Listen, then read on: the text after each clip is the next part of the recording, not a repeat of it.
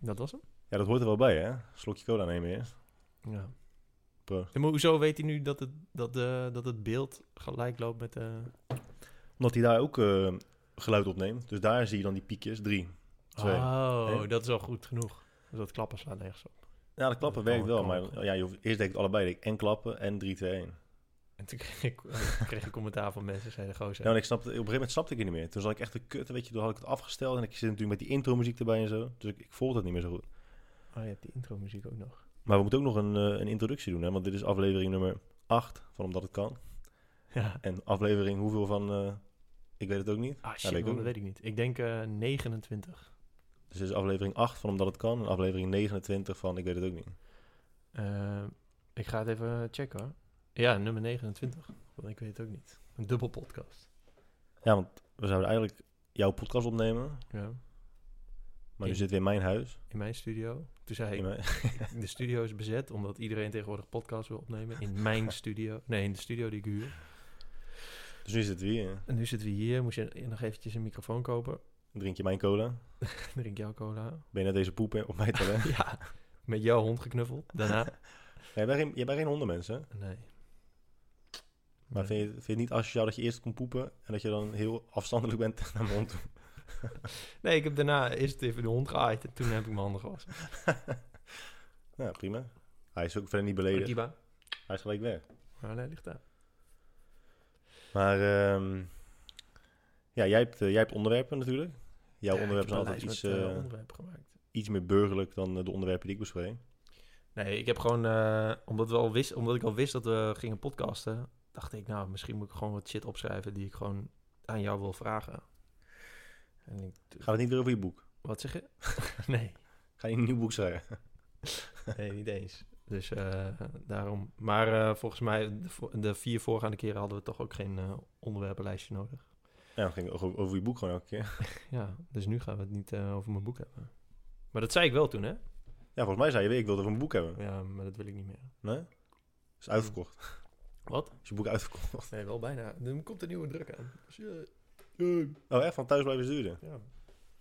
Thuisblijven is duurder.nl Wat is... Ja, ben je echt thuisblijvensduurder.com? Ja, Dat is de URL van je boek. ja Thuisblijven is duurder.com. daar kun je bestellen, ja. Nou, dus deze podcast is mede mogelijk gemaakt door eh, thuisblijven is de duurder.com. kortingscode podcast voor 10 euro korting. Ja, serieus? Ja. Dus kortingscode podcast voor je. Shit, even 10 een euro korting. maken. 10 Huh? euro kortingscode maken voor boek, Zo. podcast.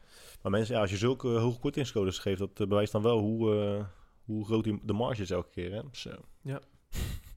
Nee, ik verlies alleen maar op, hè. Ik wil gewoon, eh, ik wil gewoon spread the word, man.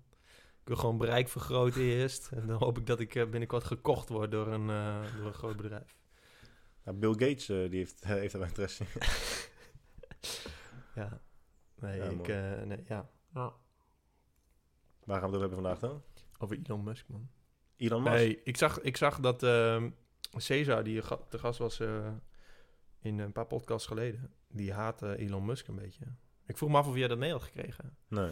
Hij, eh, mensen vinden Elon Musk een lul, Mhm. omdat hij eh, bijvoorbeeld die Thaise voetballetjes, grot kwestie, dat hij dat gebruikt had als marketingstunt. Maar ik weet niet of jij dat, of jij dat hebt gelezen. Nee. Want iemand die daar in die grot was, een expert, die zei... ja, dat sloeg nergens op wat Elon Musk bedacht had. En eh, met zijn domme... wat had hij, een soort onderzeeëtje gemaakt en zo. Oké. Heb je dat gezien? Hij was aan het testen in een, in een zwembad... met een capsule waar een mens in kon... waar gewoon zuurstof in zat... die dan gewoon onder water vet lang ergens naartoe kon sturen. Zo Ja. konden die voetballetjes gered worden. Tot nu toe klinkt het echt heel tof. Ja, was ook heel tof. En dat, daar postte hij video's van. En toen vond iemand in Thailand die zei... ja, dat slaat nergens op. En eh, Elon Musk gebruikt deze ramp als eh marketingstunt. Maar ik vroeg me af of jij daar iets van mee had gekregen. Want ik, ik wist helemaal niet dat er een kamp anti-Elon Musk was. ik dacht dat iedereen die gozer een baas vond. Maar eh, niet dus. Maar ja, misschien is dat wel een leuk onderwerp om over te praten. Dat iedereen altijd wel iets, iets te zeiken moet hebben. Ik vind het sowieso altijd heel interessant dat mensen... Ik ben heel slecht in mensen idoliseren. Ja. Ik weet niet of je dat ook hebt. Er zijn, er zijn heel veel mensen in de wereld die heel makkelijk een idool kunnen hebben. Die echt, echt zwaar op kunnen kijken naar iemand. Dat je echt denkt, van, "Zo, als ik die op straat tegenkom, ik denk dat ik dan gewoon flauw val. ja. Nee, ik vind wel een aantal mensen een mooie baas. Ja, maar stel je, oké, noem er eens eentje. Elon Musk. Ja. Stel je voor je loopt in Amsterdam en je ziet Elon Musk. Wat doe je dan? Ja, niks Ja, waarschijnlijk.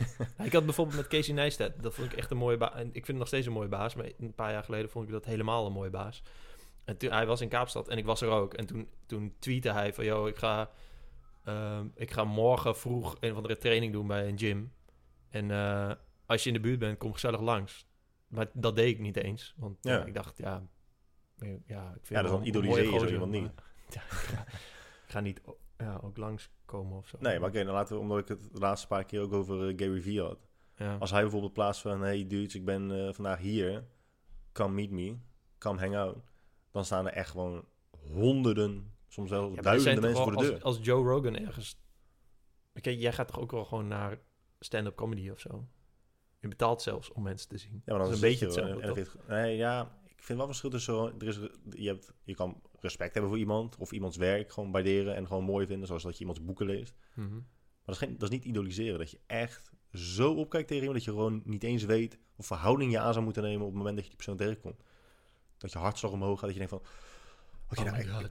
ja, maar, ja, maar he- bijna iedereen in de wereld heeft wel zo iemand, zo'n persoon. Ja, maar het zo lijkt me dat het een schaal is. En dat bij, misschien bij ons dat het niet zo extreem is, maar tot op zekere hoogte. Nee, maar omdat je, ik denk dat je ook gewoon altijd wat menselijker blijft zien in, in, in iedereen. Ja, En er zijn wel heel veel mensen, zeker als het om artiesten gaat of Hollywoodsterren, die, die halen gewoon compleet het menselijke element uit die persoon. ja. Die persoon is niet eens meer menselijk, het is gewoon een halfgod.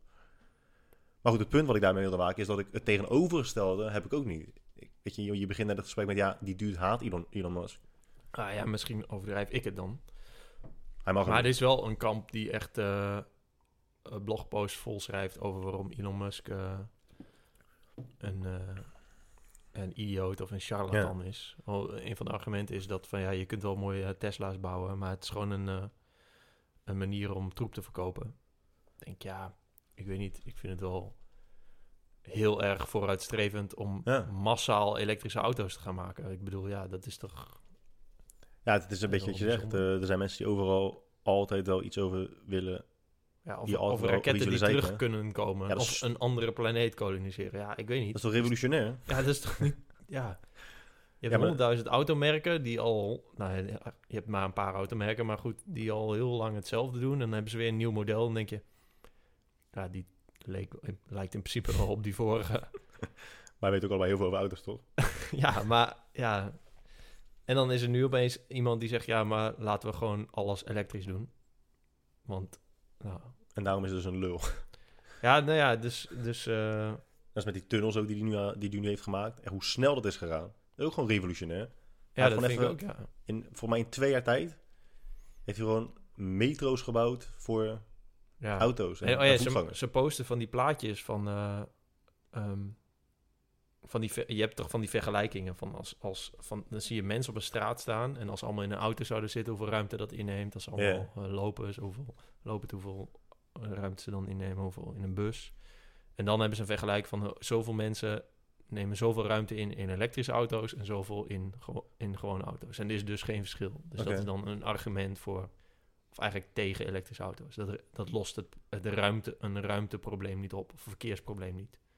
Nee, Dan oké, gaat het over die tunnels bedoel je, voor elektrische auto's. Wat zeg je? Die tunnels worden gebouwd voor het ruimteprobleem, niet elektrische auto's. Of bedoel je die dingetjes die Nee, ik bedoel meer dat het gaat over Tesla. Zo van, oké, ja, je, je maakt nu een nieuw soort auto's, terwijl we eigenlijk van auto's af moeten. Ja, ik denk, ja, weet, weet ik niet precies of dat moet. Maar het is in ieder geval een mooie stap dat je nu elektrisch gaat rijden. Ja, vind ik ook. Ja, Maar ja, iedereen is toch helemaal, helemaal pro... eh, kan pro- je niet even googlen? Elon Musk Critic. We hebben toch twee laptops voor ons staan. Ja, ja, iedereen heeft natuurlijk critici. What are some criticisms of Elon Musk? Quora. En een van de meest cheesy, maar waarschijnlijk wel rake uitspraken is dat zolang, zodra mensen geen kritiek over je hebben, doe je waarschijnlijk iets niet goed. Wat zeg je nog een keer? Er is toch een uitspraak van, op het moment dat er niemand is die kritiek hebt op wat je doet, doe je waarschijnlijk iets niet goed. Ja, precies. Ja. Als, als er niemand is die kritiek op je hebt, dan doe je ook gewoon niets wat noemenswaardig genoeg is om bespreekbaar te maken. Ja. Zodra je iets doet wat noemenswaardig is, noemenswaardig genoeg voor genoeg mensen, zijn er altijd mensen die kritiek hebben. Altijd. Ja. Maar ik ben wel... Ik, ja, ik heb, ik heb te weinig... eh, ik, ik hoopte dat jij het had gelezen, dat jij het mij kan uitleggen. Omdat jij in Elon Musk eh, Nou ja, ja, geïnteresseerd bent. ja, weet je, ik ben, ik ben wat ik zeg, ik, ik, ik heb één keer zijn eh, biografie gelezen en verder hou ik me er niet zo heel veel mee bezig. En ik Ja, volg die hem op Instagram. gelezen, ja. Wat? En ik volg, volg hem op Instagram. Ja. En gewoon de, di- de dingen die hij doet, vind ik, vind ik gewoon tof. Maar zeggen dat je een ramp gebruikt als marketing tool, vind ik echt hetzelfde als zeggen dat eh, mensen die, eh, die zich inzetten voor, voor borstkanker, weet je wel, Pink Ribbon. Mhm. Ja, dan zeg je het ook niet, ja, je gebruikt nu borstkanker als marketing tool. Terwijl heel, dat, heel die organisatie is toch gebouwd om ja. borstkanker. ja, klopt. Ja, net zoals op duur. Dus, dus uiteindelijk is ze, ja, precies. Dus ze, ze trekken alleen zijn intenties in twijfel. Niet de daden, maar de intenties. Ja, Hij zegt, ik probeer mensen te redden met dit apparaat. ja. En andere mensen die zeggen van, nou ja, dat probeer je waarschijnlijk niet. Je wil gewoon weer in de spotlight komen. Ja, omdat, omdat dus... En de reden daarvan was dat hij... Wat hij voorstelde, dat het helemaal nergens op sloeg. Terwijl... Ja, nee, ik, ik, ik moet het dus, eh, moet het dus gewoon lezen eigenlijk. Ja, maar het is toch vreemd? Ik bedoel, er was sowieso op de NOS... Er stond een reporter, volgens mij kampeerde die daar naast die grot. En die was iedere dag... eh, stond ze met een, eh, met een microfoon in beeld. En me- en mensen in Nederland waren er heel druk mee. En volgens mij vonden mensen het ook wel echt een groot probleem... als je fucking vier kilometer in een grot zit... met twaalf mensen en een kilometer onder de grond. Ja, dan is er wel best wel een probleem. En als er dan iemand zegt van... joh, ik denk wel dat ik het kan oplossen. Want ik heb namelijk knetterveel middelen, ken superveel mensen. En ja, En ik ben een baas. ja, ik wil het wel doen, ik wil wel helpen. Het was toch ook zo dat iemand gewoon getweet had... Yo, eh, Elon, eh, weet jij hier niet iets op? En toen is hij, daarna is hij... Super keer. Kijk, ik moet zeggen, ik, ik was destijds bezig met iets anders. Ik heb heel het probleem over... eh, heel dat, dat, dat stuk over Thailand niet eens meegekregen. Oh. Ik weet dat, dat er iets is gebeurd. Ook ongeveer wat, maar niet precies. Maar nu dat, je- als ik dus google op Elon Musk Thailand... dan het enige wat ik eigenlijk vind... is dat Elon Musk dus had getweet... ehm, en dat hij de persoon die die gast heeft gered... een pedofiel heeft genoemd. Ah, ja, dat is, ja, dat heb ik dus... Wie zei dat nou? Ja, dat heb ik volgens mij hoorde ik dat gisteren. Nee, dat heb ik dus helemaal niet meegekregen. Maar dit, daar is nu op even over, inderdaad. Was dat het niet gewoon? Nee, nee, nee, nee, het was ervoor al. Ja, wat had hij gezegd? Ja, de Engelse gast die, eh, die die Thaise jongetjes heeft gered, die heeft Elon Musk pedofiel genoemd. Maar waarom die, die gast een pedofiel heeft genoemd, dat, dat weet ik niet. Mm, We kunnen ook gewoon eh, een één grote Google-aflevering hiervan maken. Dat mensen Ja. zien dat we misschien nog een beetje kennis opdoen over actuele zaken. ja. Ja, ja, dat is dus een van de dingen op mijn lijstje. Meer en dan een ander ding op mijn lijstje, we kunnen ook al een sprongetje maken. Nee, je, je hebt de ruzie met Dohan. Ik wil, Ja, maar dat is ook echt gek hoor. Dat is echt toch te bizar voor woorden. Er zijn dus, ja, dus voor de mensen die het niet hebben meegekregen. Dylan en ik die kennen elkaar nu eh, vier jaar, vier, vijf jaar. En we zijn gewoon hele goede vriendjes. En gewoon echt goede vriendjes hè. En eh, ik moest hem dus naar het vliegveld brengen. Zoals eh, de trouwe luisteraars van mijn podcast inmiddels weten. Ik moest hem naar het En vliegveld je brengen. Instagram volgers. En mijn Instagram volgens, ja. En eh, dus eh, ik heb duidelijk eh, kenbaar gemaakt dat ik, ja, over het algemeen hou ik er niet zo van om mensen naar het vliegveld te brengen. Wat dat ik was zei, ook nog op kuttijden, toch? wat zeg je? Dat was gewoon nog heel erg vroeg of zo, of niet? Of veel Nee, zondagmiddag. Oh, Warme zondagmiddag. oh ja. Kijk, het is niet Ja, erg. vaak is het nou warm in Nederland? ja, precies. Ja, Ja, nu toevallig zes maanden achter elkaar, maar het is niet erg, weet je wel. Kijk, een hersentumor is erg. Of Mhm. je teen stoten, weet je. Dat is ook, ja, valt ook een beetje in hetzelfde rijtje. ja. Maar, ja. ehm, dus iemand naar het vliegveld brengen is niet erg. Zeker niet Weet als, je dat ook, als je zeg maar vlokken hebt, als je wat? een pak vlokken hebt. Vlokken. Ja, Eet iemand ook nog vlokken? Ja, ik. Oh, havervlokken. Ja, Ik nee, gewoon vlok- vlokken. Chocoladevlokken. En dat, dat laatste beetje, dat er eigenlijk helemaal geen dikke vlokken meer in zitten. Ja, dat, dat- dat er gewoon een beetje poeder is. Dat is met de dingen, is dat ook zo, met cornflakes. maar- Met cornflakes heb je dat ook. Ja, dat eet ik dus niet. Ik dacht dat alleen Amerikanen dat aten, maar ik zag het bij jou staan. Ja. Eet je nog cornflakes? Ja, ik vroeg... Ik, En wel eh, havermout. laatst, Wat zeg je? En wel havermout. Ik dacht alleen gewoon havermout eten. En fit girls. ja, dat is ook een soort gevangene natuurlijk. Maar nee, ehm, ik kreeg dus laatst ook een vraag toen... Ja, we gaan je- wel verder met jou overhouden, maar ga maar, ga maar toen, je, toen je op Instagram vragen kon stellen aan mensen, dat je, dat je kon vragen om vragen. Anyway, iemand vroeg, eh, doe je eerst je cornflakes op- en dan je melk? Of eerst melk en dan Ja, dat- cornflakes? dat- Toen dacht dat- ik, ja, volgens mij is dit een hele soort van bekende meme-vraag, Amerikaans iets. Ja, maar dacht, sowieso doe je eerst je cornflakes en dan je melk. Ja, wel, ik, ja, ik heb geen idee. Ik eet nooit cornflakes. Nou, bij deze, als je ooit cornflakes eet, eerst je cornflakes en dan je melk. Wie doet er nou weer eerst melk? Dat staat al nergens op. De basis van het gerecht is tot de cornflakes. Ja, ik weet ook niet waarom het dan lekker is met elkaar, zeg maar. Wat, is wat... gewoon lekker, man. Het is gewoon lekker zoet, crunchy. Ja, maar je, dan als je... Ik bedoel, als je er melk bij doet, is het toch minder crunchy? Ja, op een gegeven moment wel, ja. Je kan, ook, je kan het ook zonder melk drinken, eten. Maar Ja, dat had ik wel eens van die, van die coco, van die chocolades, Coco Pops. schelpjes achter. Ja, maar ik heb nu dus Coco Pops, dat zijn die kleine. Oké. Dus eh dan had ik naar het vliegveld gewacht.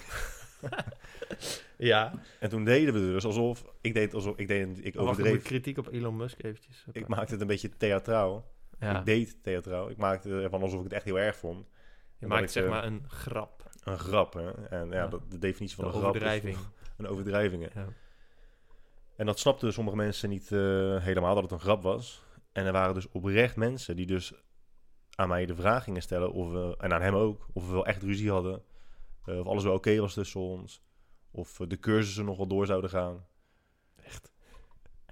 Ja, team en dan, droog, team Doan. en dan denk je, oké, maar denk je nou echt dat er dus mensen zijn, twee volwassen mannen, volwassen, dus volwassen is ook subjectief, maar mannen van 30 plus, Van middelbare leeftijd, die op die manier echt een ruzie gaan uitvechten. Van Doan, ik vind, ik vind jou echt stom op Instagram stories. En hem dan taggen en dat hij het dan terug doet. ja. Dat is ook, maar, maar daarmee zie je al hoe gewend mensen zijn aan een bepaalde manier van leven. Ook dat hele sociale media leven, die, die hele lifestyle, de, de, hoe heet die ding nou op tv? Die reality shows. ja. Dat is voor sommige mensen gewoon heel normaal. Dat op die manier ook gewoon echt, dat er geleefd wordt. En, en dat op die manier conflict aangegaan wordt. Ik Ja. vind dat heel vreemd.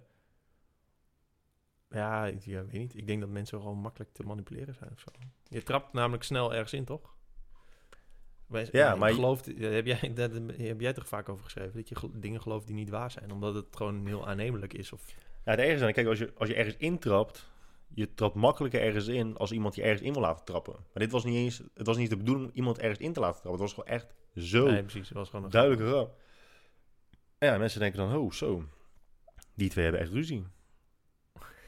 En dat je dan eigenlijk moet zeggen, nee, nee, ja. Nee, het is gewoon allemaal, allemaal gewoon oké. Ja. Ja, het is echt erg. Ja, Don en ik zijn natuurlijk, we zijn sowieso een beetje peppy en cookie. Maar nu dat ik daar gewoon eh, fulltime PT geef, ja. zien we elkaar ook elke dag. Dus nu eh, ja, wordt het wel next level. Ja, Nu zijn we samen gisteren zelfs naar Ikea geweest. ja, ik zag het, ja. Wat gingen we echt kopen?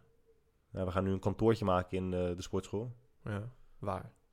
In de sportschool. Ja, maar waar? In, het is gewoon een schuur. In de linkerhoek. Als je binnenkomt links. Oh, ben je er eens geweest? Ja, Oh, echt? ja. Wanneer dan? Ja, heel lang geleden. Toen ging ik sprongetjes leren van eh Dohan. dat ging daar. Hij heeft zo'n matje waar je dan een sprong op moet maken. En dan meet hij hoe lang je in de lucht Mm. bent of zo, hoe hoog je springt. Weet ik veel. keizer bedoel je? Dat die sprongkracht meet. Ja, dat ook. Maar hij heeft ook een soort, soort eh, matje. En dan moet je dan eh, springen. Ja? Ja, dan meet hij hoe goed je kan springen. Was wel echt bij Doan. Ja. Heel even tussendoor. We zijn 18 minuten aan het opnemen. En de cola is nu al op. ja, dat is wel echt kut, ja. Dat is echt next level. Hè. Zal ik gewoon een bezorger bellen? Ja, kan wel. ja. ja, want we waren van plan om vier uur te gaan opnemen, toch? Ja, dat zit er sowieso in. Volgens mij kreeg ik net ook een appje dat eh, mijn eh, PT-sessie van vanavond eh, niet doorgaat. Want ik heb namelijk om 6 uur had ik PT. Oh, godverdomme. De dingen staan nog aan. Wat? Mijn parkeer... eh, Van mijn parkeer... eh, bij Admiraliteit. Nee, bij Coolblue. Oh. Zal ik die even uitzetten voor de ram? Je drinkt ook echt nu je cola op. Ik denk, je, Wat? ik denk je doet nog een beetje rustig aan met je cola. Nog even genieten van de nee, laatste het paar gaat gewoon druppels. automatisch, man. Ja, ik kan dus niet tegen volle glazen, hè? Ik, had, Eh, ik heb ooit een keer een, ehm, een eh, product bedacht voor op kantoren. En dan heb je een soort eh, waterreservoir naast, je, naast een bureau staan. En dan gaat dan een, een, een waterleiding zo over het bureau. En dan heb je allemaal van die, van die pompjes. En als je dan je beker eronder zet, dan vult hij hem altijd bij tot het randje. Dat is oké. En dan pak je neem je steeds water en dan zet je hem zo weer terug. En dan vult hij hem automatisch bij. Waardoor... Wat zeg je? Waar is dat? Nee, dat heb ik laatst bedacht Oh. als, als idee. En, eh, ehm, en ik had het Tableau genoemd, omdat het tableau is, maar dan Tableau, water, tap, water, tap. En ehm, ik dacht, dacht, nou, dan hydrateren mensen goed. Dus Mhm. dat is sowieso goed. Drinken ze water in plaats van misschien, ehm, weet ik veel, iets met calorieën. En moet jij rijk? En je moet knetter vaak pissen, dus dan heb je vaak even een loopje, wat ook wel goed is voor beweging. Ik dacht, nou, maar ja, weet ik veel hoe ik dat moet maken. Ik Elon Musk tweeten. Wat? Tweeten naar Elon Musk. Hey Elon, I have an ID. I have een idee. ja, nee, ja, dat, eh, Heb je al eh, iets op Instagram gezet dat wij bezig zijn? nee. Goh, ze gaat nu live. Ja, toch, Een, dit staat er eh, wel op, hè? Wat? Staat er wel op. Oké, ja, cola boertjes. Maar bestel even nieuwe. Dat kan toch niet? Kan Nee. niet bezorgen bellen Nee. nu? Nee, maar ehm, wat was dit onderwerp? Oh ja, de ruzie met Doan. Nou, kunnen we die ook afvinken. Ja, dus eh, ja, dat was geen echte ruzie. En als je denkt dat mensen op die manier echt ruzie maken, ja, dat, dat, is, dat is gewoon niet, eh, dat is niet oké. Nee, wacht trouwens. Ik had het gewoon op Instagram gevraagd, toch? Ik ga eventjes... eh Maar dan wordt het weer een wel een sollicitatiegesprek. hè? rommelige, rommelige intro. Het is wel een rommelige intro, ja. Maar we zijn pas 20 minuten bezig. We kunnen er nog inrollen, hè. We moeten ook weer een beetje warm worden voor elkaar. Mensen, jullie kunnen nu nog steeds vragen stellen aan eh, Guy, want we zijn nog zeker drie uur bezig. Wacht, dat ga ik even doen. Heb je al gefilmd? Wat zeg je? Wat? Dat heb ik gefilmd, ja. Heb je al gefilmd, ja. Stel een vraag. Vragen. Zal ik anders een, een ding stellen van stel een vraag aan Jelmer? Maar ja, ik weet niet... Ja, meer mensen kennen jou dan mij, hè? Stel Guy een vraag. Typ iets. Yo, denk je dat mensen deze podcast, podcast gaan blijven luisteren? Mm, jawel, denk ik wel. Oké, nou, want dat was ook een interessant... eh, hier, ik kan die vragen er wel even bij pakken. Dan, moeten we, dan gaan we misschien dat we dan eventjes eh, lekker op kunnen, kunnen voortborduren. ja, ik heb ook... eh, Stel Jelmer de Boer een vraag. Waarom is Guy boos op alles? Ja, nee, maar dat vind ik wel mooi onderwerp. Podcast. Wat? Dat, dat heeft Max gevraagd, hoor. Max de Vries. Ja, Met zijn hoofd. Stel Jelmer de Boer een vraag. Stan vraagt, is Guy je echte naam? Ja, maar weet je hoe vaak ik die vraag... Want dat vraagt hij waarschijnlijk Maar hoe weet je hoe vaak jij zegt, hoe vaak dat je hoe vaak die hoe Ja, vaak maar- die vraag maar- dat is dus het ergste. Ik, moet het zo, ik zeg het zo vaak, en dat maakt niet uit hoe vaak ik het herhaal. Mensen blijven het vragen. Hé, maar Diana stu- stuurde nog een vraag. We gaan echt van... Ik wilde net nog een andere vraag. Wat was nou die Over de vraag? volgorde van... van, eh van eh, Cornflakes. nee, van eh, spiergroepen trainen. Gaan we het nu over fitness praten? Ja, dat vond ik een we waren vraag. nog ergens anders, man. Wat, waar ging het nou ook weer Nee, over? het ging over de ruzie met Dohan. Ja, nee, maar dat hadden we afgesloten. Oké, toen ging het over dingen vragen en cola. Nee, van jou wat jij net opnoemde. Oh, hè? Oh ja, waarom was je jij boos Ja, dat. Dus daar hadden we het net toevallig even over, toch? Bij de admiraliteit. Maar dat ja, is maar wel dat had ik het gisteren noemen met, Max ook over. Volgens mij niet tijdens de podcast. De vorige podcast heb ik Maar als het niet op Facebook staat of op een podcast is opgenomen, is het nog nooit gebeurd. Dus we moeten het eigenlijk even nog bespreken. Ja, ja oké. Over dus het verschil tussen wat wij eigenlijk doen en klagen. Mhm. Bij mij zeggen ook mensen van ja, zelfs Samantha zei het nog. Nou, net Samantha zei het niet op die manier, mijn vriendin. Ze zei het anders, maar meerdere mensen hebben mij gevraagd van ja, maar ga je nu eigenlijk alleen maar gewoon elke aflevering klagen over alles? Maar ik vind het niet klagen. Klagen is van, oh, deze, deze koptelefoon zit vervelend. Oh, de licht is fel. Oh, ik voel me niet lekker. Oh, ik heb geen zin om te werken. Dat is klagen. Dingen die je echt, wat jij ook zei, die je gewoon echt dwars zitten. Ja. Niets van wat ik tijdens mijn podcast bespreek, zit me echt dwars. Echt totaal niet. Het is gewoon, nee, je observeert de wereld om je heen. Eigen, eigen, ja, maar eigenlijk is wat je zegt is eigenlijk raar dat het zo is, punt. En dan, Ja, that's it. ja, voor de rest, kijk maar even, maar moet je zelf weten. Maar Het is gewoon mijn persoonlijke observatie van dingen die om me heen gebeuren. En dat je gewoon vaak je onbegrip uit erover. Dat je het gewoon niet echt begrijpt. En dat het ook wel leuk is dat niet iedereen de wereld op, de, op dezelfde manier ervaart. Want dingen die ik op een bepaalde manier ervaar, zien Mhm. andere mensen niet. Net als dat stuk met, met hoe je je billen afveegt. Heel veel mensen wisten dat gewoon, gewoon A, oprecht niet. Dat stond er ook nooit bij stil. En op een gegeven moment denk je, oh wacht even. Dus nu, elke keer als je nu naar mensen kijkt, denk je, hmm, zou die zijn kont staan of zittend afvegen? Ja, dat doe ik nog niet, maar misschien, ja, misschien vanaf nu. Maar wel als je haha typt. Ja, ik kan geen haha meer typen. Nee, in ieder geval naar jou niet. Ja, ik kan hem wel typen, dan moet ik daarna nog even quotes achter zetten. Tussen. Ja, maar, dus mensen, die, ik kreeg op een gegeven moment een screenshot opgestuurd. Van iemand die zei, die, die stuurde, een screenshot van waarin ik in een gesprek haha had getypt. En toen zei ik ook van ja, maar ik doe het ook nog steeds. Ja. Het is niet dat ik het niet doe, maar dat ik het doe maakt het niet minder raar voor mij. Ik ga ook wel vaak mee in gedrag Ja. waarvan ik soms betwijfel waarom ik, waarom ik het doe. Ja. En ja, haha-type is, eh, ja, we hebben het er al een tijdje over gehad en we zijn er nog niet helemaal over, eh, helemaal over uit. Nee. Maar jij vond... Dude, Niemand praat zo, alleen Seneca en jij. Wat zei Wat? je nou? jij vond niet... ik Ik ga, het, ik ga het gewoon letterlijk oplezen, jongen. Daarom zei ik... Ik vind dat er een verschil is tussen HHH-type en letterlijk ook... Je, maar je, dat wat je typt is niet wat je zegt. Als je Ja, ja dat, is, dat is duidelijk inderdaad. Als Ja. jij dus HH typt, maar je lacht niet, dan is het dus duidelijk. HHH betekent ik vind dit grappig. Net zoals dat lol of een huilgezichtje betekent ik vind dit grappig. En je hebt niet echt Ja. een huilgezichtje. Nee, nee, oké, maar dat snap ik. Maar oké, maar dus dan gaat het over... gra- We gaan deze discussie weer. Als je, iets, sorry. als je iets grappig vindt, dan voel je dus... Net als, als het jou boos wordt, voel je dus een emotie, toch? Ja, Je kan niet zeggen, ik ben boos. En niks van boosheid voelen of nee. uiten, dan ben je niet boos. Dan zeg alleen maar dat je boos bent. Ja. Als je iets grappig vindt, je kan nog niet zeggen... Zo, dat vind ik echt grappig. Tot- Nee, ja, nee. Want, want iets grappig vinden is ook een emotie ervaren. toch? Ja. Maar als jij dus gewoon zo achter je telefoon zit en je bent aan het, aan het appen en je doet... Ha, Nee, nee, je doet dit. Ja, dus dat is, dat is ook een meme toch tegenwoordig. Ook op Reddit.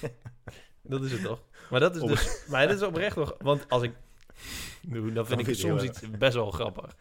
Op Reddit en zo zeggen ze nu ook gewoon van... eh, ja, door deze grap blaas ik meer, meer lucht uit mijn neus dan normaal. Ja.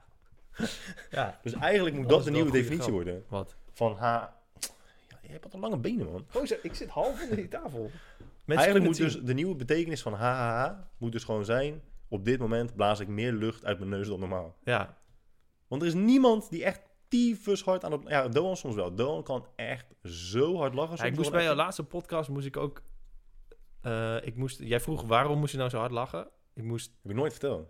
eh, ik moest lachen dat je zei van... Ja, ik vraag... Oh, nee, nee, nee. Wat zei je ook alweer?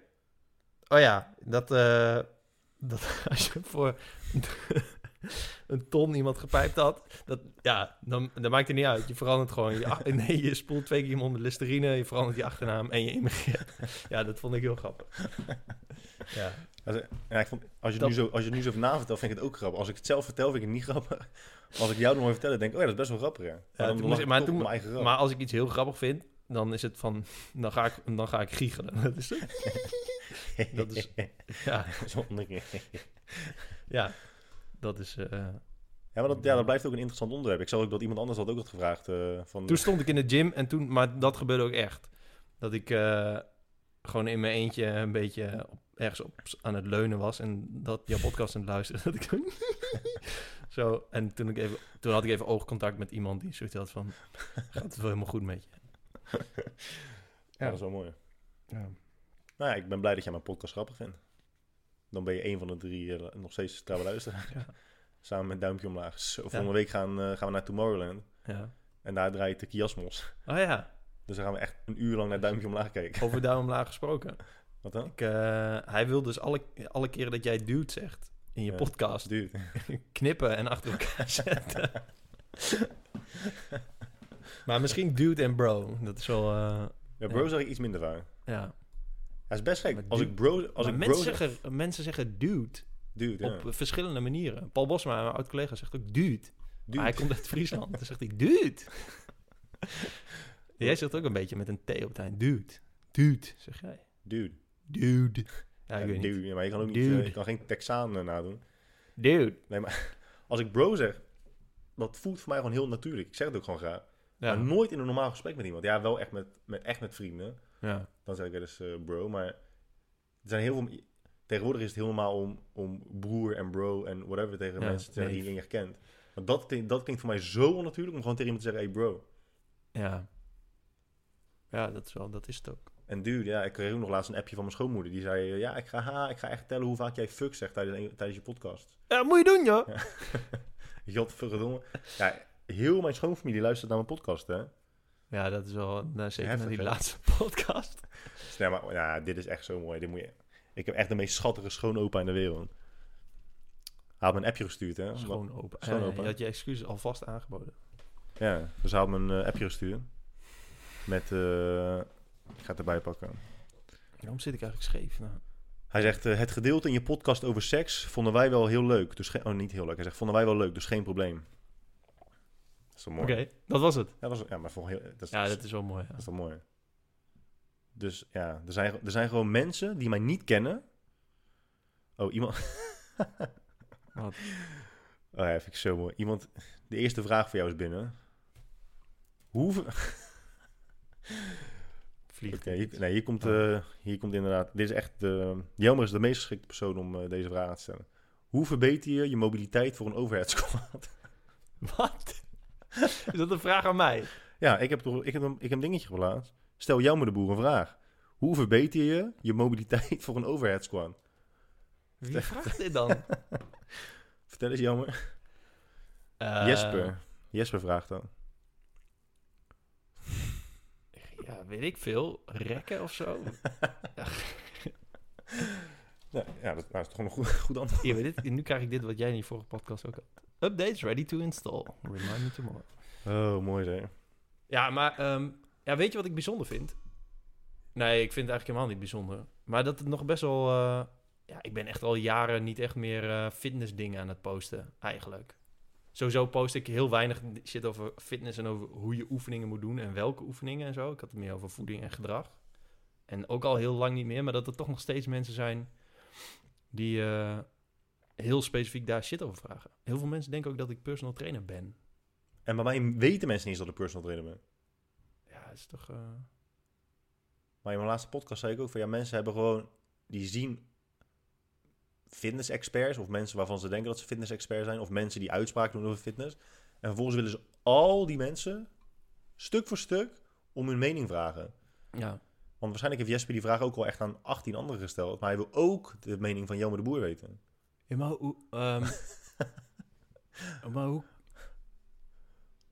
Ja, ik, wil, ik heb geen zin om, eh, om Jesper eh, zijn vraag dom te vinden of zo. Want Nee, ja, het het is natuurlijk gewoon een oprechte vraag. En eh, ja, het is iets wat je zou kunnen weten, omdat je misschien daar problemen mee hebt. Dat Ja, jij, ook- jij bent toch goed in overhead squats? Eh, Ik denk dat ik wel overhead squats kan, ja. Ik heb echt al heel lang niet gedaan. Maar goed, dat soort shit kun je... Ja, het klinkt heel stom, maar dat soort shit kun je juist heel goed googlen, toch? Of is dat juist niet te Ja. googlen? Ja, gaat te googelen. Weet je wat je dan... Ja, dan typ je gewoon in mobiliteit Oh, overhead pak een, pak een, eh, een boek over krachttraining. Ja, ik weet, ja, vraag het in de gym. ja, weet niet of dat... Ja, is dat- niet dat- iets waar je een mening over kunt hebben, toch, dit? Nou, nou ja, ik vind, ik vind de, de kern van, van het probleemstuk dat voor ons ligt, Ja. is van op basis waarvan denkt bijvoorbeeld Jesper in dit geval, dat jij het zou weten.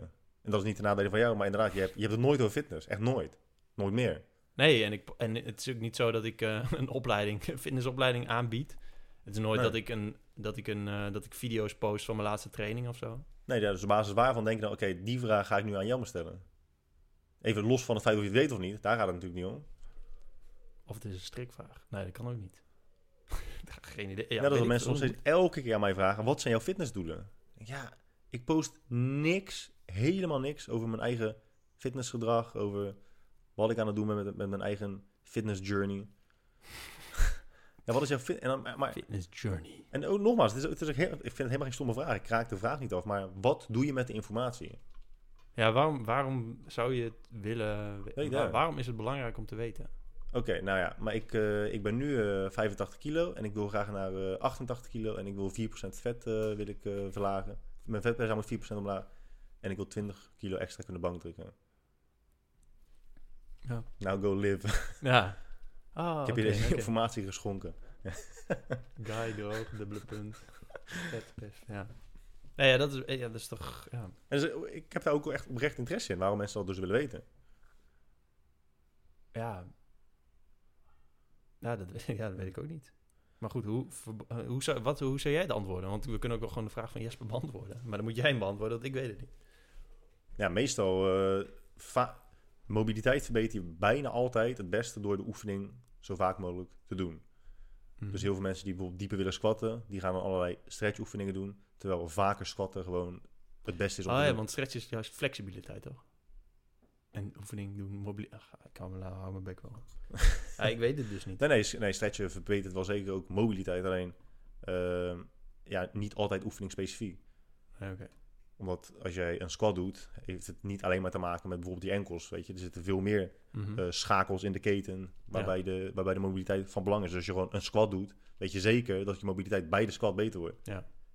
Ehm, tenzij je dus een hele specifieke klacht hebt of een hele specifieke beperking hebt, dan kun je ook een hele specifieke oefening inzetten. Maar nog steeds is dat meestal niet van meerwaarde ten opzichte van gewoon de oefening doen. En met een, eh met een overhead squat, ja, een overhead squat is niet alleen maar dat je veel mobiliteit nodig hebt. Het is ook nog eens fucking complex. Het is een van de meest complexe bewegingen die je kunt doen. Dus Ja. los van mobiliteit vergt het ook gewoon zoveel oefenen. Eh, en sommige mensen worden gewoon geboren met echt een extreme beperkte schoudermobiliteit. Die komen gewoon echt niet verder tot hier bij wijze van. Mhm. En die krijgen gewoon hun armen niet verder naar achteren. Ja, die, gaan, die, kunnen, die kunnen oefeningen doen, tot zo'n ons wegen. Maar daar ga je niet eh, heel ver mee komen. Maar je kunt beginnen als je dus wil werken aan schoudermobiliteit. Kun je beginnen met die eh, shoulder dislocators, weet je wel. Pak je een, eh, een elastiek vast, wijd, of een handdoek vast, of een stok. Oh, ja. En dat je dan je schouders met gestrekte armen naar achteren draait. Of Ja. je arm- armen naar achteren draait richting je rug. En dan weer terug heen en weer draaien. En dan over de tijd heen steeds smaller proberen vast te pakken. Dat is wel een hele goede oefening om te doen voor, eh, voor mobiliteit bij de, bij de overhead squat. ja. Maar ja, als je daar dan schoudermobiliteit hebt en je wil zakken en je kan niet je torso recht houden omdat je naar voren klapt, ja, dan weer een ander probleem. Daarom moet je dus gewoon echt eh, zoveel mogelijk overhead squat. Dus het lost sowieso niet zo heel veel op als je alleen, als je, alleen superveel schoudermobiliteit hebt. Nee, nee, precies. Ja. Oh, Oké. Nou, dus hebben we die vraag beantwoord. Ja, toch? Dat is wel... Eh, dan hoef ik die ook niet meer... eh, die stond ook op mijn lijstje namelijk. Jesper is namelijk mijn broertje. Nee, grapje. dus ik heb het ook warm, man. Hè? Ik heb het ook warm. En die studiolampen... Ja, die zijn echt wel een beetje warm. Ja, maar anders zien mensen ons niet, hè? En nu komt het blauw van de vlinders ook beter naar boven. Oh ja, dat is wel mooi. Ik had verwacht dat... eh ook Thomas is ook aan het, eh, aan het eh, podcasten met Patrick Kikken. Dat is wel grappig, die heeft van vroeger nog Patrick Kikken. Ja, die eh, wilde ook een keer podcasten met mij. Toen zei ik, Echt? donder op je mol. Nee, dat zei ik helemaal niet. Vroeger was dat wel grappig, Toen zei ik van ja, ik, hij- oh ja, hij wilde dus over non-dualiteit. Wat dus een vraag was. Wat vinden jullie van non-dualiteit? Nou, ik heb geen idee. Nou, niet geen, helemaal geen idee, maar niet echt een idee wat het is. Dus ik heb geen, ik weet het niet. En eh, ja, Patrick Kikker heeft daar een hele podcast over. Over non-dualiteit. Ja. Ja, dat is ook, zo- ja. Het, is wel, het is ook wel ergens een compliment, want het is waarschijnlijk een complex onderwerp, non-dualiteit. ja. En door jou de vraag te stellen, gaat hij er misschien wel gewoon vanuit van dat jij weet wat het betekent. Dus hij heeft jou wel hoog zitten qua intelligentie. Ja, Of hij weet juist dat je het niet weet en hij wil je op die manier voor het blok zetten. ja een ga ik weet ik dingen niet. zeggen en zo. Maar zei je? ik weet het niet. ja, ja, ik heb geen idee. Ik ga, ja, non-dualiteit. Ja, volgens mij, ja, wat ik eh vanmiddag ook tegen je zei, volgens mij heeft het ook te maken met bepaalde drugs eh, soorten. Verschillende soorten drugs, waarbij je dus je ego verliest. Dus met DMT, als je DMT gebruikt, Mhm. omdat we nu echt even Joe Rogan na gaan doen. Nou ja, dan moeten we ook eigenlijk gaan smoken nu. als je dus DMT gebruikt, dan op een gegeven moment voel je dus je ego verdwijnen. En niet, met ego bedoel ik niet eh, arrogantie of iets, maar gewoon je identiteit. Dus de zelf, zoals jij jezelf kent, Mhm. verlies je eigenlijk gewoon. Dus je, je weet gewoon niet... Ja, het is zo lastig uit. hè. Je, je Ik wil zeggen, want hoe weet, hoe weet je dan dat... Wie is dan je die je ego verliest? Ja, het is gewoon... Die bestaat dan toch ook niet meer? Het is gewoon... Ik denk dat het de meest... Gaan we het toch over hebben? Ik, denk dat het de meest extreme vorm van leven in het nu is. Dus zodanig leven in het nu dat er niks anders bestaat dan het nu. Kijk, Oh, jij dat kunt- wel een keer chill vinden, ja. Dus nadenken over het verleden ehm, doe je ook vooral door bepaalde gaten en zo in te vullen op basis van hoe je nu bent en hoe je nu voelt. hè. Mhm. En nadenken over de toekomst doe je ook op basis van je huidige normen en waarden, je, wereld, je wereldbeeld, je angsten, je onzekerheden. Zo op die manier voer je de toekomst in. Je maakt eigenlijk een educated guess over hoe de toekomst kan gaan lopen. En als je echt volledig in het nu zou leven, dan zou je ook geen gedachten hebben over, een, over, al is het maar over vijf seconden. Er is gewoon niks, er is alleen maar het nu. Ja, maar kijkt dat en is je chill. bent. Je Omdat, bent. Je, omdat je dan... eh, ja, dan denk je dus ook niet wa- aan wat andere mensen van je vinden. Nee, gewoon echt over, over helemaal niks. Je bent eigenlijk gewoon, je bent een kastpand, Ja, maar ook weer niet. Want, want je bent je er wel van bewust. ja. Ja, maar, dat, maar dat voel je dus echt uit je lichaam verdwijnen. En volgens mij heeft dat ook met non-dualiteit te maken. Dus echt de, de, een harde scheiding van eh, lichaam en geest eigenlijk in die zin. Want dat Mm, ervaren wij als één. Ja. Toch? Ja. Wij ervaren ons, ons brein, ons bewustzijn als eigenlijk de, als de, de ogen en... Vroeger, hoe zei ze dat? Hoe- Bij de Grieken zei- hadden ze daar toch een naam voor, hè? Wat? de brain's eye of zo. Als jij, als jij denkt, zie je, zie je beelden. Ja. Dus Grieken zeiden volgens mij de brain's eye, de ogen in het hoofd. Oh. Dus je kijkt soort van ook nog in het hoofd, daarom Waarom praten die je. Grieken eigenlijk Engels? Zei je? Je hebt het over de brain's eye als je het over Grieken hebt. ja. Ja, omdat ik altijd Engelse boeken lees, man. En dan staat er gewoon de brain's eye volgens Ah, mij. Wat moet ik dan zeggen? De ogen van het hoofd. de brain's eye. de ogen van het, van het brein. ja. Eh, hoe kwamen we daarop ook alweer? Over de non-dualiteit. Ja. Ja. ik weet niet wat het is. Maar goed, We kunnen opzoeken. Maar dat is dus het deel van de vorige podcast die kwijt is geraakt. Dat ging over eh, drugs. Drugs. Ja. Non-dualisme. Shit man, dan gaan, we, dan gaan we dus live in een podcast iets googlen en dan er direct een mening over geven. dat is wel echt dom hoor. Van oké, we hebben één, één regel gelezen Ja. en nu weten we alles erover. Het lijkt alsof je een individu bent met een vrije wil. Maar is dat wel zo? Hmm. Non-duali- non- non- Non-dualiteit zet de wijze waarop we naar de wereld en onszelf kijken volledig op zijn kop. Waar het naar verwijst is dat zowel onze vrije wil als het idee dat je een ik bent illusoir zijn. Illusoir. Non-dualiteit, ofwel advaita, betekent geen twee. Het verwijst naar dat alles één is. En dat alles gebeurt zoals het gebeurt. En je dan, dan waarschijnlijk is er voor non-dualisme ook, ja, dit is weer iets eh, Aziatisch. Zit je op een roze website. Waarschijnlijk is het ook wel eh, heel, allemaal, allemaal heel erg wetenschappelijk te verklaren. Maar iedereen moet natuurlijk ook altijd wel iets heel erg zweverigs ervan maken. Maar dat alles energie is, één energie is. En dat alles gebeurt zoals het gebeurt. Dat is wel een interessant onderwerp, vrije wil. Hè? Maar ik denk weet Mhm. daar tering veel over Sam Harris. Oké. Maar aangezien wij er allebei niks over weten, denk ik dat Nee. we daar... eh, Nee, wel slim. misschien moeten we... Wat? Jij bent wel slim. Je houdt gewoon lekker je mening voor je. Denk, ja, ik ga, ik ga er niks over zeggen. Ja, ja, geen idee man. Ik, eh, ik hoor het wel eens, maar... Gaat Guy het nog over kak hebben? Nou, dat hebben we in de eerste minuut al gehad. Waar is Jelmer? Huh? Dat vraagt iemand. Eh, ben ik niet echt goed Ja, maar het is best gek hè, dat jij gewoon... eh, jij, ja, jij- eh, ik, hou daar wel, ik hou daar wel van. Ik weet dat Donan daar bijvoorbeeld ook heel erg van houdt. Dat Jij voelt je altijd heel erg snel thuis overal. Toch? Jij kan gewoon ergens binnenkomen. Voor mij heb jij de eerste keer zat je hier gelijk ook in de koelkast. Dat, Ja, ja, maar dat, nee, is- dit dat is mooi. niet overal. Nou, bijna maar het is gewoon bij sommige mensen. Als het even kan. Maar ik vind dat je, als je bij iemand gaat poepen, is wel echt next level, hè? ja, maar, maar Ja. besef, hè. Ik heb gewoon echt vrienden die ik al vijf, zes jaar ken. Waar ik denk ik misschien al honderd keer ben geweest. Daar heb ik nog geen één keer bij gepoept. Ja, moet jij weten. En hoe, ja, ik wist dat we vier uur gingen podcasten. We hadden net knetterveel gegeten. Ja, dan... Was trouwens echt nog best wel weinig, hoor. Ik heb echt nog honger gewoon. Oké, maar mijn stofwisseling komt dus op gang. Dus eh, ja. Want die was daarvoor uit. ja, die was ervoor uitge, uitge, uitgegaan. Omdat je toen nog niet had gereten, was het vuur uitgegaan. Ja, maar gelukkig, we hadden dus eerst eh, citroenwater gedronken voordat we gingen eten. Maar stel je voor, want dit gebeurt ook heel vaak, hè. Dat een fucking monteur bij je binnenkomt Ja, en die zegt... Goedemorgen. ik kan niet zo van nadenken, want zo erg vind ik dat gewoon. Het is, niet, dat, het is ook niet klagen, maar het is gewoon niet begrijpen dat, sommige, dat sommige mensen zo zijn. Gewoon monteurs die bij je binnenkomen, die heb je nog nooit gezien. Zeggen je, ja, goedemiddag, goedemorgen meneer. Het is altijd in de ochtend, ook om half zeven, weet je wel. Goedemorgen meneer, ik ben hier voor de cv-ketel. Kunt u maar laten zien waar die staat? Nou, komt die binnen. Laat je beneden de cv-ketel zien. Ik ben altijd ook die idioot die zegt, ja, wilt u lekker een kopje koffie? Nou, ja. ja, ja, dan krijg je een kop koffie en dan neemt hij drie slokken. En dan zegt hij, eh, ja, zou ik misschien gebruik mogen, ma- mogen maken van het toilet? En dan denk ik, ja... ja, heb ik echt nog nooit gehad. Heb je dat nog nooit gehad? Dat een monteur bij je op het toilet scheidt? Nee, ik heb echt nooit monteurs in mijn huis. Oh, nee? Nee. Ja, voor cv-ketels, voor eh, bepaalde leidingen en zo. Ja, dan komt er wel eens iemand binnen. Oh. Ik heb wel eens eh, gewoon gehad, hoor, dat een monteur heeft gekakt. Dat hij mag gebruik maken van het toilet.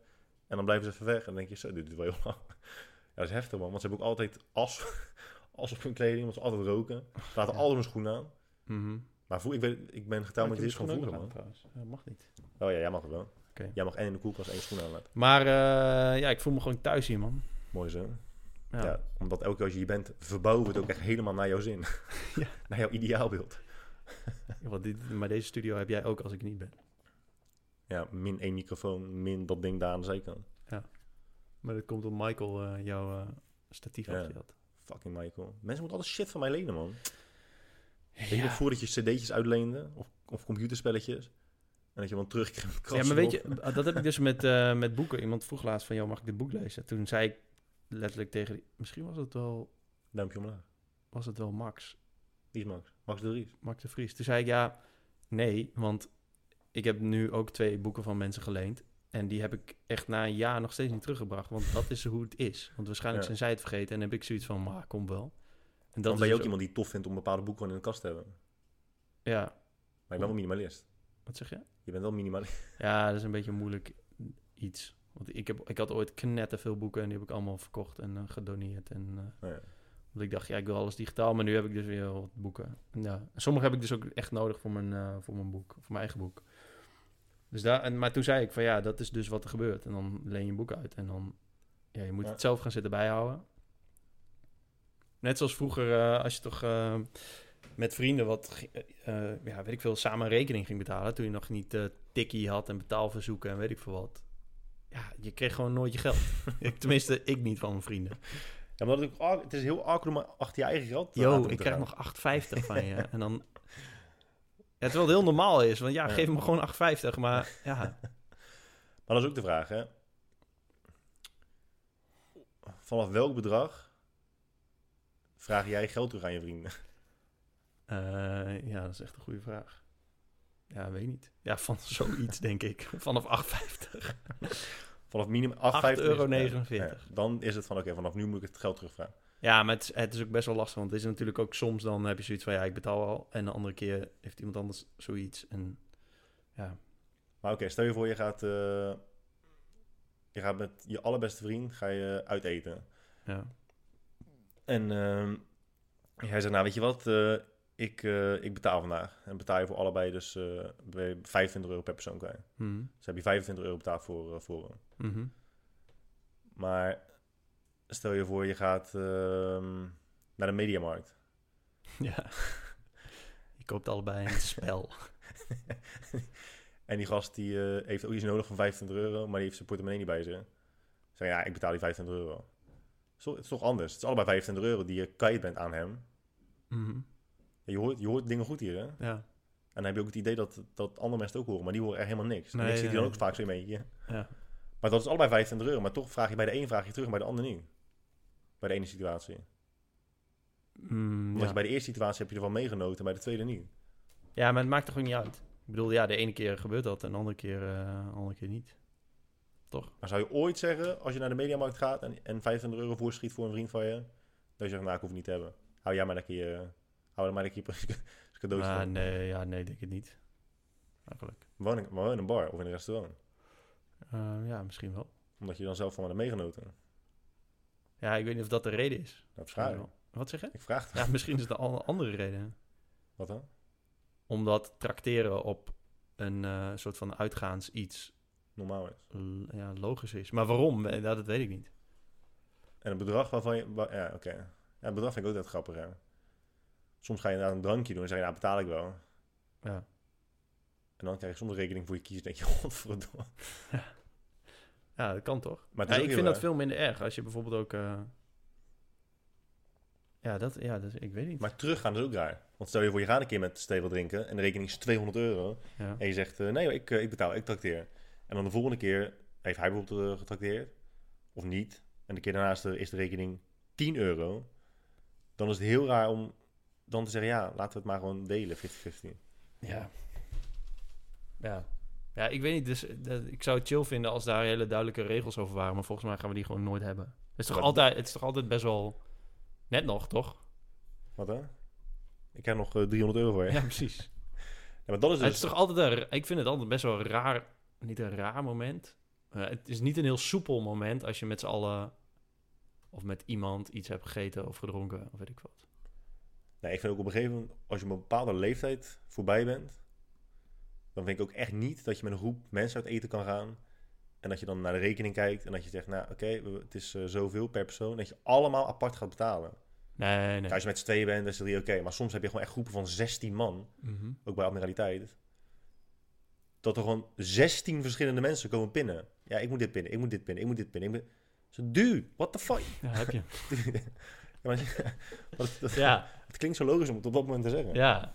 Nee, dat klopt. Dat slaat nergens op. Dan moet je even, ja, ik vind ook dat je dat zelf gewoon even moet regelen met een... eh, Vroeger toen je ging bowlen, weet je wel, met, eh, met je vriendjes, toen, toen deed je dat wel. ja. Nee, maar ja, allemaal apart betalen. Toen had je ook echt maar 8 euro op je rekening. ja, het is sowieso kut. Omdat ik, ik, ja, ik weet niet waar het aan ligt, maar als je het gaat splitten... Het kutste is nog wel als iedereen... En het, ja, soms gebeurt dat. Als iedereen gewoon echt alleen wil be- betalen waar die, wat hij heeft gehad. Ja. Alleen het enige wat daar kan gebeuren is dat iemand iets vergeet. Ja. Daar kan niet gebeuren dat iemand iets te veel optelt. Dus er is altijd een tekort. dat is zo kut. ja, en je hebt nog, als je dan uit eten gaat, heb je nog, ja, voor je inderdaad. Ja, Dus dan, eh, doet niemand erbij. Dus ja, dan de laatste die pint, die denkt... Oh, ik had voor eh, 16 euro gegeten, maar ik kreeg wel even 44 af. Ja, zo. Dus dat is... eh, ja, dat is ook super ongemakkelijk. En wat ga je dan zeggen? Ja, jongens, luister, eh, jullie hebben allemaal, jullie hebben allemaal 10 euro eh, gegeven. Maar ja, dat was ook nog voor je. Dus ik heb, eh, ik, ik heb vier tientjes extra afgerekend. Nu krijg ik nog 2,50 euro voor jullie allemaal. omdat nee, ja, wat het makkelijkste is gewoon dat iemand zegt... Oké, dit is het totaal. Oké, we doen er wat voor je bij. Ik reken af. En dan ga je daarna maar lekker Ja. met z'n allen... Ja, dan krijg je weer dat mensen zeggen... Ja, maar ik vond dit te veel voor je. Of ik vond dit niet lekker. Of ik had maar één cola en jullie allemaal drie cocktails. Ja, precies. Ik Ja. altijd gezeik. Ja. Oké, maar hoe, zou, hoe zouden we dat kunnen oplossen? Nou ja, ja, het ligt maar net aan hoe je bent. Ik heb zoiets van, ja... Ik betaal liever te veel, of zelfs veel te veel... als dat betekent dat er geen gezeik volgt. Ja, precies. Ja, heb gezeik als kut. Ja, ik heb echt geen... Als volwassen persoon, of als man van middelbare leeftijd... Ja, heb ik echt geen zin om, om in gesprek te moeten gaan met een andere man... of andere vrouw van middelbare leeftijd... over, over fooi of over een euro die te veel of te weinig neer is gelegd. Ja, weet je... Ja, dan leg ik maar gewoon extra bij. Of ja, dat gesprek ga ik gewoon niet aan. Daar heb ik gewoon geen zin in. ja. Want het gaat meestal ook niet over, om hele grote hoeveelheden. Want hele grote hoeveelheden zijn overduidelijk, weet je wel. Mhm. Het gaat meestal om kleine, kleine aantallen. Maar ja, als die kleine aantallen 500 keer in 10 jaar gebeuren, dan eh telt het ook wel bij elkaar. Maar juist mensen die dus wel hele duidelijke regels daarin hebben. Van iedereen betaalt exact, weet je, dat de bon echt rondgaat. En iedereen Mhm. betaalt exact wat ze hebben gegeten. Dat zorgt uiteindelijk wel, denk ik, voor de minste, het minste gezeik. En ook minste, Nee, ja, ik vind voor het meeste omdat altijd iemand iets vergeet. Of de boel loopt te nakken. Want op het eind ja, is er gewoon te weinig altijd. ja, of is- iemand gaat eerder weg. Ja jongens, laat maar weten wat het is geworden. ja. Mazzel. Ja. Dat is wel een goede trouwens altijd. Mensen die altijd toevallig hun portemonnee zijn vergeten. Of die weggaan voordat, het, eh, voordat de rekening komt. Ja. Ja, nee, ik vind het, eh, het... Ik vind het echt een van de moeilijkste... Nou, niet een van de moeilijkste dingen in het leven. Moeilijkste ding. Nee, ja, ik vind het irritant dat het gewoon... ehm er is niet echt een chille oplossing voor. Nee, ja, ja, ja, ja, inderdaad. Ja, wat wij in de vriendengroep meestal doen is gewoon... Maar ja, daar krijg je ook weer niet per se eh, uiting van gezeik. Maar wel dat je soms denkt van ja, dit, dit is niet helemaal eerlijk. Dat als je... Wij doen meestal gewoon, oké, vandaag betaal ik alles, dan betaal jij alles. Dan betaal ik alles, dan betaal jij alles. Mhm. Weet je, dus dan ga je ervan uit dat op de lange termijn er wel ergens een balans is. Ja. Maar ja, stel je voor dat zes keer als het jouw beurt is dat je bij apparaliteit gaat eten. Mhm. En de eh beurten van de andere persoon is bij McDonald's. Ja. Even bij wijze van even twee extreme. Ja, op de lange termijn ga je dan ook denken van... nee, maar wacht even, dit, dit klopt niet helemaal. En dan moet je weer een ander soort gesprek aangaan. Mhm. Van, ja, hé, hey, luister, ja, ik heb de laatste paar keren betaald... maar toen hebben we best wel veel geld uitgegeven. En als jij trakteert, dan is het altijd wel wat goedkopers. Ja, zou jij misschien nu nog een keer kunnen betalen? Ja. Maar ja, eigenlijk zou het wel moeten kunnen, ja. Of je moet er gewoon nooit over zeiken... en gewoon altijd maar gewoon betalen en gewoon denken... ja, Ja. Ja, precies. Dat heb ik dus met, eh, met Jenny. Want ja, we hebben... je betaalt gewoon alles. Wat zeg je? Je betaalt gewoon alles. Nee, we, we hebben het nooit echt... eh, we, leggen, we leggen nooit echt onze afschriften bij elkaar of zo. Dat komt, dat komt wel wel goed. En als ik met vrienden een tripje maak of zo van een paar dagen... Iedereen betaalt wel wat.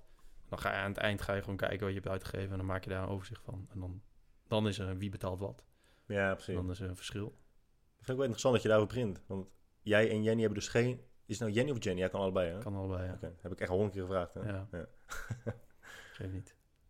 Ja, ik ga voor Jenny. Jij en Jenny hebben geen eh, gedeelde rekening dus? Jawel. Wel. Ja.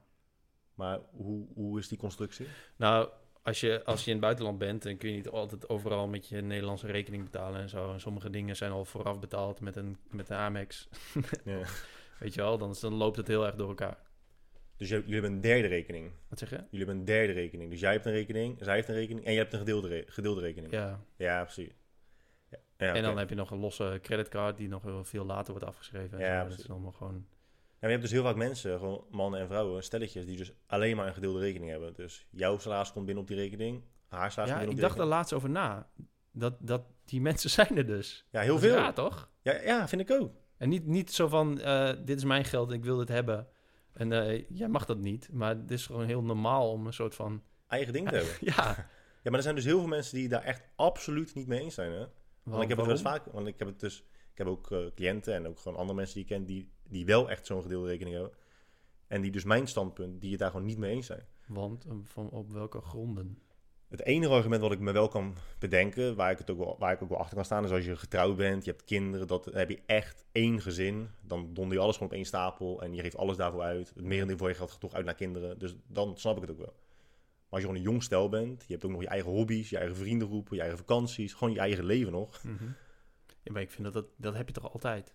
Ik bedoel, je hebt je eigen interesses. Ja, Misschien heb jij wel, ik veel, theoretisch heb je dat altijd. Online abonnementen. Of heb je een hele dure hobby. Of eh, weet ik veel, wil je Ja. iets doen. Ja, in theorie is, hoort het zo te Anders krijg je ja. toch altijd gezeik. Stel, ik ga nu, ben ik een beetje met die reisjes bezig. En, en, en eh, ehm, ik ben daar, ik moet de hele tijd eh, reisjes boeken.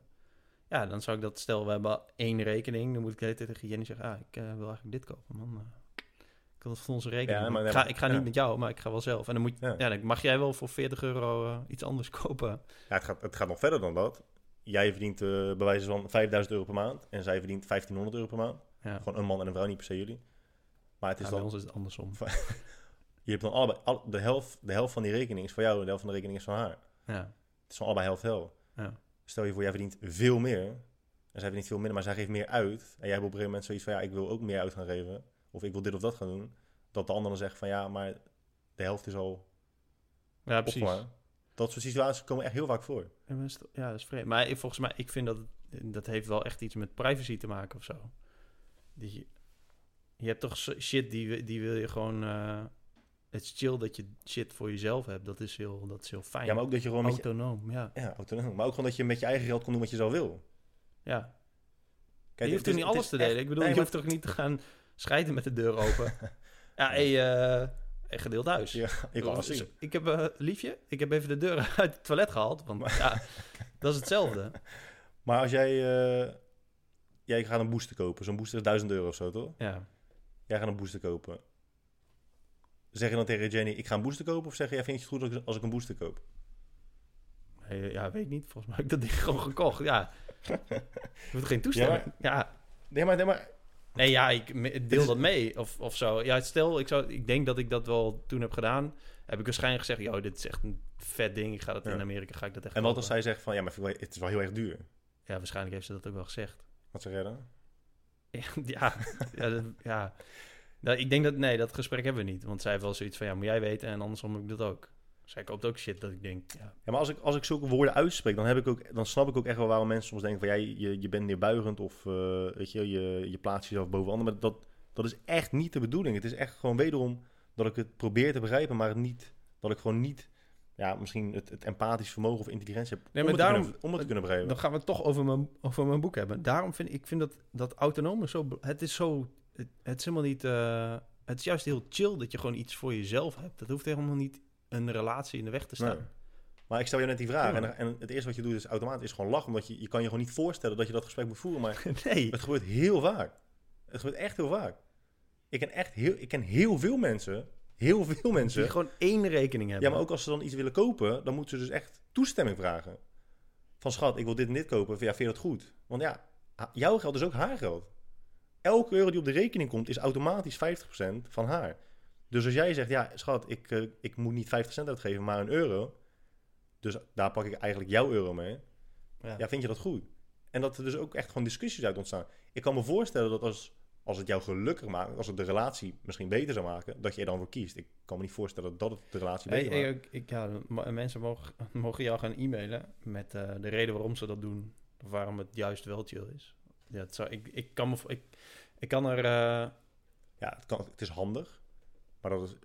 Ja. Nou ja, is van je eigen rekening eh, iedere maand een x-bedrag. En dat hoeft, hoeft ook niet gelijk te zijn. Naar een gezamenlijke rekening over Juist. te maken. Ja, voor vaste lasten en zo. Of gewoon een, een gedeelde Ja. spaarpot. Spaarpot, eh, reizen, boodschappen, vaste lasten, dat soort Ja. dingen. Maar altijd een eigen spaarpotje. Of altijd een eigen, een eigen stapeltje waar je gewoon mee kan doen wat je zelf wil. Het is toch Ja, en niet alleen kan doen, maar ook letterlijk gaat doen Ja. wat je zelf zonder te wil. hoeven. Ja, Ik wil dit kopen. Ja, maar vind ik wel heel duur. Oh ja, oké, dan doe ik het wel niet. oké, ja. ja, ik ga wel een trui aantrekken en op het hoekje van de bank zitten. Moet, ik- moet ik nog iets doen? Wil je iets drinken? Ja, weet ik veel. Ja, dat is toch raar dat je dan helemaal Ja, het, heeft anders... ook, het heeft ook gewoon met dominantie in de relatie te maken. ehm, Want ik heb dit gesprek ook wel eens met Samantha gehad. ja, En eh, die wil graag een gezamenlijke rekening. Alles opheffen. Als, ik dan tegen, als ik dan zoiets aan haar vertel, van ja, weet je, zus en zo, sommige mensen doen het op die manier.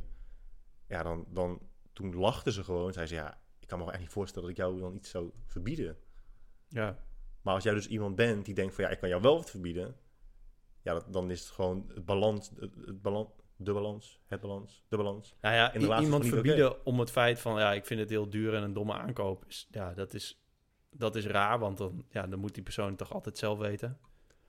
Tenzij hij een lama wil kopen en die op, op zolder wil houden.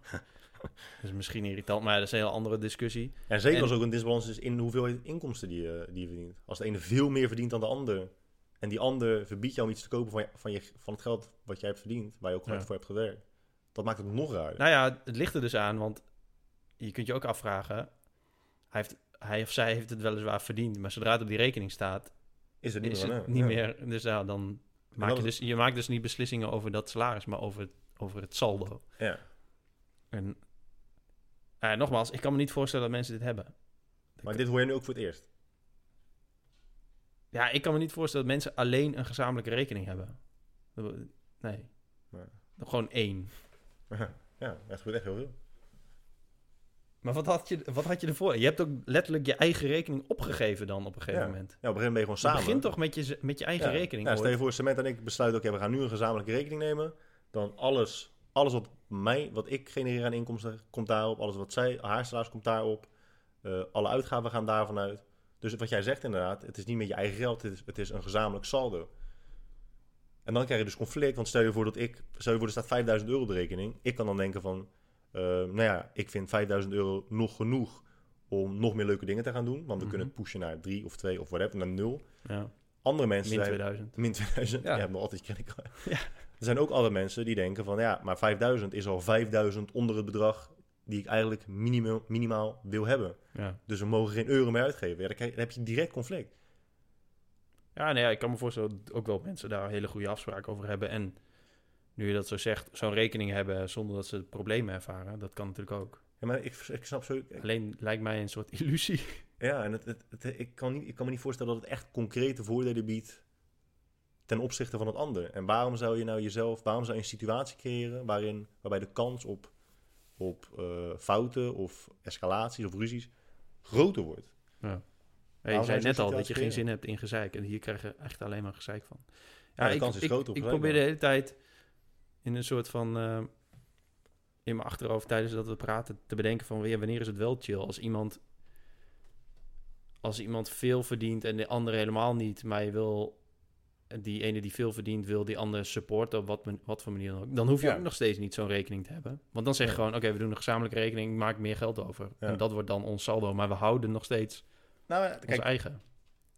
ik moet het ook iets beter nuanceren, ik. Want nu zeg ik eigenlijk dat als jij een gezamenlijke rekening hebt, dat er dan altijd problemen kunnen ontstaan of, of, of whatever. Maar eh, je kan natuurlijk ook wel gewoon. Het probleem ontstaat pas op het moment dat een van de twee denkt dat echt 50% van het geld nu voor jou is en 50% voor de ander. Of tenminste, Ja, precies. is- Ja. en dat de ander geen eigen keuzes meer mag maken zonder in, zonder in samenspraak Nee, iets te nee, dat- Dan komt het, het probleem ja, pas. maar ook wat jij net zegt, van oké, wa- wat is eigenlijk, is nul onze bodem of is 5000 onze bodem? En, Ja. Want twee mensen gaan zich bemoeien met een soort van financiële planning. Die hebben daar allebei gedachten over. Ja, of ze hebben precies hetzelfde. Ja, dan Of het, zou gaat heel, eh, of het gaat heel geleidelijk, maar dat, ik kan me dat niet voorstellen. Nee, en als, en als alles goed gaat, je hebt allebei een beetje hetzelfde idee over wat de bodem is. Je biedt, je gunt de ander genoeg vrijheid om ook zelf keuzes te maken over, over Ja. aankopen. Dan snap ik nog steeds niet waarom je dus die gezamenlijke rekening moet hebben. Ja, nee, precies. Dan kan je net zo goed een aparte rekening hebben. Ja, juist. Tenzij je dus zegt, ja, het is handigheid. Maar dan krijg je dus weer dat de kans op ruzies groter wordt. Dus waarom zou je het doen? Ik, ik snap het niet. Ja, lastig. Ja, ik ben wel benieuwd naar. Dus ik hoop dat mensen jou gaan mailen. Maar een van mijn dingen was dus eh, op mijn lijstje. Kun, kan, kun een klein bruggetje maken. Dat jij zei over geld uitgeven op vakantie. Ik, ik zag dat laatst op... Volgens mij was het Reddit. Zag ik iemand die... ehm, die was er... Die vond het knetter irritant dat heel veel mensen vinden... Ja, je hebt pas echt gereisd als je in hostels slaapt. Oh, als ja, je niks uitgeeft. En, en eh, alleen in mierenhopen slaapt. en weet ik veel wat. Terwijl er zijn... Ik ken best wel veel mensen die het heel chill vinden om veel te reizen. Maar ook gewoon in hotels met witte lakens te slapen. Mhm. En dat is best wel... En mensen vinden dat het... eh, Ja, wat jij zei.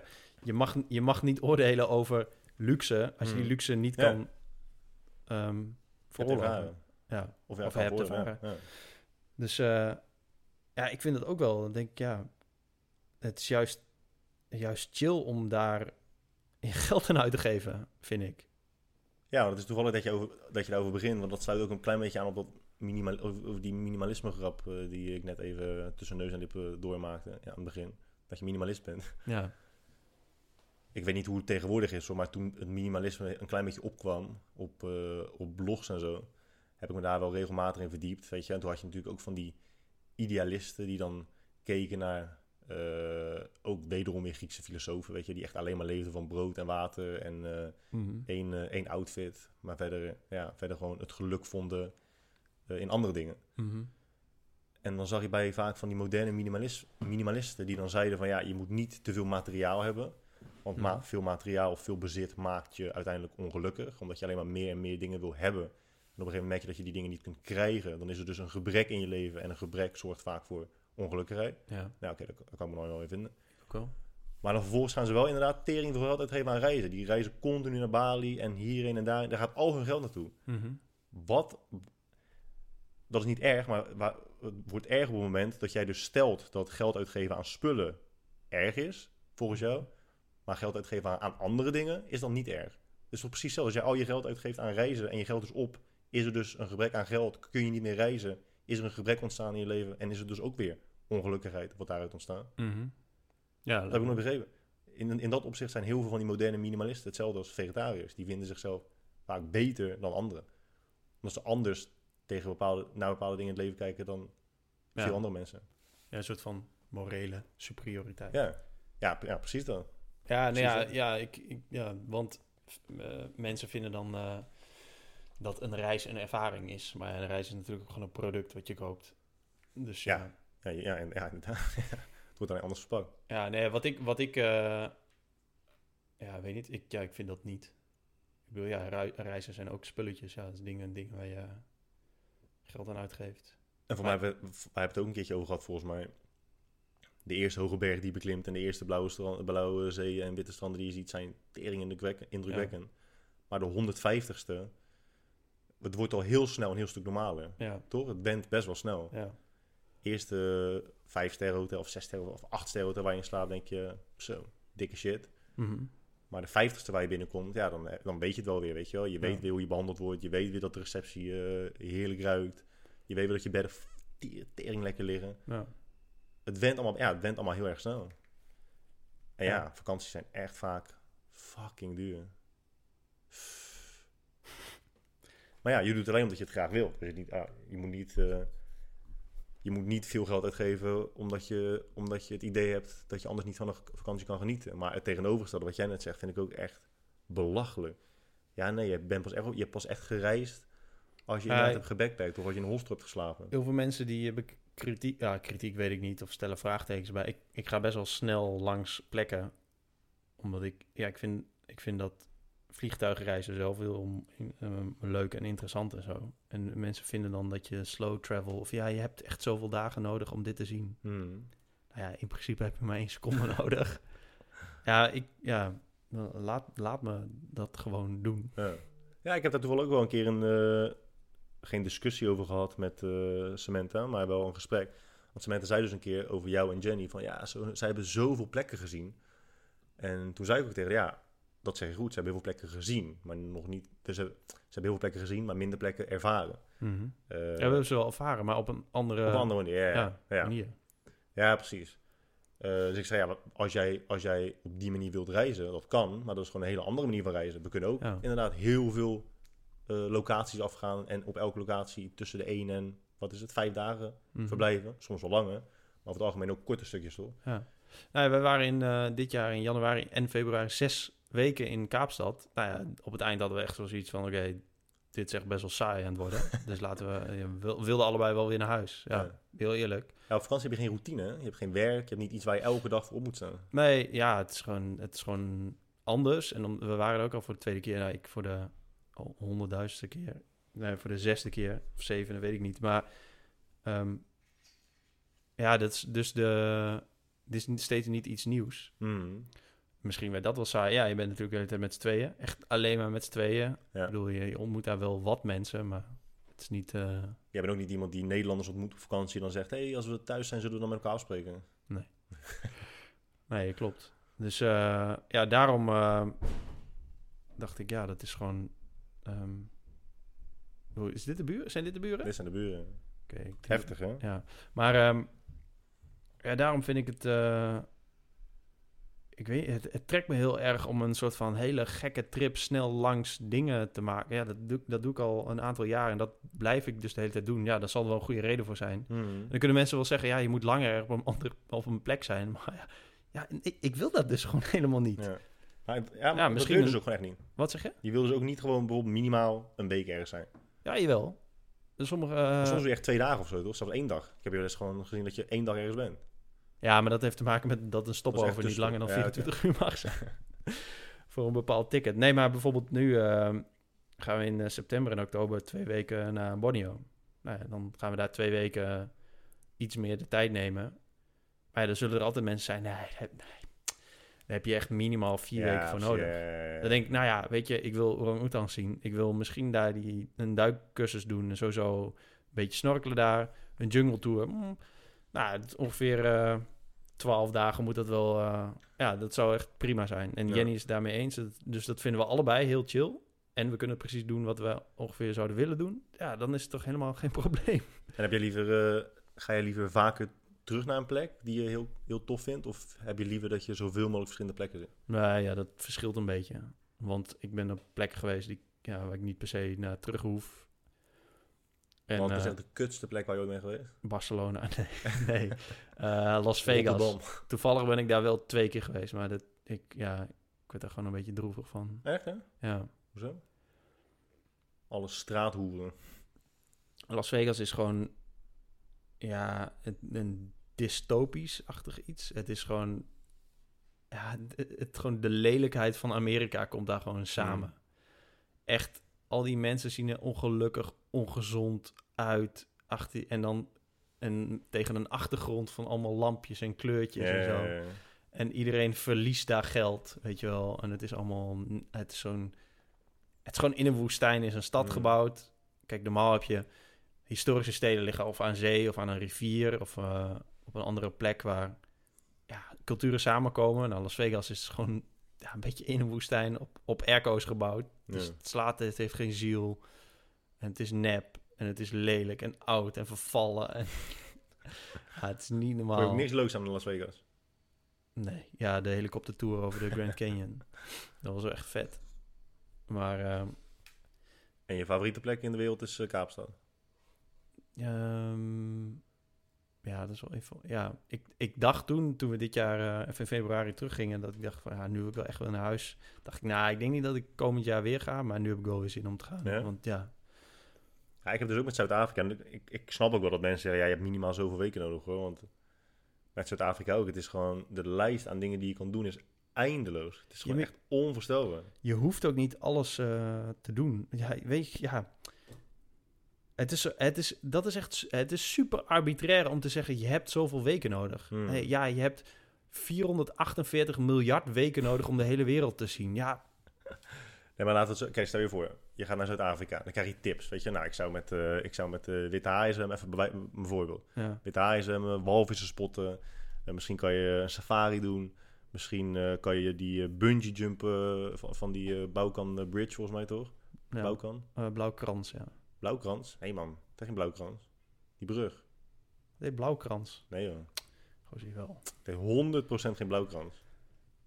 Blauwkrans Bridge. Ja, dat is de Nederlandse naam. Je moet de Zuid-Afrikaanse naam doen. Iets van... Blauwkrans, B-L-O-U. Krans. Ja, voor mij is dat een andere, man. Ik ben daar toch geweest, jongen.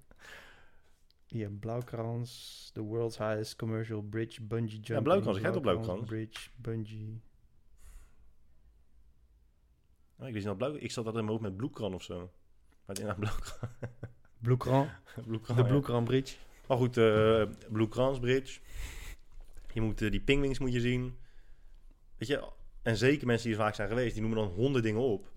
Eh, en Cement en ik zijn wel mensen die eh, meer neigen naar, naar nieuwe plekken toe, in plaats van Mhm. terug naar plekken waar we al zijn geweest.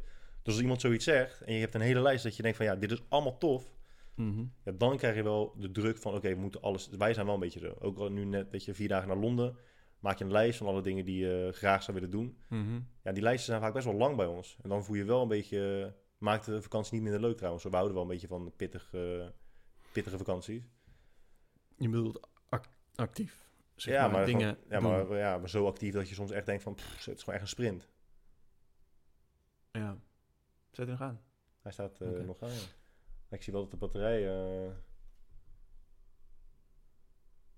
Dus ik moet hem eigenlijk aansluiten aan het eh, netstroom. Ah, ja, dat kan natuurlijk ook. Ja. Maar eh, ja, dat snap ik wel. En in dat opzicht kan ik me wel voorstellen, mensen zeggen, ja, dan heb je wel echt een paar, ja, maar niet inderdaad. Je hebt vanaf dat punt in de tijd, heb je het ervaren en daarvoor niet en daarna wel. Dat, dat Ja, staat dat slaat nergens. Dat kun je dus niet zeggen. Nee. Ja, het is gewoon logisch, hoe langer je er bent, hoe meer je kunt ervaren. Nou ja, ik, ja er, zijn, er zijn allemaal argumenten die door elkaar lopen. Want iedereen is natuurlijk verschillend. Daarom vind ik dus ook, ja, als mensen met Ryanair moeten vliegen, moeten ze dat zelf weten. Maar ik vind het heel erg kut. En ik zal het altijd afraden aan iedereen. Maar je moet het nog steeds zelf weten. Ja, het is voor Ja. iedereen anders. En als ik een beetje in die nomad kringen eh, me begeef. Ja, nomads willen graag langer ergens zijn. Omdat, ja, ik ervaar dat zelf ook. Als je ergens eh, komt en je wil wel met je laptopje ergens aan het werk. Ja, dat duurt echt wel een paar dagen voordat je geacclimatiseerd bent. Dat je went aan, het, aan, je, aan je routine of aan de plek waar je bent of zo. Hmm. Ja, het duurt wel even voordat je daar lekker in zit. eh, en eh, gemotiveerd kan werken achter je laptop. En als je dan oh, ja, na vijf dagen weer naar een andere plek gaat, ja, dan blijf je achter de feiten aanlopen. Dat snap ik ook wel. Maar ja, dat is ook weer speciaal voor mensen die graag een laptop meenemen en Ja. aan het werk zijn. Ja, zo ben ik ook. Ik probeer altijd wel echt mijn werk achter me te laten. Telefoons. Op, op vakantie is ook echt de enige plek dat ik mijn telefoon echt gewoon weg kan leggen. En dan gewoon echt nooit naar hoef te kijken. Dat is zo heerlijk. En Maar je moment- post wel shit op Insta-stories en zo. Ja, dat wel. Dat voor de rest Maar meestal, meestal doe ik dat s'avonds. Ja, ligt aan waar ik natuurlijk ben. Eh, Ja. Maar als ik buiten Europa ben, dan doe ik het pas s'avonds als ik in het hotel ben en ik, en ik wifi heb of zo. Mhm. Dan donder ik alles in één keer op van de hele dag. Ja. Maar met eh, ja, reizen is bijvoorbeeld wel een van de dingen die ik dan ook graag met anderen deel. Dat ik denk van ja, dit, dit is echt heel erg leuk. ja. En eh, dat is ook wel echt een hele waardevolle manier, heb ik zelf ervaren. Dat als mensen op bepaalde plekken zijn en ik zie waar ze zijn, dat je daar dan ook naartoe gaat. Mhm. Omdat het gewoon echt heel tof is. Ja, dat werkt wel echt goed. eh, ja, Instagram stories voor reispromotie. Ja. Ja, ik ga in Tel Aviv sowieso naar die, Zo, dat is lekker. die broodje kips niet zonder. Het zit erop. Broodje. Dat is ding een, eh, halen wat Het jij is een het eten. Libanees, het heet Lafa. Laffa. Ja. Het is een Libanees, eh, Libane- Libanees brood, Libanees, eh, Libanese pita. Mm. Dus eigenlijk gewoon een soort Turks pizza, maar dan een stuk groter en ook veel dikkere, dikkere deeg. Ja. En daar smeren ze dan hummus op, of hummus in het eh, Nederlands. Hummus. En dan trina, of tahin in het Nederlands. Weet je, Mhm. dat is sesampasta Ja, lekker man. met eh, knoflook en citroen en zo. Dat doen ze dan, ehm, kun je kiezen of je kunt eh kipsnitzel nemen inderdaad. Alleen kipsnitzel is wel echt, echt fucking lekker, echt, echt crunchy. En dan een hele malse kipfilet erin. Mhm. Of ze doen eh spiezen. Dan kan je kiezen welke, welke, welk vlees je wilt hebben aan een spies. Dus lam of uh, kippendij. Meestal neem je kippendijvlees. Mhm. En dan doen ze patatjes bij. Erin. Ja. Oké. En dan neem je salades op, verschillende soorten salades, weet je wel. Koolsoorten, eh, ge- gefermenteerde groentesoorten. Ehm wat nog meer? Ik weet niet meer. Doen ze ook nog pittige saus eroverheen. En dan mango, gefermenteerde mango chutney. Amba heet dat. En dat rollen ze echt op in een fucking dikke rol. Zo, zo lekker, jongen. Ja, dat is chill. Echt heel nice. Nou, ja, dat heb ik op Maar het is wel echt een jungle, hè. Als je moet bestellen, je hebt geen rijen zoals in Nederland. Je moet echt gewoon eh, vaak, als het, als het druk is, moet je echt... Ja, je hebt geen Nederlandse beleefdheid daar. Ook in het verkeer en zo. Je zal nooit, nooit voorgelaten worden. Oh, chill. Dan merk je pas hoe georganiseerd Nederland is. Ja. Op zulke plekken. ja, klopt. Dat is, ja... Nederland is echt georganiseerd. Gewoon lekker alles geregeld. Gewoon alles is... Nou, Nederlands is gepland. Dat is het mooie. Ja, maar ik heb altijd het gevoel dat mensen dat, dat mensen die in het voordeel van Nederland spreken, zeggen altijd dat. Wat? Het is een soort, soort van ingestudeerd iets wat mensen zeggen. Ja, maar het, is wel heel, het is niet, heel het is niet een eh, positief iets. Ja, maar zo brengen mensen het wel. Want dan, zeg je, dan heb je het bijvoorbeeld over een ander land. Dan zeggen ja, wij- daar hebben ze dit en dat en zus en zo. Het is lekker weer, mooie stranden, lekker eten, aardige mensen. Ja, maar in Nederland hebben we wel hele mooie snelwegen. Ja, het is ja, allemaal het is heel een- erg geregeld. het is gewoon een eigenschap. Ik bedoel, ja. Ja, maar, Bangkok is toch niet leuk als, alle, als er knetter weinig verkeer is en alles is netjes geregeld en zo. En er lopen geen ratten. Dat is toch, ja, dat, volgens mij heb ik dat ook eerder in een podcast gezegd. De lelijkheid van een stad is direct ook de charme. Dat is, we hadden net nog over New York, dat er altijd zo tunde druk is. Hmm. Ja, dat maakt het dus mooi, maar ook knetter irritant. ja. En Nederland ook, dat alles netjes geregeld is. Ja, dat is fucking chill, maar het, het is ook super saai. Het is echt heel saai. Ik vind Nederland echt heel erg saai. Maar ja, ook heel erg comfortabel. Je hebt die, ja, die Human Development Index in Nederland is knetterhoog. Het is gewoon, ja, Ja, want je, je, niks nergens zorg, je, hebt, je hoeft je helemaal nergens zorgen over te maken. Alleen om jezelf. Ja, En om Zwarte Pieten discussie. ja het, is allemaal, het is allemaal prima geregeld. De mensen worden oud, goede, goede zorg. En dan gaan er nu mensen reageren. Nou, mijn oma heeft eh, acht maanden moeten wachten op een nieuwe heup. Weet je wel? Nee, maar dat is over het algemeen. Ja, maar dat is dus wat mensen niet snappen. Dat gewoon Algemeenheden. nou, het gemiddelde en Ja. anekdotes. Ja. Dus eh, Ja, dat is ook, ja, je zegt inderdaad, het is comfortabel. En je mensen leven lang. Ja, ze, wo- ze worden ouder. Maar ja, heb je, dan, heb je dan daadwerkelijk ook echt geleefd? Ja, ik denk teringzwevig natuurlijk. Ja. Maar, ik bedoel, Ja, mensen die, eh, als je kijkt naar het... eh, naar landen rond de Middellandse Zee, Middellandse Zeegebied. Al die oude mensen daar, weet je, die nog lekker elke dag naar buiten gaan, gaan naar het strand, lekker koffie zitten drinken, hebben vrienden, vriendinnen. Hoe vaak loop je hier niet in Nederland langs eh bejaardentehuizen? vind ik zo zielig, want dan zitten ze dat wel 60ste, zielig, ja. 65 zitten ze heel de dag naar buiten te kijken. Mhm. Komt één keer in de week komen je kleinkinderen op bezoek als je geluk hebt. Ja, Je gaat bingoen één keer op vrijdagavond. Die mensen je echt wegrotten achter het glas. ja. Ja, en dan worden ze ouder en dan zit je daar 20 jaar. Nou, dan schiet ik liever 20 jaar daarvoor een uh, mijn kop. ja. Ja, dat is best wel kut. Ik vind dat echt niet relaxed. Ja, dat is in de- en, dan, en dan zou je nog natuurlijk kunnen stellen, ja, maar ja, in Nederland is de ouderenzorg wel beter dan in Thailand. Ja, ja ongetwijfeld. Mhm. Maar ja, of in Italië of in Spanje. Maar ja, daar zie je wel echt, daar zie je nog zo vaak al die oude mensen in groepen naar buiten gaan. Hebben hun eigen, hun eigen barretjes hebben ze, die zelf, hebben ze zelfs. Mhm. Dat is heerlijk, man. Behalve in Londen. Behalve in- ja, maar dat is echt zo. Ja, in Zweden zie ik ook nooit eh, oude Je mensen. ziet nooit oude mensen in Londen. Alleen toeristen. Ja, dat is raar. Nooit die oude mensen van de stad, weet je, die je overal hebt. Ja. Maar ben je erachter waar ze wel zitten? Nee, jij? Nee, ja, ik weet ook niet. Net zoals in, net zoals in Zweden. Ja, misschien in andere delen van de stad of zo. Ja, ik denk dat ze daar gewoon niet, misschien echt niet de drukte van de stad aankunnen. Want het schijnt dus, dat wist ik dus ook niet, dat om Londen heen, al die eh, dorpjes en zo daar, dat het daar tering mooi is. Ja? Groen, gebergte en zo, ja, het is echt super mooi. Oh, ja, dat wist ik The ook niet. countryside. Ja. Ja, misschien zitten ze dan, dan daar wel. Ik denk dat ze daar moeten zitten. Maar ja, eh, gewoon echt geen oude mensen. Je hebt ook dorst, of niet? Ja, ik heb wel een beetje dorst, ja. Een glas water Ja, doe maar. en een raketje. Heb je een raketje? Ja, man. Ja, maar dan hoor je zo... dan gaan mensen echt- iets raars denken na de vorige podcast. Dat wordt een hele, eh, hele erotische vorm van ASMR. Moet ik even uh, zetten of zal ik gewoon door? eh? Nee, ga maar gewoon door. Ja? Ik ga wel eventjes kijken op mijn lijstje met eh, of er nog mensen gevraagd hebben. Iets. Nature is Metal, man. Dat is echt een leuk Instagram-account. Leuk. Een leuk account. Nature is Metal op eh, Nature is Metal laag streepje op Instagram. Even tussendoor. hè. Voor de mensen die luisteren. Het is een account dat dieren andere dieren opeten. De vriendin van Max vraagt wanneer zij. eh, ja, ze heet gewoon Marije eigenlijk. Marije vraagt. Jullie letterlijk niks, hè? Oh. Oké. Guy hoort niks. Ze vraagt dus Marije vraagt wanneer zij met Kiba mag knuffelen. Nou, Nou ja, weet je, heel veel mensen willen altijd heel veel dingen over Kiba weten. Maar ik ben echt heel erg beschermd over Kiba. hè. Je mag eens zomaar... eh, iemand vraagt, eh, eh, je hebt het al gezien. Ik heb binnenkort een, vroege, hele vroege vlucht vanaf Schiphol. Kun je me brengen? Waarom ben je geen foodblogger? Ja, moet nu allemaal antwoord geven op al die vragen?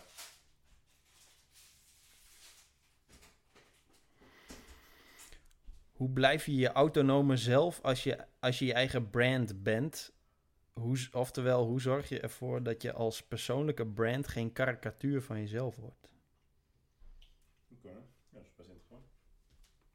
Ik moet wel even die dingen aansluiten, man. De, het kabeltje. Oké, ik ga ook een ijsje eten. En als... eh, Ja, dat is echt heel nasty achter zijn micro. Ik heb hem op. Ja, ik zat laatst een podcast te luisteren en er was dus een gast. Ik weet niet of ik dat zelf heb, maar dan hoorde je dus de hele tijd dat... Dat gesmak als iemand praat. Mhm. Maar alleen sommige mensen hebben dat. Dan denk ik, heb je dan veel speeksel in je bek? Of juist niet? Ben je dan goed gehydrateerd of niet? Maar ik weet niet. Helemaal melk voor man. Ja, maar dat, vra- dat vraag ik me dus af. Maar ik vind het heel vervelend om naar te luisteren. Ja. Alleen mensen kunnen daar niks aan doen. Ik denk, ik denk dat mensen dan niet goed gehydrateerd zijn. Dat ze gewoon een soort kwel, een soort van halfdroge kwel in hun bek hebben. Gadverdamme. Ik Aangekoekte zoveel kwel. kek in mijn mond, hè. Zeg je? Ja. Ik heb zoveel gekijkijs in mijn mond. Ah, dit ging echt zo tegen mijn natuur in, hè. Wat? Gewoon een groot stuk ijs in je mond en dan kou erop. Ik zag jou gewoon kou op ijs. Ah, ah mijn kind. Ja, ik vrees dat het... Aan ijs moet je likken, man. Dat moet zeg maar smelten in je mond. Ja, dat kan ik niet. Of mensen die, eh, die een chocoladereep pakken en dan gelijk kou erop. Zo. Alsof het een maiskorf is. Zo eet jij het ook, hè? Ik zie gelijk aan je. Zo eet jij ook een eh chocoladereep. Ja, ik vreet chocola, als- maar ik vreet alles snel op, ja. Maar chocola kan je niet zo eten. Het zijn, het zijn echt blokjes, zijn blokjes gemaakt zodat je een blokje af kan breken. Zo, en dan je mond kan doen. Nou, rustig. Ja. ja. Je weet nou, even tussendoor, ik, krijg, eh, ik ga achteraf breken hoeveel geld ik van jou krijg. We hebben twee stuurlampen aan. Er staan 17 stukken apparatuur staan aangesloten op eh, Nestro. Ja. We hebben nu eh, een ding, hoe is het, een verlengsnoer. ja, stuur maar een tikkie. Dus, eh, allemaal energielabel F natuurlijk, alle apparaten die we gebruiken. Ja. Vind ik ook grappig, man. Wat? energie, ja. Energielabels. Maar je hebt, je hebt toch van die financiële producten met... eh, die hebben ook zo'n gradatie. En, en dan A is het best.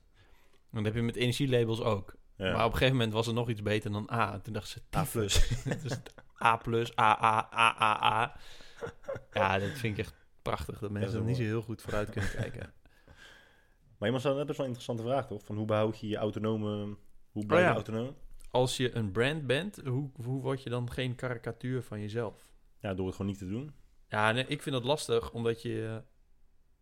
ja, wanneer ben je een karikatuur van jezelf? Want je bent, ja... Als je heel erg jezelf of je, je unieke eigenschappen laat zien...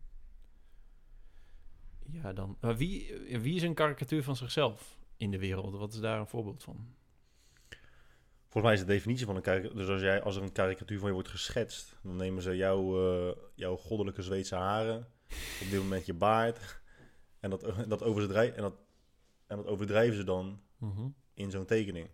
Ja, maar Donald Trump is dus een karikatuur van zichzelf. Ja, dat is gewoon constante karikatuur. Nee, maar stel je voor... ehm, mensen noemen mij droog. Weet je, droge humor. Ja, Als ik dan een karikatuur van mezelf word... dan ga ik dus extreem...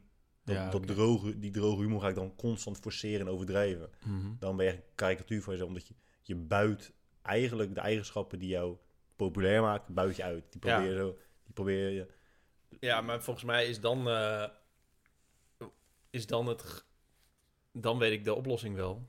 Want Dan moet je ge- eigenlijk gewoon vooral naar jezelf luisteren... en niet naar wat, wat allemaal andere mensen vinden.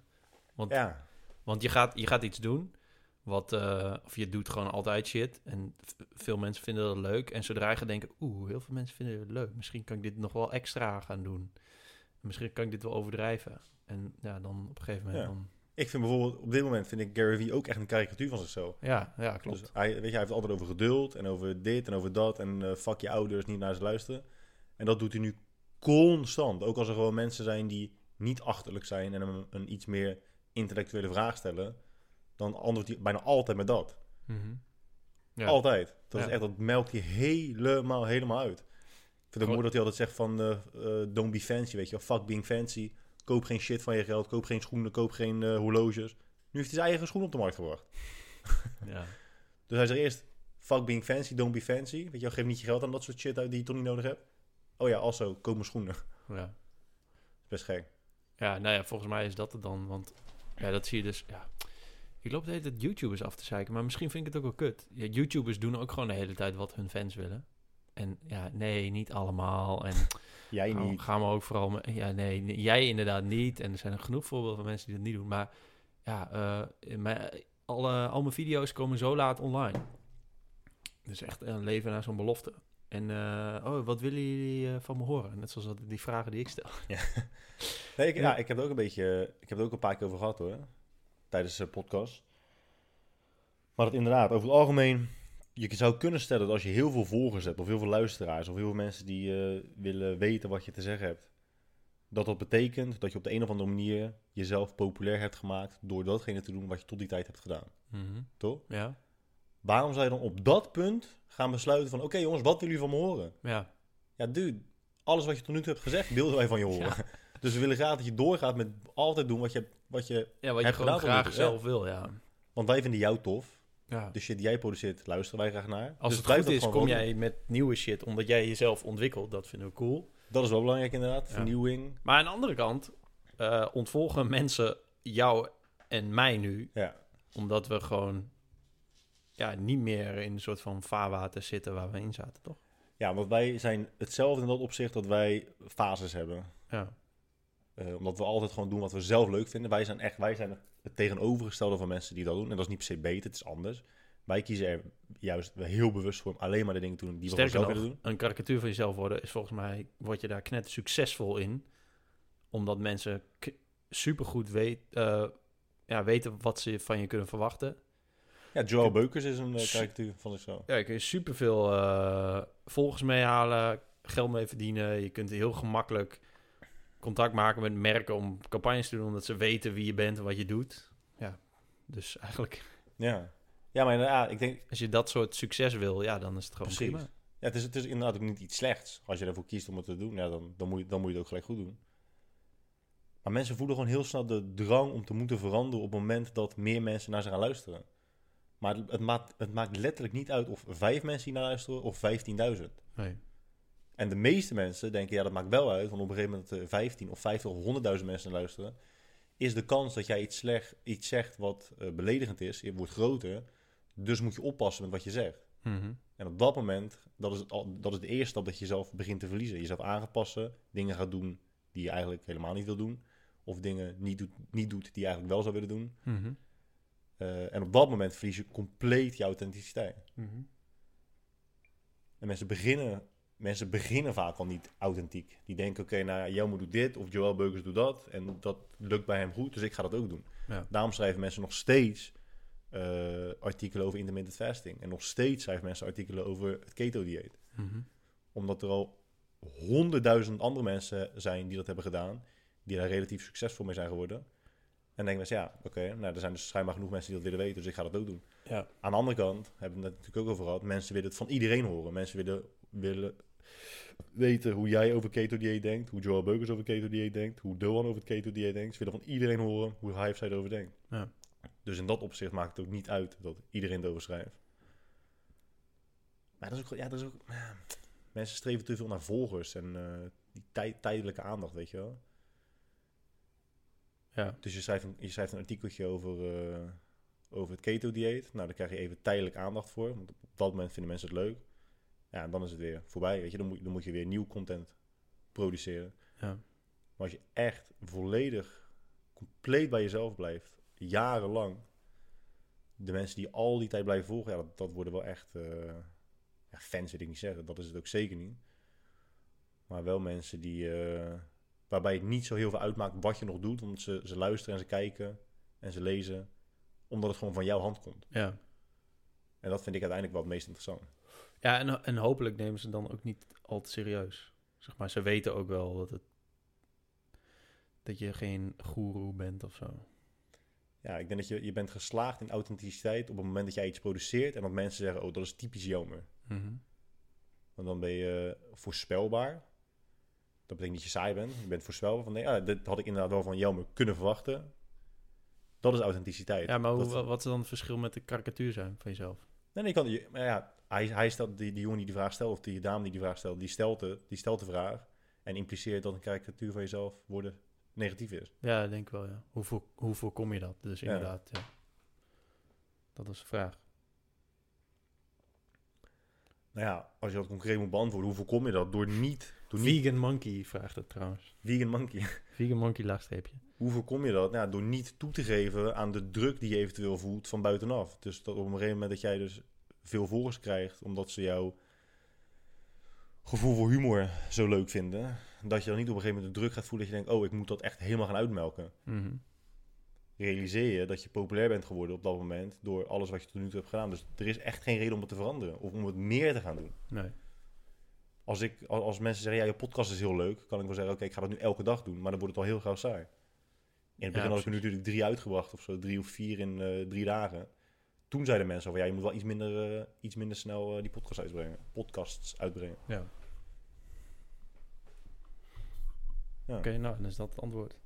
Heb jij nog... jij hebt het ook gevraagd. Wat? Stel je allemaal vragen? Ja. Ja, Ik kreeg twee net een vragen of zo. Wat? Twee vragen. Ik kreeg net iets over Overhead squats. Mobiliteit. En hoe, hoe overleef je het in godsnaam met Guy Droog? Ja, ik kreeg nog een vraag. eh, wie, eh, wa- wat is je grootste motivatiebron? Voor mij. Ja, gewoon, ja dat is. Mijn grootste mot- motivatie. Maar, ja, maar motivatie voor wat? Voor, eh, in welk opzicht? Om het leven door te komen, denk ik. Oh, wacht. Geld uitgeven op vakantie hebben we ook afgevinkt. Fitnessdoelen. Mijn groot, ja, ik heb geen motivatiebronnen. Ja, ik, ik weet niet. eh, ik vind zelfontwikkeling eigenlijk het meest interessante wat er is. Ik vind, ik vind, eh, ik vind het altijd heel leuk om gewoon de dingen die ik nu doe, die ik nu leuk vind, om daar beter in te worden. En ik ben ook niet iemand die denkt van ik moet het zo snel mogelijk. Ik heb echt helemaal geen topsportmentaliteit. Weet je, topsportmentaliteit. Topsporters willen gewoon zo snel mogelijk hun maximale potentie Ja, benutten. zo snel mogelijk naar de top. En ik Ja. heb dat ook. Ik wil wel shit, ik wil beter worden in shit, maar ik wil niet het allerbeste worden en het hoeft ook niet direct. Nou ja, ja, zo ben ik ook. Dus ik wil gewoon, ik wil dat mijn podcast beter wordt en leuker wordt. Eh, maar ik heb niet zoiets van, oké, ik ga nu zoeken van, oké, hoe kan ik zo snel mogelijk een dikke, dikke studio bouwen? Of inderdaad, hoe kan ik growth hacking? Ja, maar wat je, wat, ja, dan, dan, ja, inderdaad. Want anders zou jij dus allemaal mensen gaan e-mailen. En dan ja, de gasten gaan laten zijn in je, in je Ja. podcast. Oeh, misschien is, eh, ah, vraag ik Arie Boomsma. Ja, Ah shit, misschien komt hij binnenkort in mijn podcast. Dan vraag ik Arie en Joël en... ehm, komt Arie Boomsma in jouw podcast? nee, ja, dat wil ik heel graag. En hij eh, zei ja, is goed, maar... eh, arrogante zak. nee, Ja, weet je wat ik dus vind? Ik weet niet of Arie zo is hoor. Maar eh, gewoon even in het algemeen. Als je niet van plan bent om iets te gaan doen, dan moet je het ook niet, echt niet zeggen. Er zijn, Oh nee, maar ik nee, denk... nee, niet Arie. Maar als, je bijvoorbeeld, als je bijvoorbeeld personal trainer bent... en ik weet bijvoorbeeld dat Rogier van de Admiraliteit dat ook heeft... als je een, restaurant hebt... als ik tegen iemand zeg, ik ben personal trainer... dan hoor je bijna altijd... zo, ja, ik kom een keertje bij je trainen, man. Ik kom echt een keertje bij je trainen. Eh, nee, ik weet dat je niet bij me komt trainen... dus je hoeft dat ook echt niet te zeggen. Weet je hoe vaak, waar ik ook bij ben... dat mensen tegen Rogier zeggen... oh, heb je een restaurant? Zo, ik kom echt een keertje bij je eten. Mhm. Dat hoef je niet te zeggen, want je bent het oprecht niet van plan. Het is, het is een soort van oppervlakkige raakvlak creëren, weet je wel. Oh, je een restaurant? Oh, dan ga ik nu maar gewoon zeggen dat ik een keertje kom. Mhm. Of ik kom een keertje bij je trainen, ja. Nee, nee. Het is wel mooi om ze dan te gaan nabellen. hey, je zou toch een keertje komen trainen? Ja. Of ze alvast op een nieuwsbrieflijst zetten. Ja, weet je wat is? Mensen denken dat het uh, dan Welkom beleefdheid is. Ja. Van, nou, kijk, ik ga, ik ga maar gewoon een keertje zeggen van... eh, en nogmaals, het gaat niet over Arie, hoor. Maar dat ik, oké, ik eh, wil een keertje op mijn podcast komen. Ja, ja, kom wel een keertje. En dan denken ze, ik ben beleefd, want ik wil geen nee zeggen. Dat vind ik niet netjes. Hm. Maar het is nog minder netjes om ja te zeggen en dan niet te doen. Mhm. Ja, klopt. Dus Arie,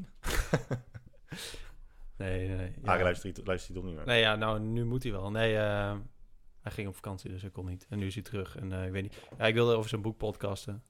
Ik weet niet hoe... hoe Ik vind Arie niet meer tof sinds, die, eh, sinds, eh, sinds Jim Magazine mij heeft ontvolgd op Instagram. Het is echt heel raar, weet je. Dan sta je in, in Jim Magazine, twee keer volgens mij, en Mhm. ontvolgen ze je. ja, dat is wel raar, ja. Dat is toch, Dat is wel vreemd. dat is toch gek? Ja, ik ga dat appje... Ja, ik weet niet of ik dat appje wil installeren om te zien. Want mij- mensen ontvolgen mij ook. En of ik dan wil zien wie mij ontvolgt. Aan de andere kant... Moet je ook zelf weten. Het is soms best wel confronterend, toch? Want ik, Ja, het, is, het is dus confronterend. Aan de andere kant, ja, dat is emotioneel en rationeel hebben zoiets van, ja, moeten Nee, mensen... oké, maar, oké, maar ik bekijk ook rationeel. En als het onbekenden zijn, denk ik, ja, fuck it. Maar stel Ja. je voor, ik zou je ontvolgen. Ja. Kijk er eens rationeel naar. Dan kan je wel zeggen, ja, ja hij, wil, hij heeft er gewoon interesse, geen interesse in. Maar je Instagram is per definitie gewoon jouw soort van, ja, jouw digitale afdruk in de wereld. ja, Dus ik zeg gewoon, ja, ik heb geen interesse meer in jou als persoon. Dat, Ja. dat zeg je ik gewoon. vind jou niet meer interessant. Ja, Ja. dat kan. Dus dan kan je, kan, je, kan je proberen te rationaliseren en te denken van, ja, nee, het is niet persoonlijk. Maar het is wel persoonlijk. Mm, ja, het is ook wel persoonlijk, maar ze moeten het nog steeds zelf weten. Ja, dat wel. Ja. Maar nog steeds blijft het, als, als iemand die jij, die jij kent, soms zelfs iemand die je goed kent, jou ontvolgt, denk je, ja, maar hoezo dan? Ik vind het best wel gek. Ja. En wat nog meer awkward is, is dan als iemand je heeft ontvolgd en je weet dat, en soms zeg ik ook wel iets van, net als nu, Jim Magazine, Ja. maar dat je ze dan in het echt ziet en dat ze dan echt super leuk doen. Hey, hey, hoe is het? ja. Denk hé, je hebt laatst nog ontvolgd eh, geklikt. Ik heb ook heel vaak dat, eh, dat ik het dan tegen iemand zeg. En dan zeggen ze, huh? Heb ik helemaal niet gedaan. Ik zeg, ja, maar ik zie, ik zie dat je me niet meer volgt. En ik sta ook niet meer in de lijst van mensen die je volgt. Ja, nee, ja, ja, oh ja, ja, mijn Instagram doet heel raar de laatste tijd. Weet je dat ook heeft gedaan? Hanna Vreugdeel. Die heeft je al ontvolgd. Heel lang geleden, echt jaren geleden. Dan, eh, Toen was ze me ontvolgd. En toen zei ik van, hé hey Hanna, ik zie dat je me hebt ontvolgd. Wel jammer. Huh? Nee, heb ik niet meer gedaan. Heb ik niet gedaan. En dan ook niet, niet, weer, niet weer mij gaan volgen, weet je. Gewoon, ze, het, het, bleef, het bleef gewoon zoals het was. Maar dan ontkennen en dan niks, ja, niks veranderen aan. Ja. Sommige mensen zeggen het gewoon eerlijk. Die zeggen, ja, dude, ik word helemaal gek van je spam. Of ik, eh, ik ben er gewoon echt helemaal klaar mee. Ik denk, ja, Ja. daar heb ik wel respect voor. Ja, dan kan, kun je mensen ook nog muten. Dan is een soort van... Nou ja, aan de andere kant. Ja. Maar soms, ja, soms kan ik het gewoon echt niet begrijpen. Nee. Ja. Ja, kan Ja. toch? Dat mensen dat eh, niet, niet willen zien. Of niet meer willen zien. Ja. Maar volgend jaar krijg ik weer een berichtje. Ja, hey, wil je iets voor Jim Magazine schrijven? Nee, nu niet meer. ja. Lekker de tyfus. ja. Ja. Ja, maar ik vind sowieso... eh, Vind je Instagram nog leuk? Nee man, ja, Ja, ik vind die stories heel leuk. Stories vind ik ook leuk. Maar dat is gek. Ik vind bijvoorbeeld Snapchat helemaal niks aan. Maar Instagram Stories wel weer. Ja, Ik zit niet op Snapchat, maar ik heb het een keertje geprobeerd. ja. En ik vind het echt... Ja, ik eh, heb ook nog steeds wel een account, inderdaad. Maar, ehm, ja, met wie? Oh, ik had het net met Rogier over. Dat het, eh, ik weet niet eens hoe we erop kwamen. Maar dat het, vroeger was het, ik ook weer zo'n zo'n middelbare man. Maar vroeger, ja, je postte gewoon shit op wat je aan het doen was en dat was lachen. Alleen nu is alles ehm, omgeven door geld. Dus je hebt een soort van, ik zat net nog op een, eh, een travel account van iemand. Al die foto's zijn helemaal pixel Mm, perfect ja. gemaakt. En dan staat er... Ja, ik weet niet... Ik weet niet waarom ik het voor mannen raarder vind dan voor vrouwen. Maar dan staat hij met, met zijn rechtervoet zo iets voor zijn linkervoet. Zo zonder shirt bij een, bij een Noors meer. Helemaal zongebruind. Zo'n foto die dan vanuit een tent wordt gemaakt. En die, staat, die gozer staat dan zo op de foto. En dan ben je zo'n travel blogger. Dan denk ik, oké...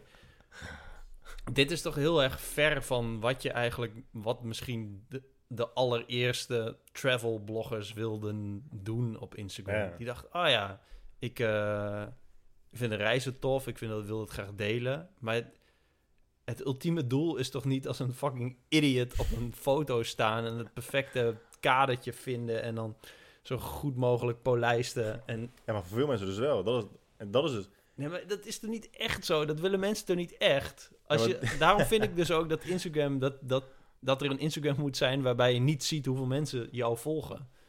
Ja, precies. En dat hebben we, het, hebben we het met jou over gehad, weet ik niet. Maar Nee. ja, dat zou echt heel chill zijn. Omdat het je dan niet meer boeit wat andere mensen vinden, maar vooral wat je zelf vindt.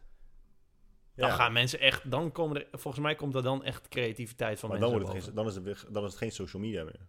Nee, dan wordt het een soort kunstmedium. Want dan Ja. ga je gewoon shit doen die je tof vindt. Dan wordt het echt gewoon je digitale fotoalbum die andere Ja. mensen kunnen zien. Ja, Maar dat is dus het erge. Dat, je ziet gewoon hoe social media culturen verandert. En gewoon mensen diep van binnen verandert.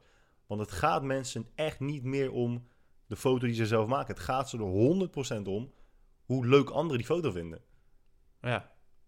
Ja, ik had het laatst nog met me, in mijn eh vrienden groepschat over. Eh, Vrienden die ik al, sommige al meer dan twintig jaar ken uit eh Hoogveen. Dus zijn met z'n tienen. En toen postte ik serieus. Ik zei, oh gasten, plaats foto's van wat je aan het doen bent. Ik vind het gewoon tof om te weten van jullie. En Ik Mm. zie nu alleen maar merken en gepolijste foto's van iedereen. Zo, ja, het interesseert me honderd keer meer wat mijn vrienden aan het doen zijn. Ja. Een, een maat van me eh, eh, is onlangs vader geworden. Ja, post foto's van je kind. Ik vind het Ja. tof om te zien. Jullie zijn mijn maten. Ik, ik heb heel veel raakvlakken met jullie. Laat, eh, ja, post gewoon wat je aan het doen bent. Ik mis, dat, ik mis dat heel erg, zeg maar. Het, is, het, alles is geworden wat, ja, wat geld wil, wat merken willen. Ja, maar zo'n gepolijst, allemaal zo'n een fictief mogelijk beeld creëren van hoe je leven is.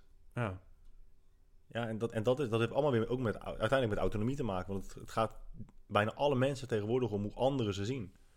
Ik wil dat jullie allemaal denken dat mijn leven fucking geweldig is. Mhm.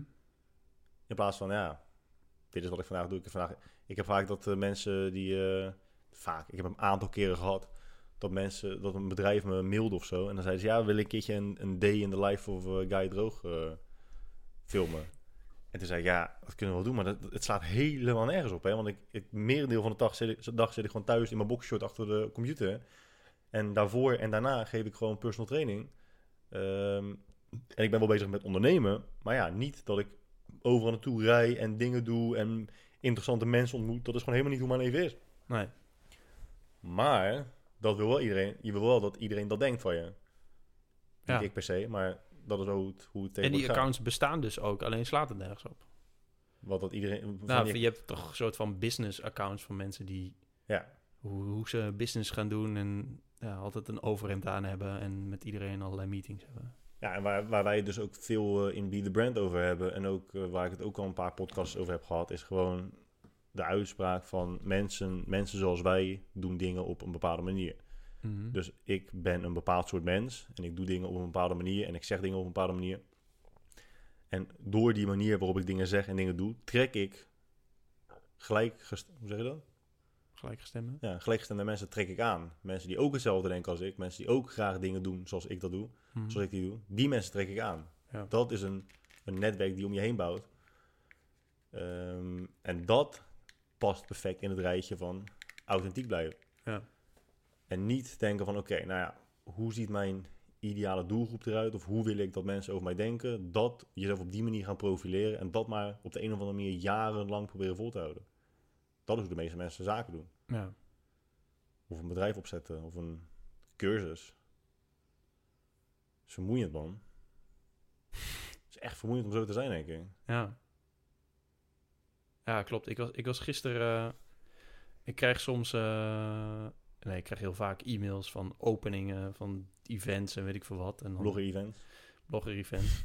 En dan, want ik, ik sta op allemaal lijsten als bloggertje. En ik probeer... Ik ben heel hard alles, eh, al die mensen op spamlijsten aan het zetten en zo. Ik krijg bijna niks meer binnen, maar soms dan wel. En er was iets over wijn, dus ik dacht, ik ga met Ted van Ik weet niks van wijn naar een Amsterdam Wine Festival. En dan, en dan hebben ze er ja, het zijn zo, je kunt direct al, ja, dit is echt vooroordelen, maar je kunt direct al zien dat het kakkers zijn die, die dat organiseren. En dan hebben ze het direct over laagdrempelig. En denk ik, ja, nee, dat zie ik nu al. En dan, maar dan hebben ze erover welke stoere restaurants er allemaal meedoen. Dan denk ik, ja, dit is dus eh, totaal niet de- laagdrempelig. En dan gaan ze allemaal met namen gooien van de beste wijnmakers van de wereld en zo. Die komen dan ook. Denk, ja, Mhm. dit is ook niet laagdrempelig, want niemand kent dit. Ja, Ik vind dat zo raar. Die zijn ook alleen maar bezig met, oké, hoe kunnen we, wat vinden, we- hoe, hoe vinden andere mensen ons stoer? Ja, ja Dat is toch vreemd? Ja. Als je een laagdrempelig wijnfestival wil organiseren, dan ga je toch niet dit soort shit zeggen? Dat is helemaal niet laag, laagdrempelig. Ja, Ja, het is ook, hier het ben is ik heel erg trots op. Het Okura doet ook mee. Dude, dude, dit is niet Bro. laagdrempelig. Sowieso, ja, dan, ja. ik kan er echt hoofd bij krijgen als ik over nadenk. Hoe, dat, hoe de wereld eh, op, dat, op, eh, op die manier verandert. Ja, ja daarom... Ja, Ik vind, het- ja, ik vind het ook echt oprecht gewoon best wel erg eigenlijk. net Zeker eh, als je nu jong bent, weet je wel. En je groeit dus op die manier op. ja. Dat je vanaf je 12 of 13 al constant... Je, je hebt dan al een fucking erg identiteitscrisis. Maar dat je ja, dan, sowieso al, ja. Je weet, school- al, je weet al niet hoe... Vroeger was het al moeilijk. Ja, moest je stoer zijn en weet ik veel ja, wat. voor 15 kinderen om je heen. Ja, Maar nu is het gewoon heel Instagram. Dan denk je, oh fuck ja, echt ja honderd, hoeveel misschien volgers heb jij dan in de klas? Hoeveel volgers heb jij? Oh, je Ja. bent echt een loser. Je hebt echt maar 13 volgers. Tyfus loser. ja. Nee, maar dat is nog een extra laag erbovenop. Ja, kan erg, ja, maar dat, het, kan, het kan ook gewoon niet. Ja, We oordelen er nu over. Wij, wij doen de aanname dat het verkeerd is of misschien niet goed. Ik, ja, zo, ik ervaar het ook echt wel als iets wat niet, als, als iets wat niet goed is. Mhm. Maar ja, je kan ook gewoon zeggen, ja, maar er is toch niks mis mee.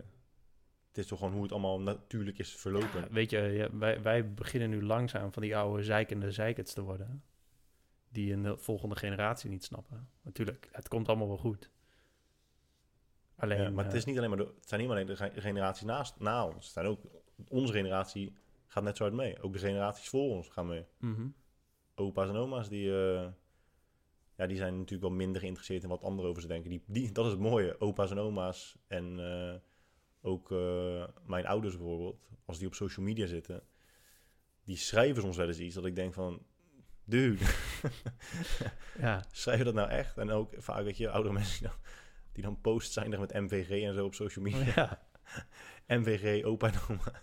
zo mooi. En die zijn zo authentiek. Ja, ja, dat is wel, klopt wel. Als je, ja. ooit moet, als je ooit twijfelt over hoe je authentiek moet zijn op social media, moet je echt gewoon naar opa's en oma's op, eh, op social media kijken.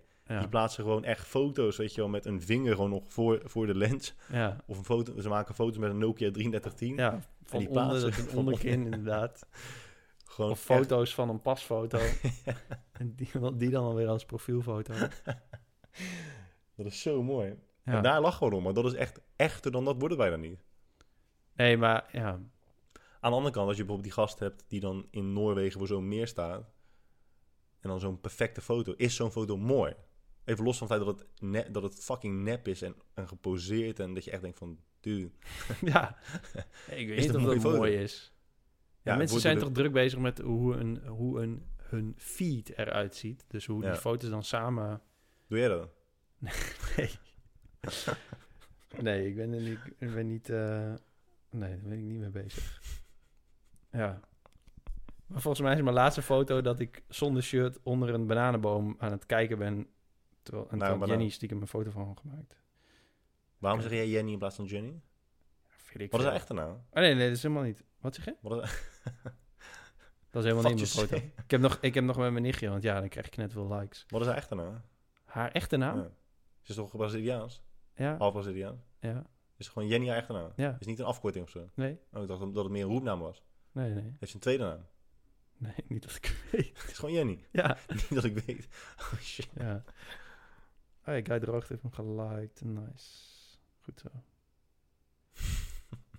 ja, maar... ik, dacht, ehm, ik dacht dat ze echt wel nog een andere naam zou hebben. Eh, wat? Ik dacht dat ze ook... Nee. Gozer, echt, en het onderwerp van onze podcast is altijd de hoe, je, hoe je Jenny uitspreekt en of Jenny al Jenny heet. Jenny. Nou, Maar, Samantha komt nu ehm, richting huis, dus die is- komt zo meteen binnen. Wie? Samantha. Oké. Dat is ook haar enige naam, dat is ook haar echte naam. Oh, heet ze niet Samantha? Oké. Ja, nee. Heet dus eh, Samantha. Samantha. Waarom de Engelse uitspraak? Dat weet ik niet, net als dat ik Guy heet en geen Guy. Guy. Zo, dat was heerlijk man in Londen. Dat was een verademing. What's your name, sir? Guy. Ja. Gewoon stilte daarna, hè? In Nederland is het altijd... Sorry, Guy? Oh, aparte naam. Hou je tyfusbek. Ja, ik heb zowel in Nederland als in het buitenland dat ik altijd mijn naam twee keer moet zeggen. Daarom heet ik in het buitenland bij de Starbucks wel gewoon Jacob. Maar Jelmer is toch een hele Nederlandse naam? Nou, bij de Starbucks eh snappen ze het jammer niet. Ja, er werken geen Friese bij de Starbucks, dus Dat is ja, een Friese naam. ja, Maar ik heb meerdere. ja. volgens mij is het Fries. Nou, in ieder geval Nederlands. Maar bij de Starbucks dan... eh Kan je niet opzoeken hoeveel mensen in een bepaald land een bepaalde naam hebben? ja, vast wel. Ik ga opzoeken hoeveel mensen in Jelmer is. Zo, dat is echt mijn project van de dag. hoeveel Ja. mensen in Nederland... Voor mij is het eigenlijk een, bekende, hele bekende naam. Dan, ja. Heet Jelmer. Betekenis van Jelmer, babymeid. Wat? Voornaam Jelmer, betekenis en Ah, heb je populariteit. het wel eens opgezocht op eh, Urban Dictionary? Jelmer. Wat Jelmer betekent? Wat betekent dan? Dat is zeker weer eh, de, de huid tussen je anus en je, Nou, zo, je balsen. Oh, nee, dat, dat ja, zoek even op dan. Urban Dictionary Jelmer. Ik ga het niet voor je opzoeken. Je moet het even zelf... Wat ga, je, wat ga jij spelen? Nee, ik wacht even tot jij weet hoeveel mensen er eh, Jelmer heet in Nederland. De Nederlandse voornamenbank. Besef dat dat gewoon echt bestaat, hè? Voornaam is gelijk. Yo, aan- mensen, mensen vonden het raar dat, eh, dat ik besef als een soort van Dat heel statement zijn. Jezus, joh, maar je naam is wel echt in populariteit aanzienlijk verminderd over de jaren heen. Tja. De piek van populariteit van jouw voornaam, dat vind je interessant. zie Ja, vind ik interessant, ja. De Was piek in van populariteit was, wanneer denk je? 1988. Voor Christus. nee, in 2000. Echt? Ja. Wow. En toen eh, kwam jij op social media en toen ging het heel erg hard naar beneden. Toen dacht ik zo... When you Maar jou- jouw eerste naam, tenminste volgens deze site, volgens de Nederlandse voornamenbank, besef, besef dat iemand is die denkt gewoon, ja, ik begin de Nederlandse voornaam. Maar goed, die eh, is dus geregistreerd in 188, nee, 1880. De eerste Jelmer. Hm? De eerste Ja, Jelmer. de eerste Jelme op aarde. Ehm, NL, totaal in als eerste naam, want je hebt ook dus als volgnaam, de hoeveelheid Nederlanders die als eerste naam Jelme hebben in Jezus, 2014. Cliffhanger, ja. In Is- 2014? Hoeveel? Ja, weet ik Wat veel. denk je? Doe nog vol. 14.000. 14? Nee man. 4448. Jezus, wat weinig. Oké, ja, het Voornaam. komt van... eh, Begint is gelijk aan. Begint met, eindigt op. Eindigt op Jelme. ik ga Guy zoeken. Is gelijk aan Guy. Echt Drie mensen. hey, 927 mensen. Nog best wel veel. Mijn populariteit is wel iets stabieler dan Nivea. Dus jij bent iets meer een fase dan eh, ik ben. ja. ja, echt zo'n... eh, zo'n hype-naam, hè? Guy, Jelme. Nee, Jelmer.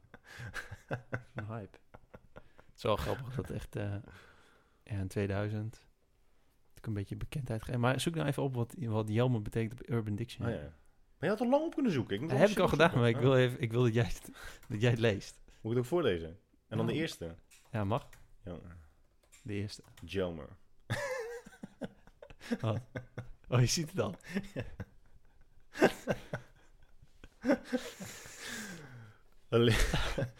Jelmer. Ik weet niet wie dit geschreven heeft. Ik vind het niet zo'n goede definitie, maar hier komt ie. Bij Cokeboy in 2003. Wel een verouderde definitie. in 2003. Ja. Wat sick.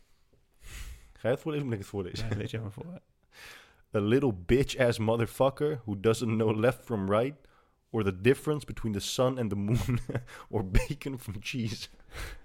A typical thick asshole.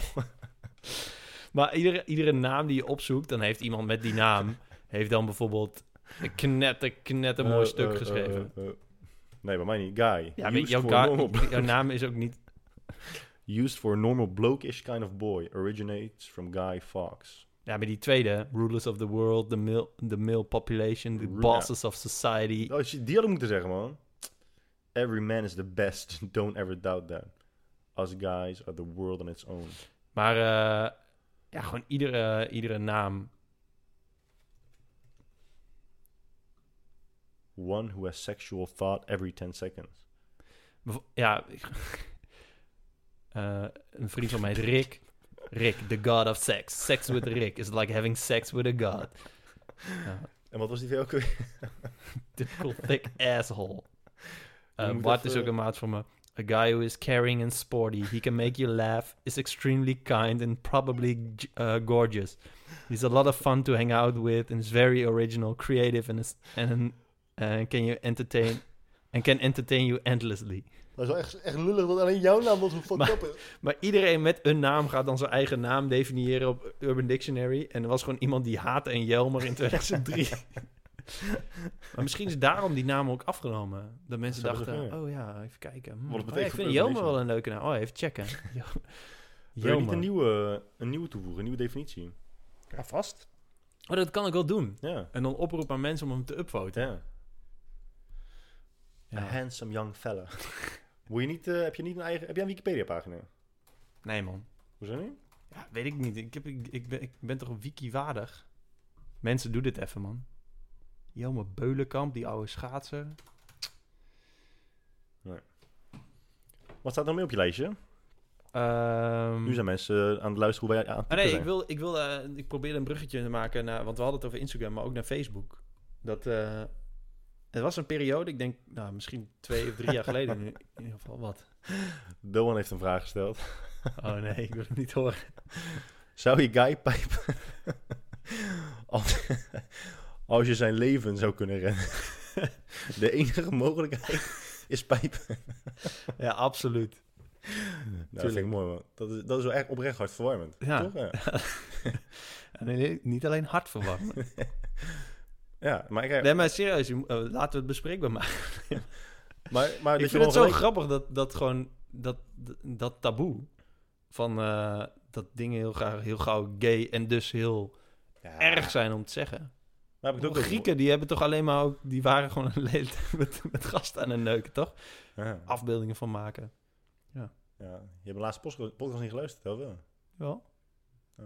Wat dan? Ja, Daar zei ik, daar zei ik dat ook. Ja, Ja. Maar ik ben dus, ik ben dus benieuwd of, eh, ja, stel het zal weer een trend worden om het gewoon heel open over te hebben. Of dan meer eh, gasten uit de kast durven te komen. Ik vind het echt zielig, man. Mijn neef is ook eh, homo. En die kwam echt op zijn 40 pas uit de kast of zo. En die zei, ook, die zei op een gegeven moment ook van... "Zeuk, De enige, ge- de grootste fout in mijn leven, de grootste spijt in mijn leven... is dat ik niet eerder uit de kast kwam. Want je hebt, je hebt om de een of andere reden jezelf aangepraat... Of, of het idee gekregen van anderen om je heen... dat als jij homo zou zijn, dat anderen het erg zouden vinden. Ja, En op een gegeven moment kom je dus uit de kast. dat het, en, en of dat het niet natuurlijk is Ja, of zo. Ja, het zal wel een fase zijn, weet ik veel. Ja. En op een gegeven moment kom je dus uit de kast en merk je gewoon dat het echt volledig geaccepteerd is door iedereen om je heen. Dan denk je, tering zo hè. Ja. Waarom heb ik dat niet 30 jaar eerder gedaan? Ja, dat is wel... Dat, echt eh, zielig, hoor. Dat lijkt me wel kut, ja. Ja. Goed, ja, ik ben, ik ben dus... Ja, ik, de rustig zo... Sowieso toch nog een heel erg taboe op. Homoseksualiteit. Ja. Ja, maar ja, soms heb je dus het idee dat het niet zo is. Dat je in Nederland woont bijvoorbeeld. En dat we hier best wel eh, ruimdenkend zijn als het gaat om bijvoorbeeld homoseksualiteit. En dan soms kom je erachter dat je dan... Ja, dat je daar gewoon zo keihard naast zit. Ja. Net als die, eh, je had toch een periode of dat het één of twee keer was gebeurd, dat groepen jongens op Grindr gingen. En dat ze dan homo's gingen lokken naar een plek en dat ze Oh, ja. volledig totaal los werden geslagen. Ja. Dat is fucking ziek. Ja, ja, dat is echt heel ziek, ja. Maar ja, wat ik in mijn vorige podcast ook zei, ja, mensen oordelen alleen maar over het, over het seksgedeelte, weet je wel. Eh, jij hebt seks met een andere gast. Ja, maar dan nog, moet, moet je toch zelf weten.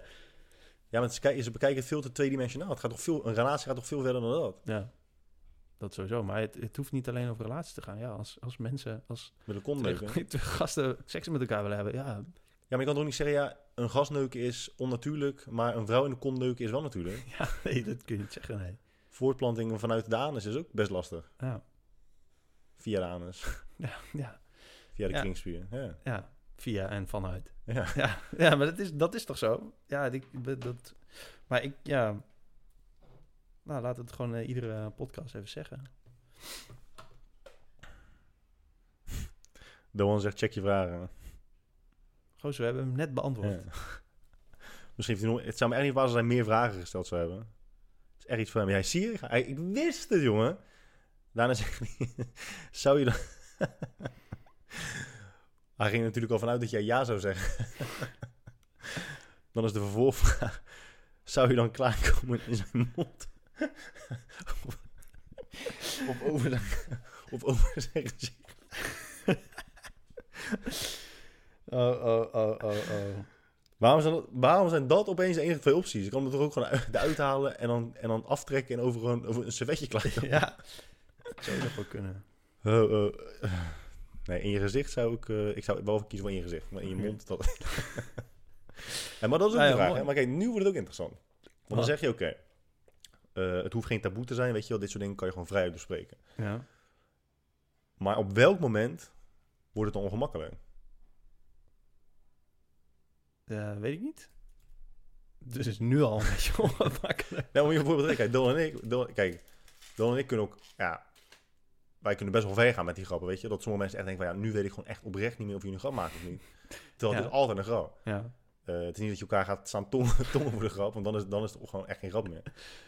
Ehm, maar bijvoorbeeld, eh, ja, ik ken wel andere mensen die vinden het leuk om een soort van grapjes over te maken. Heel op, oppervlakkig. Mhm. Van, oh, een man pijpen voor geld. Maar als je dan zegt, hé hey, eh, schatje, kom jij eens even lekker bij me, even lekker knuffelen. Dan zie je zegt zo, nee, nee, nee. Dan wordt het heel erg ongemakkelijk. Mhm. Ik vind wel dat als je er, als jij beweert dat jij eh, dus open staat voor gewoon homoseksualiteit, dat je daar grap over kan maken en dat je ook weet dat de ander gewoon heteroseksueel is, Mhm.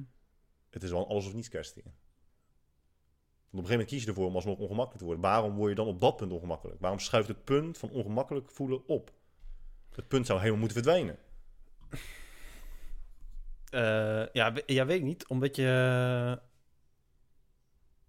Om, ja, het is toch een grap omdat je er eigenlijk niet gemakkelijk mee bent? Ik voel me... Als jij, bent- ik, weet, ik weet het... Nou, tenminste, ik ga ervan uit dat jij 100% hetero bent. Ja. Ik ga ervan uit dat jij weet dat ik 100% hetero ben. Ja. Dus als, als wij nu net als die, die vraag van het over Doan behandelen... en we lachen erom, dat het gewoon grappig is... Ja. eh, ja, ik voel me gewoon 100% ongemak met mijn seksualiteit. Ik voel me 100% ongemak met jouw aanwezigheid en jouw heteroseksualiteit. Dus ik weet gewoon dat hoe, hoe ver de grappen ook gaan, dat het een grap is. Ja, ja. Dus er is, er is geen punt op- waarop ik me ongemakkelijk ga voelen met een grap. nee, nee, nee. Als jij, als jij aankijkt en zegt, hey guy, zou je niet even echt een vingertje in mijn kont willen stoppen? en dan, ik- en dan echt serieus wordt, ja, dan... Ja, het zou niet- nog steeds niet ongemakkelijk worden, maar dan ga je wel twijfelen van, is die nu nou serieus of niet? Maar nog steeds is er geen punt waarop het ongemakkelijk wordt, tenzij je dus echt een fysieke daad verricht. Ja, precies. Maar dan, dan ligt daar dat, toch de grens. Ja, maar dan is het, dan is het ook geen grap meer. Maar de meeste mensen doen alsof ze dus eh, niet homofoob zijn. Ja. Ik ben geen homofoob. Maar hebben wel nog steeds een heel snel punt waarop het alsnog ongemakkelijk wordt, ondanks dat ze weten, of doen alsof ze weten, dat het een grap is. ja, ik vind het lastig, man. Ja, en daarom wil ik Ja. alsnog je antwoord weten. Ja, sowieso. Ja. Nee, ik ben geen gay, dus ik weet niet eh, ja, hoe dat... Heb je vrienden die homo zijn? Eh, ja, Ted. Wie? Ted. Wie is Ted? Van Ik weet niks van wij, Ah. bijvoorbeeld. En zou Ted jou doen als jij homo was? ja, dat weet ik niet. Heb je nooit gevraagd aan hem? Nee. Hoe lang ken je Ted al? Eh, een jaar of eh, twee, drie of zo. Stel je voor, wij gaan samen op reis. Ja. En eh, om de een of andere reden moeten we samen in een bed slapen. Ja. Zou je dat dan doen? Ja. Zou je het ook met Ted doen? Ja. Oké. Hoezo? Waarom vind je, dat, vind je het een ongemakkelijker dan het ander? Dan het ander? Nee. Omdat je gewoon weet van ja, dat hij homo is, betekent niet dat hij iedereen wil neuken die man is, toch? Nee. Ja. en daar, daar gaan Ja, dus ook ook al, in. ja, ook al wil hij dat. Ja, ik bedoel, ja. Zo takes two is to het. tango. ja. Ja, en het is zo simpel en toch zien mensen dat gewoon niet. Die denken, oh die gast is homo, ik ben man, dus hij wil waarschijnlijk in mijn kont neuken. ja, maar ja, je hebt, volgens mij heb je dat ook wel een keer gezegd. Zo werkt het tussen mannen en vrouwen ook niet. Nee, ja, Toch? precies. Ja, niet, niet, niet alle vrouwen willen alle mannen neuken en alle vrouwen willen niet alle mannen neuken. ja. Maar mannen die dus Of homofoob zijn, precies hetzelfde? die zegt precies zo. Nou ja, andersom dus ook niet. Maar mannen die homofoob zijn, die hebben dus echt om de een of andere, op de een of andere manier zichzelf aangepraat dat alle mannen hun willen neuken die homo zijn. Hand voor je reet, homo in de keet. Ja. Ja. Dat is dan een Drentse gezegde. Ik heb wel één keer gehad in... eh, Ja, maar dat is best wel... Ja, dat is echt vreemd. Wat, waar, op, op- ik heb wel één keer gehad dat het weiger ongemakkelijk werd. Toen was ik eh, in de Jimmy Woo. Dat is echt fucking lang geleden. En toen kwam er een homo naast me staan. En die was tering groot. Echt fucking gespierd ook. Dat je denkt van, oké, deze dude is echt serieus. Maar had hij zijn, zijn button op met... Ik ben gay. nee, hij was gewoon echt duidelijk gay. Want op een gegeven moment zei hij ook van, ja, ik vind je echt een lekker ding. Weet je, weet je zeker je geen homo bent? Ja, ik zei, ja, Vrij, vrij zeker, zeker. maar laten we het proberen. Maar ja, schuif hem eh, maar even 32 centimeter diep in. Maar dan kan ik op basis daarvan oordelen. En op een gegeven moment ging, we had ik een paar drankjes op. Toen op een gegeven moment zei hij echt van, ja, weet je, als ik eh, dadelijk naar buiten ga en ik eh, zie je, dan trek je ergens tegen en dan verkracht ik je. Toen dacht ik, eh, een gegeven moment denk je, ja, kijk, als een vrouw dat tegen je zegt, dan weet je, ja, maar je bent niet fysiek sterk genoeg om dat te doen met mij. Maar sommige dudes zijn dat Ja. Toen Oh, ging- dat is- toen ging- is wel heftig, toch? Ja, het was nog steeds zo half grappend. Eh, en te zien dat ik geïntimideerd was, maar je ging, je ging dan nadenken van, maar wacht even. Als deze gast het wil, Ja. dan kan het waarschijnlijk ook gewoon. Mannen, kunnen, mannen, zouden, mannen zouden die wel echt serieus kunnen verkrachten als ze het zouden willen. Ja. Stel je voor dat er op een gegeven moment bendes ontstaan van homo's die anderen gaan gangrapen. Ja, het zal wel sick zijn, ja. Is ook wel heftig, man. Wat? Dat is ook wel echt, zou heel heftig zijn. Ja. Weet je dat echt heel veel mensen eh, verkrachting als seksuele fantasie hebben? Nee, dat weet ik niet. Ja, ja, dan weet je het nu. Oké. Heb je een onderzoek gelezen over... Weet je, dat is wel kut aan een podcast hebben. Dat op een gegeven moment eh, heb je bepaalde gesprekken en dan denk je de hele tijd, heb ik dat al een keer in mijn podcast Ja, gehoord? man. Dat Heb je ik zo vaak. Dat is Ja. irritant, hè? Ja. En ik haat het al om mezelf te herhalen. Ja. Je hebt, Het, je, gebeurt, het gebeurt toch, maar ja. ken je van die mensen die altijd, als je ze ziet, hetzelfde verhaal vertellen? Niet Ja. altijd hetzelfde, maar die echt gewoon voor de tiende keer hetzelfde verhaal vertellen. En ik denk van, dude, ik heb dit al zo vaak gehoord. Ja, is het nou Jenny of Jenny? Dat Dat is een vraag, dat is een hele simpele vraag.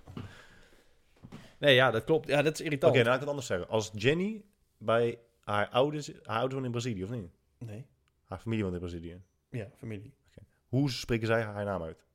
Weet ik veel. Je bent ben je nooit mee geweest. Jawel, maar ik, ik heb niet... eh, Ja, nee, dat is, min- ik, ja, weet ik veel. En haar, zijn allebei ouders Braziliaans. Gaan we het nu weer over hebben? Nee, ja, moeder is Braziliaans. Ik wil gewoon vaststellen wat de, wat de meest eh, logische keuze is om te Ik weet niet eens hoe de moeder eh, haar Hey. naam uitspreekt. Nee? Ja, ik weet wel hoe de Op basis daarvan ga ik mijn uiteindelijke keuze maken. Oké, nou, parkeren we En het even. en is het Jelme of Jome? Jelly. Waar ging je nou net over? Over homobendes. Nee, over Oh ja, shit die eh, verkrachting. heel vaak... Nee, over verkrachting. Over, ja, Dus er is er een boek, er is een boek, heet My Secret Garden. die, die heb ik op mijn, eh mijn Kindle, volgens mij. Oh ja, heb je die wel eens gelezen? Nee. Echt een kick boek. Oké. Maar dat boek, en dan, om dan te beseffen, besef dat het boek is geschreven in 1970 of zo. Ja. En dat was dus een vrouw die heeft echt interviews afgelegd met honderden vrouwen. Oh ja, daarom heb ik hem gedownload inderdaad. Echt met honderden vrouwen. En die heeft gewoon echt hele open gesprekken gehad over hun seksuele fantasieën. En op basis daarvan heeft ze de meest voorkomende seksuele fantasieën opgeschreven. Mhm. En eh, ja, verkrachting eh, staat bij heel... En dat, is, dat past wel perfect in het straatje met, van comedy. Dat jij een grap maakt over iemand met een gezwel op zijn gezicht... betekent niet dat als je iemand op straat ziet met een gezwel op zijn gezicht... dat je denkt, lekker boy, is echt heel grappig. Nee. Hetzelfde geldt voor seksuele fantasieën. Dat jij fantaseert over verkracht worden en daarvan geil wordt en eh, jezelf vingert en klaarkomt... betekent niet dat jij daadwerkelijk op straat wil lopen en echt verkracht wil worden. Nee, precies. Nou, heb ik dat ook even gezegd. Context. Context, alles. Ja. Maar daar staat dus dat soort dingen in. Ook seks met dieren eh, komt vaak voor. Maar het is wel een interessant boek, man. Moet je lezen. En om dan te bedenken dat het is geschreven in, in een jaar waar, waarin Ja, 50 jaar geleden. Dus inmiddels Ja. bijna. Ja. een stuk meer conservatief waren dan nu. ja. Kan me niet voorstellen als, als nu zo'n boek geschreven wordt, wat mensen dan zeggen. Holy shit. Nee man, ik denk dat mensen helemaal niet zoveel veranderen. Ja, dat is ook wel waar. Ja. Ik bedoel, ja, over diezelfde periode. Ik, ik zat die, die Vietnam War eh, docu te kijken op Netflix. Is ook, is ook dan een beetje vijf- 1965, 66 en zo. Ik denk, ja, mensen zien er wel anders uit en het is eh, veel zwart-wit beelden en zo. Maar ja, het zijn ook gewoon mensen die, gewoon studenten die zich druk maken en je politieke leiders. En het, allemaal het is, een beetje hetzelfde. Ja, het context van de samenleving verandert een beetje. Maar de, samenleving is echt niet heel, heel veel anders 50 jaar lang. Maar... Je hebt nu social media en Instagram. Ja, ja, nee, maar, maar het is wel een belangrijke maar, denk ik. Het vergt wel steeds meer om een mens te prikkelen. Eh, ja, ja, misschien wel. Dus stel dat jij in een tijd woont, in een tijdperk leeft, waarin je drie keer in de week 20 seconden missionarispositie seks hebt met je partner, en dat hij vervolgens klaarkomt in je en wegrolt en in slaap valt, dan is het best wel logisch dat jij van iets meer dan, over iets meer dan dat gaat fantaseren. Over bijvoorbeeld een trio. Mhm. Nu tegenwoordig is een trio is gewoon bijna een formele begroeting. Ja. Ja, ja, ik, ja, dat weet ik dus niet. Want je zegt toch net dat 50 jaar geleden mensen dat soort fantasie hadden? Ja, dus, daar, maar, dus toen zei ik van ja, dus ik kan me niet voorstellen hoe het nu zou zijn. Toen zei jij van ja, maar ik denk niet dat mensen heel erg veel veranderen. Maar ja, als, Nee. ik denk wel dat mensen steeds meer nodig hebben om geprikkeld te worden. Daarom zoeken we steeds meer ziekere, raardere grenzen op, op, op elk gebied. Sport, entertainment. Ja, hoe ver, ja, hoe ver ik- kunnen we gaan? Ja, weet ik niet. Je, je had toch... eh, ja... Je hebt toch in de oudheid ook... Er waren er ook toch extreem eh, gekke dingen en zo. Daar hebben we het vorige keer nog over gehad. Dat je... ehm, ja, dat je helemaal niet zoveel zekerheden had. Dat er gewoon hele gekke dingen konden gebeuren. Dat gewoon iemand tegen je kon zeggen... Ja, ik ben de keizer en ik, ja, ik, ik, ik, vind dat jij dood moet. Weet je wel, dat soort dingen. Je bent een slaaf. Weet je wel? Heb je dingen wel eens gezien? Ik moet er nu eens aan- opeens aan denken. Eh hoe heet die film ook alweer? Hoe heet die film ook Zeg eens? Police Academy 6. ja, nee. Die heb ik toevallig Apocalypto. Oh, nee, nee, nee. Maar toen jij dat zei, ging die trailer kijken. En toen Heb ik het wel gezegd? ja, Heb ik dat ook al gezegd op een podcast? Ja, Godverdomme. maar ehm, volgens mij heb ik die... eh, is ook al 20 jaar oud of zo, toch? Nee. 10 jaar oud. Nee, jij bedoelt Apocalypse Now. Nee. Oké. Nee, ik dacht dat het eind... eh, Dat Ja, het 10 in jaar misschien 1998 gemaakt was. Nee, nee, sowieso. Die van Mel Gibson. Ja. Ja. Die Toen ging die gruwelijk, trailer kijken. Toen dacht ik, ja, volgens mij heb ik die ooit of wel of een beetje half of weet ik veel. Toen dacht ik, ja, ik moet, ik moet hem eigenlijk wel kijken. Echt een gruwelijke film, jongen. Ja. Daar hou ik echt van, man. Ik weet niet, dat heeft me altijd al getrokken, al heel mijn leven lang. Wat? De duistere kant van de mens. Hm. Daarom heb ik ook, ja, dat is ook een van de redenen, omdat je net ook vroeg, wat vind jij van, eh, vind je Instagram nog leuk? Dat is een van de redenen dat ik Instagram echt op bepaalde momenten in mijn leven echt oprecht kan haten. Want? Dat, dat neppe gedoe, dat alles zo goed is, alles is zo perfect. Ja. Echt de kotsmissen kan ik daarvan worden. Het is niet, ik zeg niet van, je moet laten zien dat je ook wel eens diarree hebt, of je moet ook wel eens laten zien dat je echt een kutdag hebt. Dat hoeft niet per se. Maar je hoeft, ook- het alternatief is niet per se altijd maar doen alsof alles perfect is. Nee. Er is echt een enorm grijs gebied tussen die twee. Maar daar, ja, dat benut Misschien heel een hashtag beginnen. The real me. Ja, maar dat bestaat al. ja, weet ik.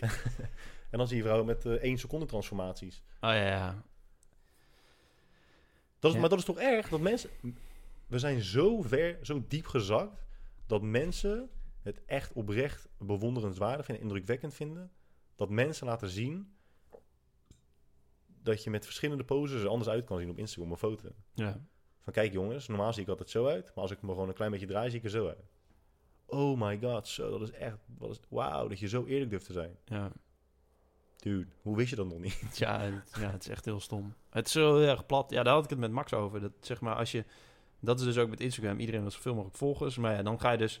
Dan ga je dus precies doen wat alle gemiddelde mensen willen. En dan ga je echt hele stomme. Dan ga je dus SBS6 dingen maken. Dus Ja. gewoon eh, grapjes waar iedereen om kan lachen. En ja, alles is een beetje hetzelfde. Dus dan, eh, ja, want stel je doet iets heel erg opvallends en je hebt net veel volgers. Ja, dan gaan ook opeens 4000 mensen je ontvolgen omdat je iets doet. Ja, dat is kut voor je merk. Dan kun je weer, ja, dat is niet goed. Ook niet goed voor het algoritme. En dan kom je inderdaad voor de vraag te staan, ja, wat ga ik doen? Ga ik inderdaad posts blijven maken waarvan ik weet dat er waarschijnlijk genoeg mensen zijn die me gaan ontvolgen? Of ga ik posts maken waarvan de kans groter is dat ik meer volgers krijg? Ja, bijna i- 99% kiest gewoon voor het tweede. Maar je hebt, je hebt nu zo'n, je hebt nu een, eh, een eh, CGI-personage. Gewoon een, een pop die een paar miljoen volgers heeft. ja, dat is toch Die bizar? wordt gewoon gegenereerd, die foto's. Hoe heet die ook weer? Oh, ik probeerde mijn muis te pakken, zag je het? ja. Instagram CGI model. Oh ja, die doet ook campagnes voor merken. Dit, het is gewoon een computergegenereerd eh, persoon. Hey, ding Lil Michaela heet ze. in aan het storten jongen. Wat zeg je? ding is weer helemaal aan het instorten. Crypto. Ja. Lil Michaela heet ze. Even kijken. Heeft 1,3 miljoen volgers. En ja, is dus bestaat dus niet. ja, dat is toch bizar? Is ook verified.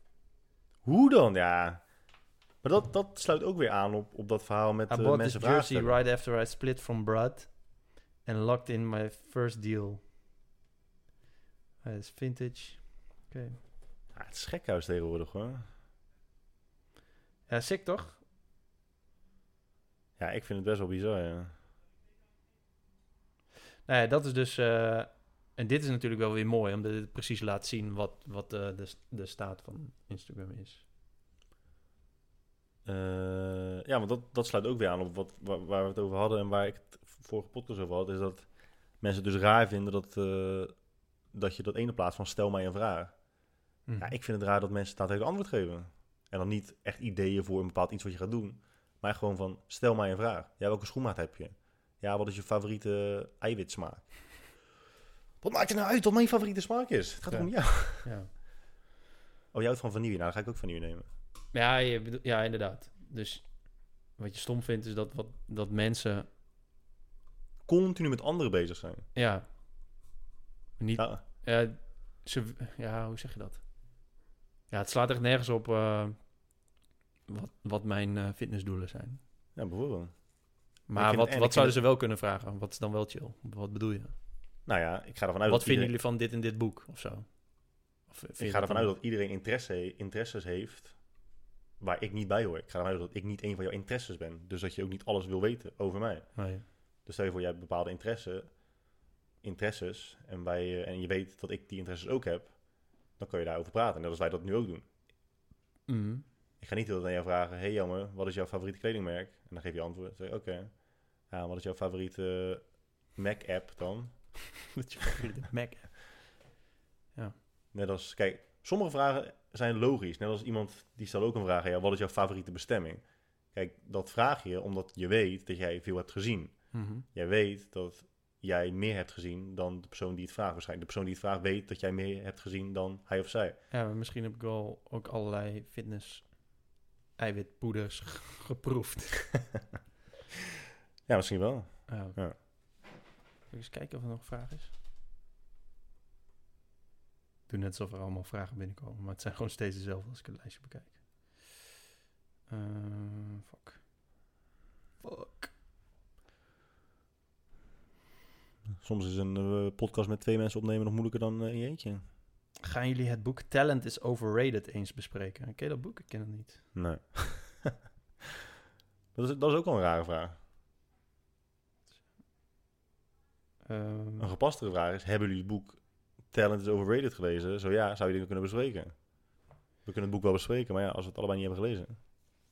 Gaan jullie het boek eens een keer... Ja, nou ja, waarschijnlijk zit die ene vraag in deze vraag eh, verborgen.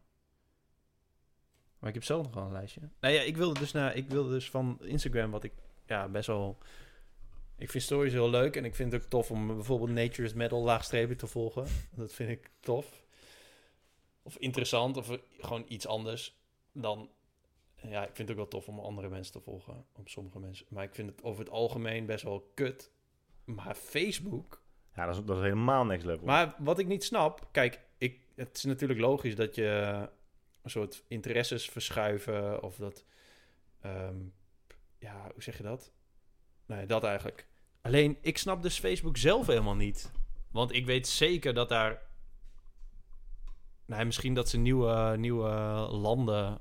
of nieuwe soorten gebruikers gaan aanboren. Maar er is niemand in mijn real life offline omgeving die nog Facebook gebruikt, volgens mij. Nee. Dat is. eh, Dit is eh, niet de buren, dit is wel echt hier. oh. En nu komt er dus een extra hondje binnen. En die gaat waarschijnlijk weer verblaffen. Maar dat is het ook, hè. Ze weten, honden weten gewoon dat, dat jij ze niet moet. En dan gaan ze expres naar jou toe. Ja, nou, we gaan het wel. eh laat hem aanstaan. ja, sowieso. Maar ehm, Echt mensen die dit in de auto luisteren, die worden echt zo aan het lijntje gehouden. wel- Gewoon dat ze constant moeten wachten op alles totdat wij... oh, je gaat het andere ook niet eens eruit editen toen je water aan het halen was. En Ja. toen, je, oh, toen je ging kakken. Dat mensen echt wachten totdat wij een, eh, een raketje hebben gegeten. Toen jij ging kakken. Ja, nee. Dat is het. Het is ook niet dat je twee uur wachtte. Je ging gewoon gelijk. J- jij zei, moet je niet? Toen zei ik, ja, oké, is goed. Ik ga wel. En ik zei nog in het restaurant, hè, moet je niet kakken zo. maar goed, ja, ja, ja ze noemen Ze zeggen toch vaak dat, eh, dat eh, zodra de opa's en oma's op een sociaal medium komen, Mhm. dat de jongeren er langzaam verdwijnen. Mhm. En dat is nu met Facebook zo. Ja, Op Facebook zie je nu echt de oudere generatie. ja. En dan zie je gewoon de jonge generaties naar iets anders toeschuiven. Maar dat vind ik ook heel mooi. We gaan altijd een soort van, niet, al, niet we altijd, maar het lijkt erop dat er heel veel mensen maar vanuit gaan dat, dat het, ehm, altijd door zou blijven gaan Instagram. Weet je wel? Ze, Ja. ze werden compleet op Instagram. Als dat in elkaar stort, is gewoon, is gewoon je leven verdwenen. Ja. Alles is gewoon done. ja, omdat je je niet kan voorstellen dat het... eh, dat Vervangen wordt.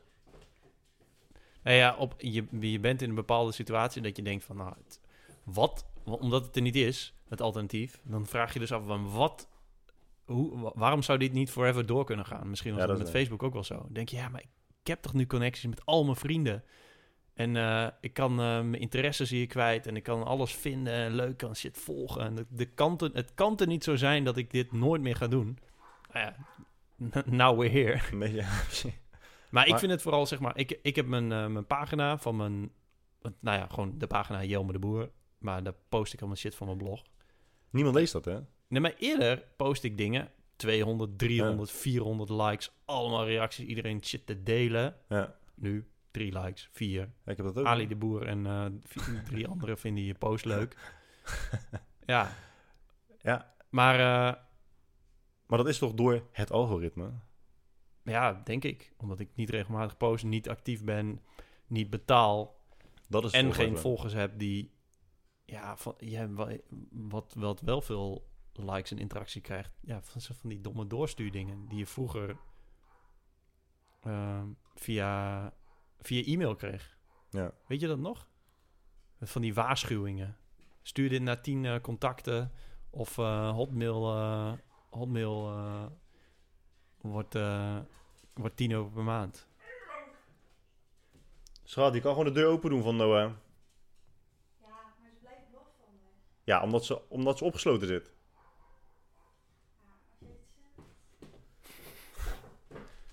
Sorry, ik was nu, eh, nu was ik oprecht even afgeleid. Ja. Nog heel even terug naar eh, dat je nu zo weinig likes krijgt op Facebook. En dat je waarschijnlijk moet betalen en zo. Mhm. Wat ik dus extra lastig vind, is dat je dus heel veel marketing experts ook en zo hebt. Bijvoorbeeld ook Gary Vee. Die zegt, eh, weet je wel, fuck de algorithm. Daar heb je niks mee te maken. Maar je ziet dat het wel zo is. Ja, ja. ja. Ja. hey, hond. Ja, nee, ja, dat klopt. Dit is maar ik vraag me dus af, wat... wat eh, misschien moet ik dat ook gewoon googlen of zo. Hoe het werkt. Ja, hoe het algoritme nu werkt, wat, wat Facebook zelf wil. Want als ik, zeg maar als... Nou, ik ben iemand die content post op Facebook. Dus in principe kan Facebook had blij met mij kunnen of moeten zijn. Alleen ja, dat ga ik nu niet meer doen, want ja, ik heb nauwelijks nog interactie. Ja, precies. Dus het is echt een soort van visueuze cirkel waar je in terecht komt. Ja, maar wat, wat wil Facebook zelf dan? Wat willen zij graag? Het kan natuurlijk zijn Zij dat willen toch dat mensen hun een eh, platform gebruiken. platform gebruiken? Ja, wat ik heb gemerkt, en dat kan echt gewoon totaal verkeerd eh, zijn, maar wat ik heb gemerkt is dat als jij dus, wat ik dus ook altijd doe, is iets op Instagram plaatsen dat het automatisch op Facebook komt. Als ik dat doe, merk ik dat er minder interactie is dan als ik iets gewoon echt op Facebook plaats. Terwijl het Ja. gek is, want het is hetzelfde bedrijf. Ja. Dat snap ik al niet. Maar dat crossposten willen ze dus niet. Ze willen dat, ze willen dat je, als je bijvoorbeeld iets op Facebook plaatst, dat er bijvoorbeeld eh, dat er meer informatieve tekst bij staat. Dat werkt op Facebook beter dan op bijvoorbeeld Instagram. Mhm. Met Facebook heb je natuurlijk doorklikmogelijkheden en zo. Ja. Dus de content moet ook echt aangepast worden naar het medium waar het op staat. ja. En elk medium heeft een soort van ideaalbeeld van hoe ze hun content willen hebben. Daarnaast is het volgens mij inderdaad ook zo dat als je nu tegenwoordig op een bedrijfspagina niet betaalt, dat je echt bijna nooit meer naar de voorgrond komt. Ik, moet eerlijk zeggen, ik snap het soms ook niet, want soms plaatsen wij echt wel iets wat nog gewoon kwalitatief goed is. Mhm. Voor mij eergisteren of zo. En dan zie je inderdaad 800 mensen bereikt van de 11.000 volgers, 11.000 likes, 800 Ja. mensen bereikt en dan 4, 4 likes of zo. En Ja. dan inderdaad heb je heel snel zoiets, ja, waarom zou ik het nu nog doen? Ja, ik had stan- standaard, ik, ik, ja, ik heb al best wel lang 20.000 eh, likes. Beetje daaromheen. En eh, dat ik standaard meer mensen bereikte dan het aantal likes. Ik dacht, ja, ik, ik post content, mensen vinden dat leuk, die delen en liken en reageren dat. Nou, daardoor zien andere mensen het. Maar nu is het gewoon precies, ja, dan is het gewoon, Je bereikt niemand, niemand lijkt, eh, niemand Nee. de- de- delen is helemaal niet meer eh, aan de orde. nee, Aan de orde. nee. Dus niemand, ja, eh, prima. Ik kan, me, ik kan me ook voorstellen dat mensen gewoon kut vinden wat ik post. Maar niet zo, niet zo Nee. kut. Nee, want ik weet dat mensen, bijvoorbeeld via Twitter, komen dus nu opeens heel veel mensen weer naar mijn blog. Heb ik weer vet veel interactie. Dus ja, Toch weer, toch weer die korte, eh, kort, ja, ik snap. Maar wat je zegt, ja, mensen willen toch dat ze hun platform gebruiken. Dat vind ik dus ook gek. Want nu heb je gewoon al heel snel zoiets van, ja, fuck it, ik ga het gewoon niet meer gebruiken. Ja, dat vind ik ook prima. Ik bedoel, ik vind wel andere manieren. Ik heb het ook... Eerder had ik het... kwam echt 70% van mijn verkeer op mijn website via Facebook. Echt Mm. fucking veel. En toen dacht ik, wow, dat is best wel sick. Ehm, ben best wel afhankelijk van. Dat is niet echt chill. En ik had ook geen zin om SEO te doen. Want ik, wil, ik, vond, ik vind SEO ook echt heel erg kut. Dat Google bepaalt hoe je website eruit moet zien. Ja. Dus ik dacht, ja, ik moet dat iets meer spreiden. Dus dat doe ik nu wel via Instagram, via mijn nieuwsbrief, via Twitter. En inderdaad ook wel via Google, dat mensen mij vinden. Of mensen die eh, mijn RSS, via een RSS-feed of weet ik veel wat. Dus ja, het is ook wel prima. Alleen ik snap, ik snap dus niet wat, ja, nogmaals, ik snap dus niet wat Facebook nou zelf wil. Nee, en dan, en dan soms lijkt het erop alsof je, als, als je er een tijdje in verdiept, dan lijkt je te weten wat ze willen, dan doe je dat en dan gaat het nog steeds nergens naartoe. Nee, Crypto is trouwens wel echt aan het bloeden hoor. hoezo? Ja, Bitcoin doet het heel goed, maar de rest eh stort gewoon in. Want nu krijgt iedereen weer Bitcoin FOMO. En dan wil iedereen Bitcoin kopen. En dan verkopen ze hun altcoins. Oh ja, wow. Ja, dat is wel sick. Ja, dat is echt bizar. Dat is echt bizar. Bitcoin, ja, min 0,28, ja. Ja, maar eh, ja, ik vind het dus heel erg bijzonder. eh, want ik, ja, ik zie echt allemaal mensen om me heen eh, ehm, nog steeds vaak Instagrammen en veel volgers en veel interactie hebben en zo. En heb ik nog steeds ook wel, maar het groeit er helemaal niet meer. En Nee, ik heb dat ook. Ja, net ik, nog. ja, ik vind, het- ik vind het niet per se erg. Alleen ik, ik snap niet zo goed. Het zou veel chiller zijn als ik de regels snapte. En dan kan ik gewoon zeggen, ja, ik wil, ik wil me niet aan de regels houden. En dan, ja, is goed zo. Alleen, ik begrijp, ik begrijp het dus niet helemaal meer. Nee, ik snap ook echt niet hoe, waarom, ze, waarom ze het zo snel, zo extreem hebben veranderd. Ja, geld. ja, Ja, ja, dat is waar. Ja, maar- want heb je, heb je het een keer geprobeerd dat je gewoon wel betaalt? Dan bereik je opeens wel heel veel mensen. Nou, ik heb bijvoorbeeld voor mijn boek wat advertenties gedaan. Ja, dan kun je gewoon precies... zie je dus precies wat het kost om mensen te bereiken. Ja. En die bereik je dan ook echt. Ja, En dan moet je dus goede content hebben, zodat de mensen daadwerkelijk doorklikken. ja. Maar het is allemaal zo vermoeiend, weet je wel. Vroeger was het inderdaad gewoon simpel. Dan deed je gewoon, eh, je maakt een post en mensen vonden het leuk. En die deelden het of niet, of ze lijkt het of niet. ja. En nu heb je inderdaad 500 regels. Waar goede content maken is niet meer voldoende. Dat, dat blijkt toch op, op, eh, op Facebook. Nou ja, en dat is zo jammer, want ehm, ja, nu moet het aan allerlei regels voldoen. Ja. Dus is alles hetzelfde. Ja, precies. Ja. Ja, Ja. dat is zo kut. Ja, toch gaan we ermee. Ja, of niet. Daar, daar, ik ben er ook mee gestopt. Maar het is wel zonde, want alle tijd die erin zit om tot dat punt te komen. Ja. En plus, het was echt een hele mooie manier om eh, interactie te hebben met mensen. Maar dat is het dus niet meer. Ja, het is wel een stuk, o- inderdaad, eh, de, de discussies eronder is een heel stuk meer overzichtelijk dan Instagram. Ja. Nou, Instagram kun je niet, niet een discussie voeren, inderdaad. En dat trok mij in de eerste instantie zo aan, Maar Facebook. aan Instagram. Oh ja. En ik, begon, ik was eigenlijk te laat begonnen met Instagram. En ik zat altijd op Facebook, omdat ik altijd zei van ja, maar het is juist fijn dat je hier gewoon kan discussiëren. ja. Maar op een gegeven moment vervalt die interesse. Mhm. En toen, kom- toen kwam ik op Instagram en postte hij een foto. En dan zeiden mensen gewoon, oh mooie foto, oh tof, oh leuk. Dat was het Mhm. gewoon, heel feel good, weet je wel. ja. Toen dacht ik, holy shit, zo kan het dus ook. ja, maar volgens mij is dat...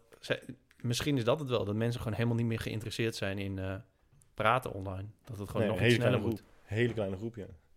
En vroeger was het wel gewoon even een beetje dingetjes typen en zo. Moet ook wel. Daarom zijn al die, die Snapchats of Snaps, hoe noem je dat? die stories, allemaal 14 seconden. Ja. 14 seconden. En dan nog steeds is het soms moeilijk om mensen hun aandacht erbij te houden. hè. Ja. Maar je kan er ook zien hoe vaak mensen uit je verhaal swipen op een gegeven moment tijdens een snap, tijdens een story. Ja. 14 seconden lang je aandacht. Ja. Sowieso als je mensen nu tegenwoordig een video laat zien en ze kijken naar de tijdlijn, naar de tijdbalk en zien één minuut. Zo, is wel een lange video zeg. Ja. Bro, is één minuut. Ja. Ja, dat is wel lastig. Moest zo lachen laatst, jongen. Waar bij dat Indiaanse restaurant. Ik vind Chinezen zulke mooie mensen.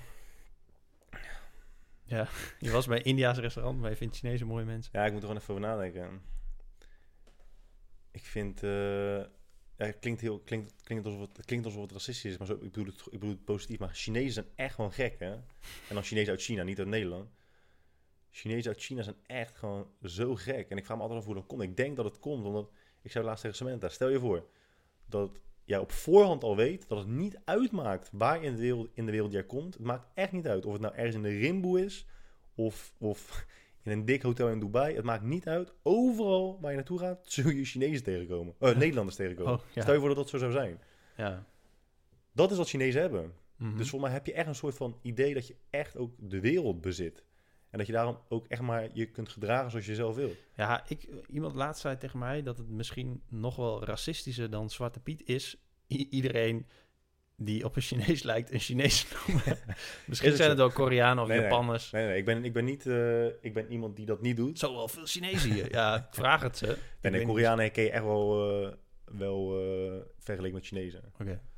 zijn iets modie een stuk modieuzer, hebben ook... eh ehm, vooral de mannen hebben een bepaald kapsel. Oké. Nee, nee, Koreanen herken je wel. En Japanners herken je ook wel. Niet altijd, maar vaak wel. Oké. Maar ik noem niet alle Aziaten uh, sowieso niet. oh, oh, oh. Maar eh, ja, dat deed mijn moeder ook laatst. Waren we in een, uh, in een ramenrestaurant. Ja. En daar werken allemaal Chinezen. Er werken altijd alleen maar Chinezen in Japanse restaurants in Nederland. Misschien dat er drie Japanners zijn in Nederland. En die werken waarschijnlijk niet in een, in een Japans restaurant. Oh, Oké, ja, dat wist ik dus niet. Maar, uh, dus we kwamen binnen en uh, mijn moeder zegt... Uh, oh, leuk dat die allemaal Japanners werken. Ik zeg, nee, maar het zijn gewoon Chinezen. Ja, maar ze lijken op Japanners. ik zeg, oké, okay, hoe zien Japanners eruit dan? Ja, zo. Ik zeg, maar het zijn allemaal Chinezen. Nee, nee, nee, het zijn echt Japanners. Ik zeg, ja, vraag het dan. Ja, mevrouw, bent u Japans of Chinees? ja, ik ben Chinees. Ja. Ik zei het godverdomme.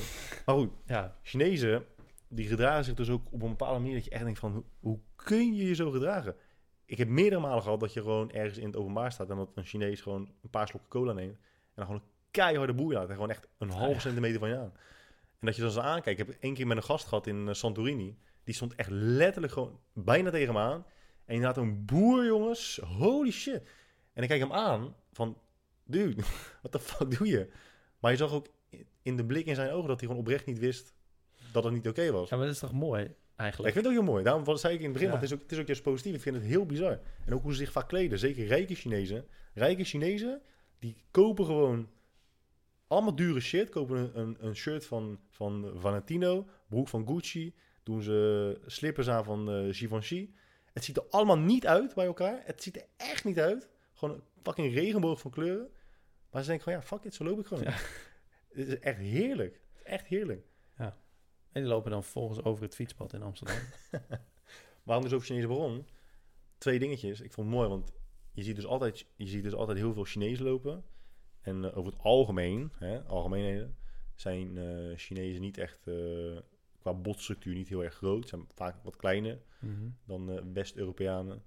Um, zijn ook vaak niet zo getint. Dat komt ook uit.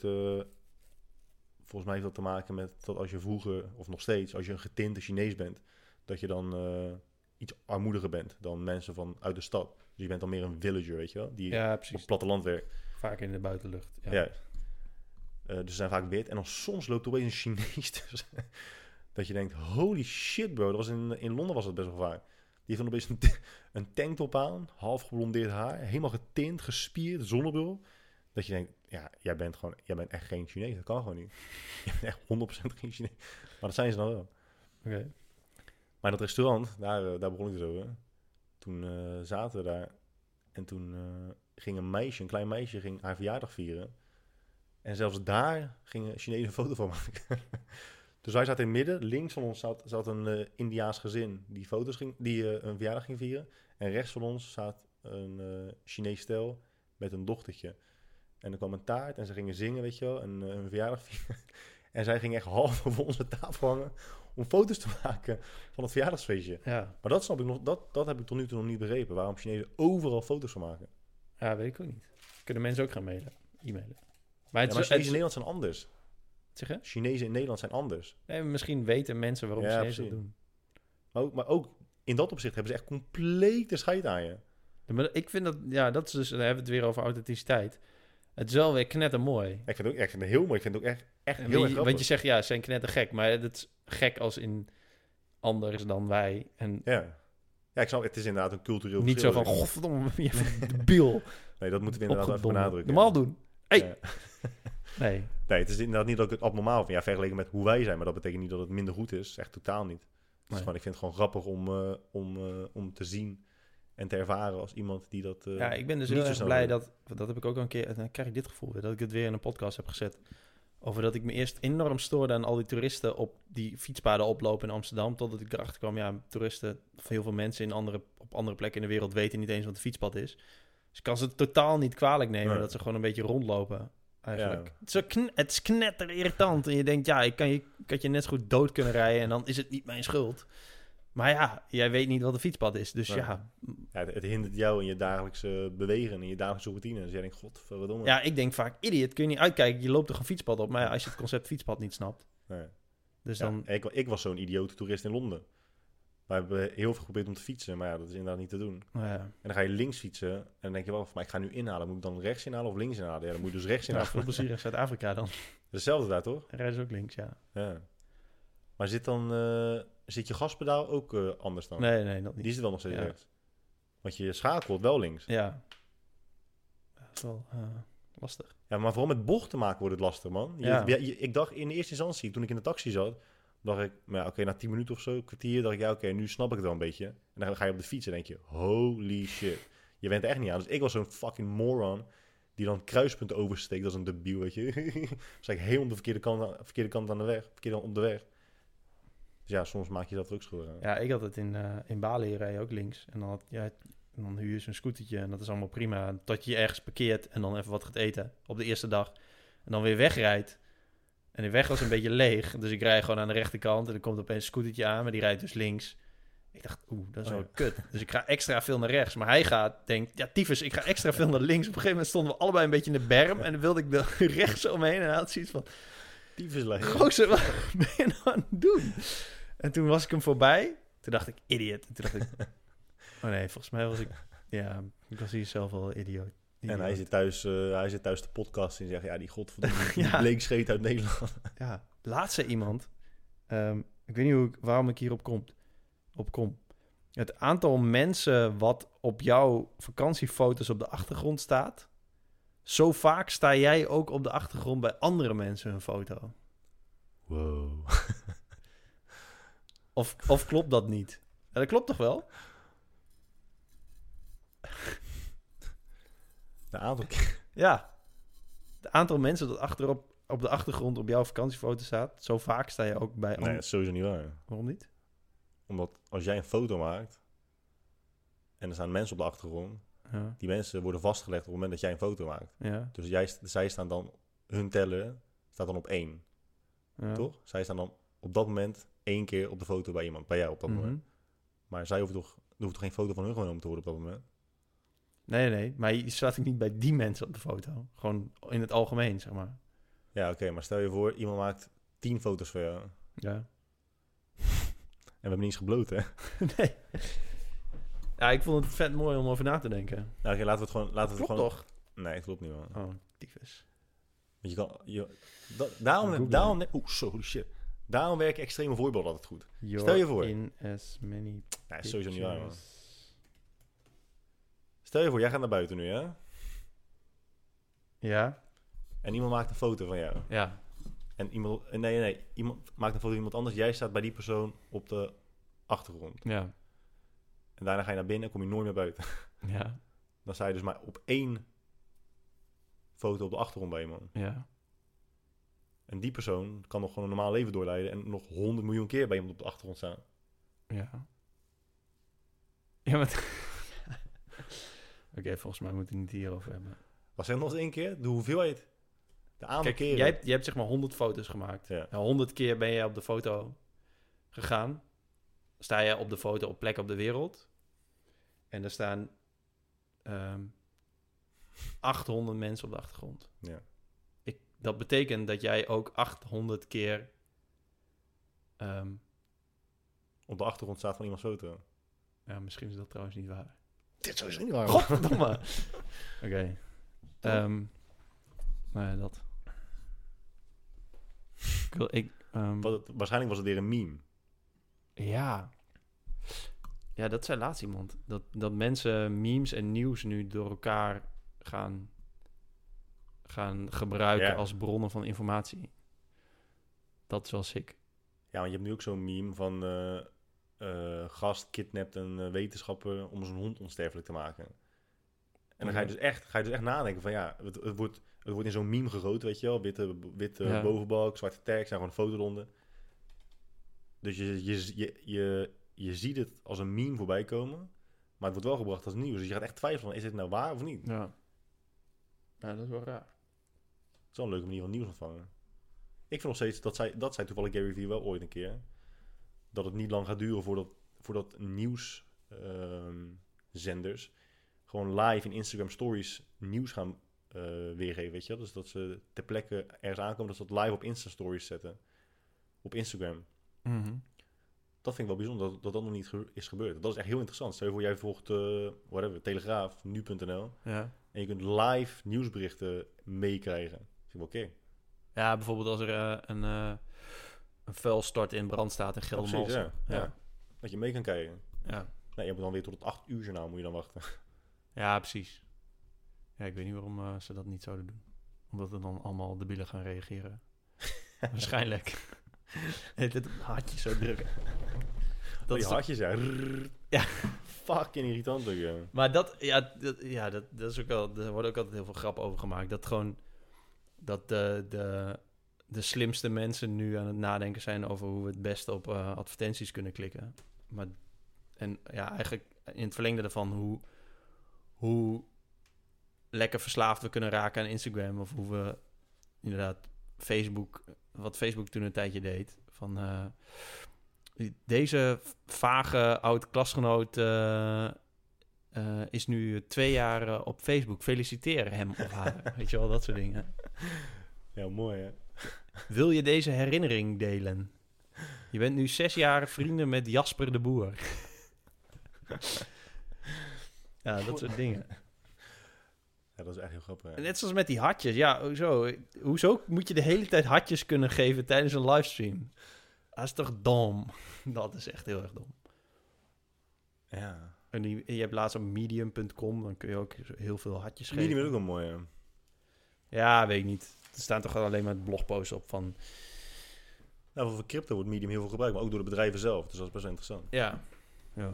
Heb je trouwens ook zo'n teringwarm als ik, of niet? Maar ik heb het wel... Ik heb een beetje een vochtig kontje. en nog een beetje last van mijn staartbordje. Toch nog, toch nog wel. steeds, Zo lang staat, ja. Nee, ik heb het echt gewoon heel erg warm. Kijk, ik- oh, ik zweet in de schaduw. ik heb het echt warm, man. Zo. Hm. Hoe lang zijn we al bezig? We zijn eh, zonder de break. Hoe lang denk je? Dus alles aan, aan, elkaar, aan elkaar door?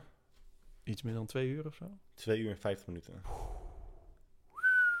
Pittig, hè? Ik wil het nog hebben over Cameron Haynes, man. Ik weet niet wie dat is. Hebben we het niet al een keer over gehad? Hij zit vaak in Joe Rogan's podcast. Die gast die met die, die bowhunter is dat. Oh ja, zo kick, ja. Ja, want ik, ik vind het opeens... ehm, Jij wil ook gaan jagen in Amsterdamse bossen. Nou, ik, ik, vind, het, ik vind het sowieso... Ik, ik ging... Oké, wacht. Ik ging naar Noorwegen met eh oud-collega's. Gingen we daar in zo'n hutje een beetje chillen. Was fucking relaxed. Gingen we een vuurtje bouwen. En er was zo'n kano en een meer met heel weinig golfjes. Dan kun je Timo en Jasper hoor. Wat zeg je? Met Timo en duimpje omlaag. Ja. Ja. En Bob en eh, Paul. En eh, ik, had even, ik had opgezocht welke vissen je kon eten. Nou, onder andere snoekbaas en baas. Heb je die doodgemaakt? Nou, en ik, en ik had een baas gevangen, zo'n baasje van centimeter of 12. Dat is echt 12 centimeter. Wat? Dat is echt geen 12 centimeter wat je net deed. Of wat is het dan? Nou, ik hoop geen 12, anders, is- anders heb ik maar 12 centimeter. Wat is dit? Nou ja, anyway, klein visje. Oké. En eh, nou, ik vond het een klein beetje heftig om dat beest met een steen op zijn kop te slaan. Ja, man. En eh, dan was hij dood. En dan zijn kop eraf te snijden. Heb je en dan, gedaan? Ja, en dan via- steen? Ja, Kon je niet humaan eh, doodmaken? hoe dan? Een pistool? Ja, zo. Maar het, en dan via zijn anus hem zo open te snijden. En dan die Oh. ingewanden er zo uit te rachen. Toen ging ik in die ingewanden peuteren. Toen zag ik dat hij ook nog een springkaan had gegeten. Ah, nog niet verteerd. Hij Wat? heeft niet eens optimaal kunnen genieten van zijn springkaan. Nee. Maar toen eh, ging ik dat dus, eh, dat visje ging ik dus eh, bakken op de, op de barbecue. En toen ging ik die opvreten. Toen dacht ik, ja, dit is eigenlijk, ik vind het super heftig. En toen snapte Cameron Haynes nog veel beter. Want Ja. Cameron Haynes, die jaagt eh, elk. Dat is een soort ja, Noord-Amerikaanse eland. Knettergrote beesten. En hij jaagt alleen op, volgens mij op ja, volgroeide bulls, dus mannetjes. En die vreet hij dan helemaal op. En eh, ja, hij neemt dan ook al dat vlees zeg maar, op zijn rug zo'n beetje mee. Mm. En hij zegt van ja, ik, ik eh, jaag om vlees, want ik vind het best wel raar dat overal in tankstations en zo overal verpakt vlees ligt. Waarvan je niet weet waar dat vandaan komt. Of dat beest een beetje een normaal leven heeft gehad, of hij heeft geleden, of hoe dat is gegaan. En dat mensen heel achterloos hun eh, ehm, voedsel wegpleuren en zo. Toen dacht ik, ja, dit is eigenlijk wel de allerbeste manier om aan je vlees te komen. Gewoon zelf een bos ingaan en zo'n beest doodmaken. Ja. Die snel dood is en voor de rest gewoon ja, heeft geleefd als een beest leeft. Ja, ik vond het wel interessant. Maar ik dacht, aangezien jij altijd de Joe Rogan podcast luistert, die gasten echt vaak. Ja, klopt. Ja, ik, weet, ik weet inderdaad wie het is. Daar ga, hij gaat, Joe Rogan gaat ook wel eens met hem mee om te Ja. jagen. Ja, het, blij- ik, ja, het blijft gewoon een hele lastige discussie. Want Dat is fucking cool. op het moment dat jij zegt... Oké, ik ben nu vegetariër of ik ben veganist. Ik ben anti-dierenleed. Ik ben moreel superieur aan jou. Als iemand dan zegt... Ja, ik ga het bos in en ik jaag... en ik schiet zo'n beest dwars door zijn hartjes... met een eh, pijl van eh 48 centimeter. Die persoon zal, je, zal jij dan nog steeds aankijken en zeggen... Ja, dat is echt zo niet chill dat je dat. Ja, Dat is zo niet netjes dat je dat is super zielig voor zo'n beest.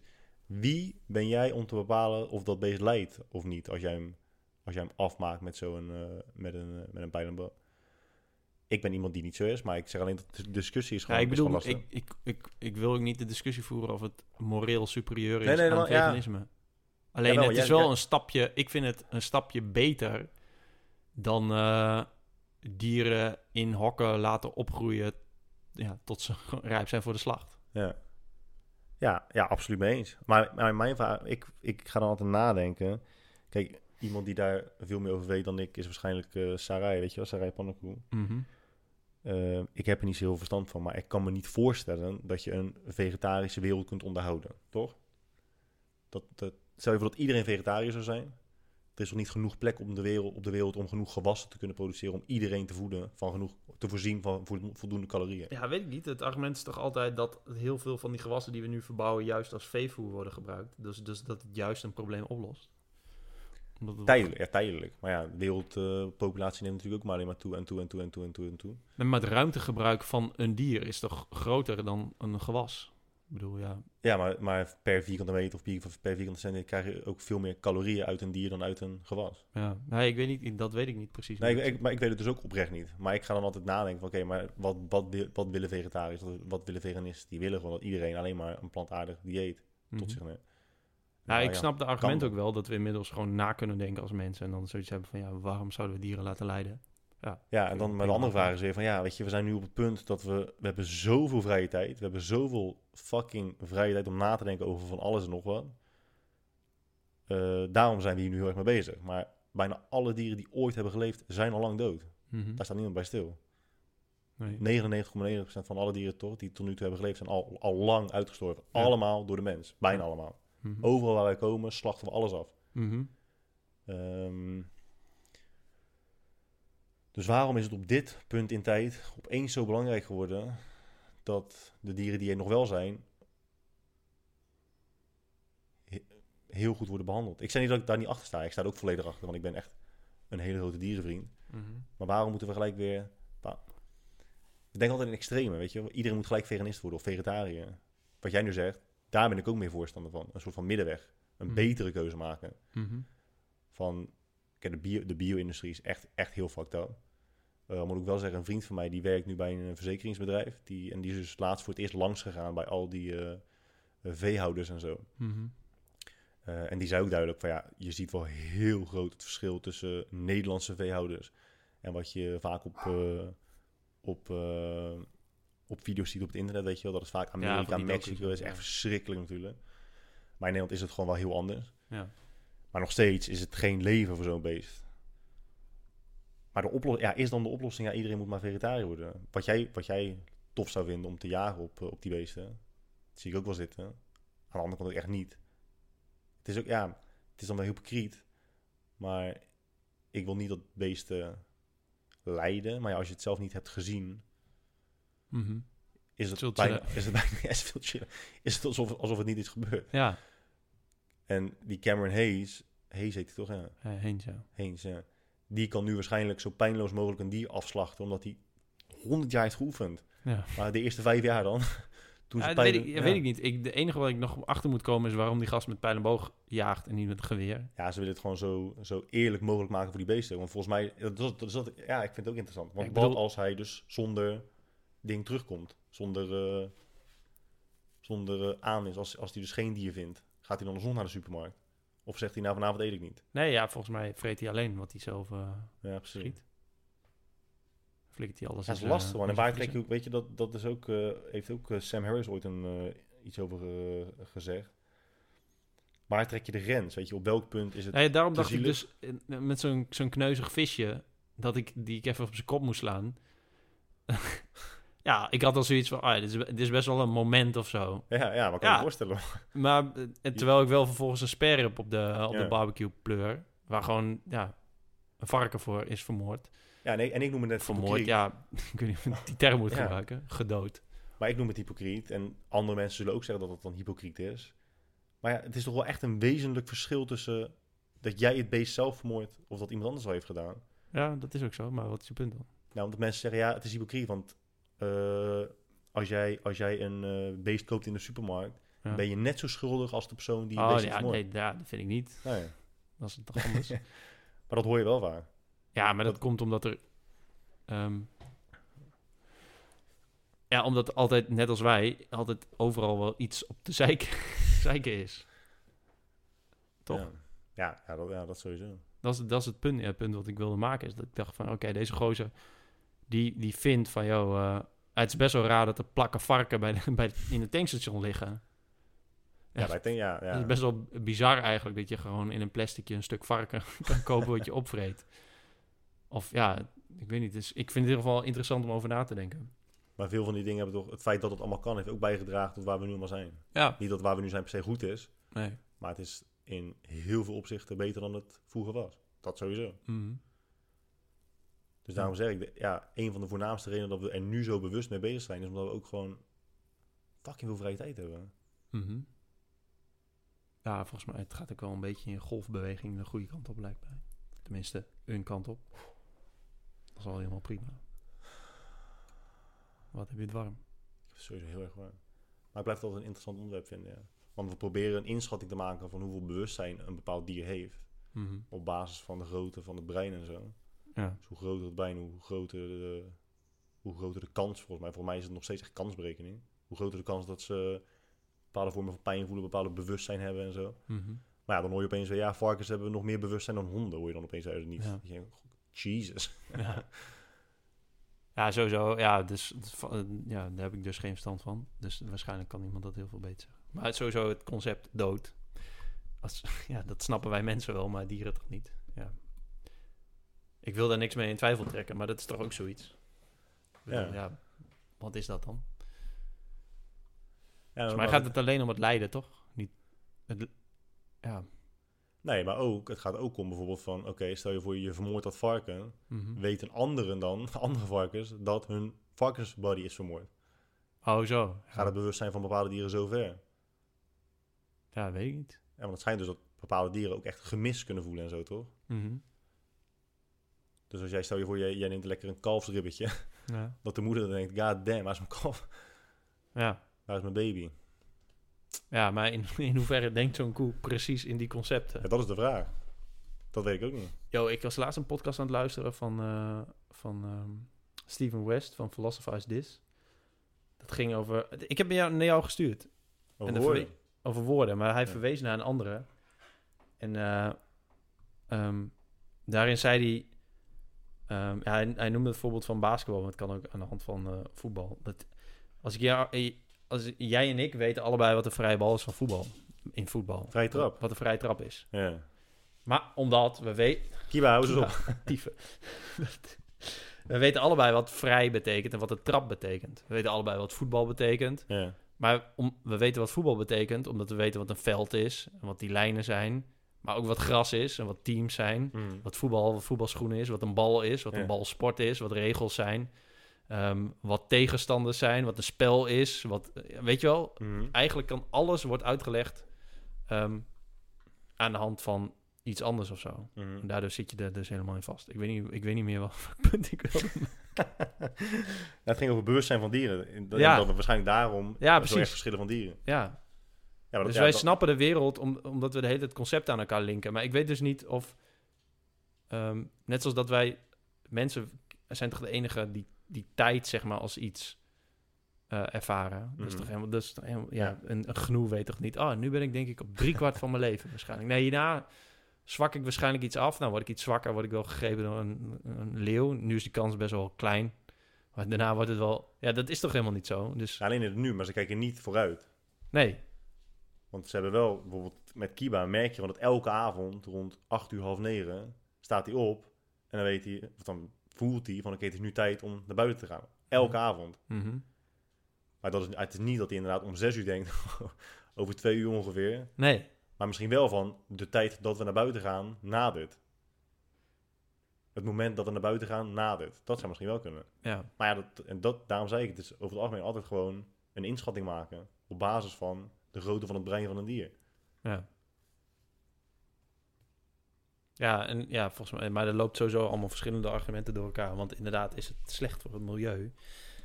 Ehm, ja, maar ik, dat, vind ik, dat vind ik sowieso wel lastig. Want de rotzooi kopen van AliExpress is ook, ja, is ook heel slecht voor het milieu. Ja, bijna, ja, bijna alles wat we nu als... Ja, Ja, sowieso is alles slecht voor het milieu. Of tenminste, overal stoot je iets mee uit. Dus dan, ja. Echt voor mij alles wat er is plaatsgevonden sinds en vanaf de industriële revolutie is slecht voor het milieu. ja. En waarschijnlijk was het destijds slechter dan het nu is. In bepaalde opzichten. Misschien niet, maar dat idee hebben. Ja. Ja, ik vond, volgens mij had ik het ook in een andere podcast over. Oh ja, met Jelle, Jelle Derks. Ehm, ik las een boek van Bas Haring, die zei... ja, je kunt wel je CO2 gaan compenseren... maar je kunt ook gewoon heel veel IKEA-meubelen kopen. Want ja, dat, daarin zit ook CO2 opgeslagen, koolstof in opgeslagen. Dus ja, dat is ook gewoon prima. Dat zit niet in de lucht, dus dat is goed. Toen dacht ik, ja, Ja. zo kun je er ook over nadenken. Ik vind het, als je, als je het leven op de meest basale manier bekijkt, gewoon zo simpel mogelijk, is het, vind ik het, nou, vind ik het nog steeds heel erg complex. Het leven is gewoon heel erg complex. Mhm. Al die dingen erbij gaan trekken, weet je wel, van en milieuvervuiling en eh, moet ik vlees eten of niet en dit en dat en social media en al die honderdduizend dingen maakt het nog zoveel complexer. Als je je daar allemaal bewust mee bezig moet gaan is het bijna ondraaglijk, man. Dan, dan ben je toch niet mee bezig met leven. Nee. Of zeg ik nu iets waarvan je denkt, dat is gek. Nee, je bent eh, nu heel naïef. eh. Heel heel naïef. Ik vind het gewoon... hetzelfde- Dat is een van de redenen ook dat ik, waarom ik me helemaal niet bezig zou willen houden met eh, het hiernamaals en religie en zo. Het leven hier is al fucking complex. Ga je nu al bezighouden met wat er gebeurt als dit leven voorbij is? Ja. Maar ja, wie ben ik? Heb je nog vragen? Heb ik nog vragen?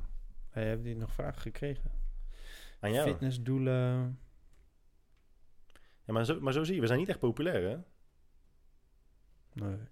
We zijn wat dodelijk po- podcast aan het opnemen. Maar als we zeggen van, hey, heeft iemand een vraag? Krijg je gewoon geen vragen binnen.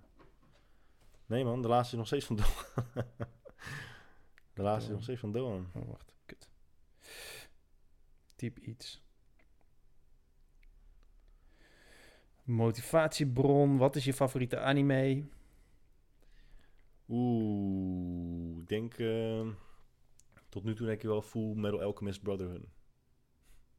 Full Metal Alchemist Brother? Brotherhood. Brotherhood, oké. Ik kijk me ook echt zo aan alsof ik echt Chinees ben. Ja. Kijk je nooit anime? Nee. Heb je vroeger gegamed? Ja. Welk spel dan?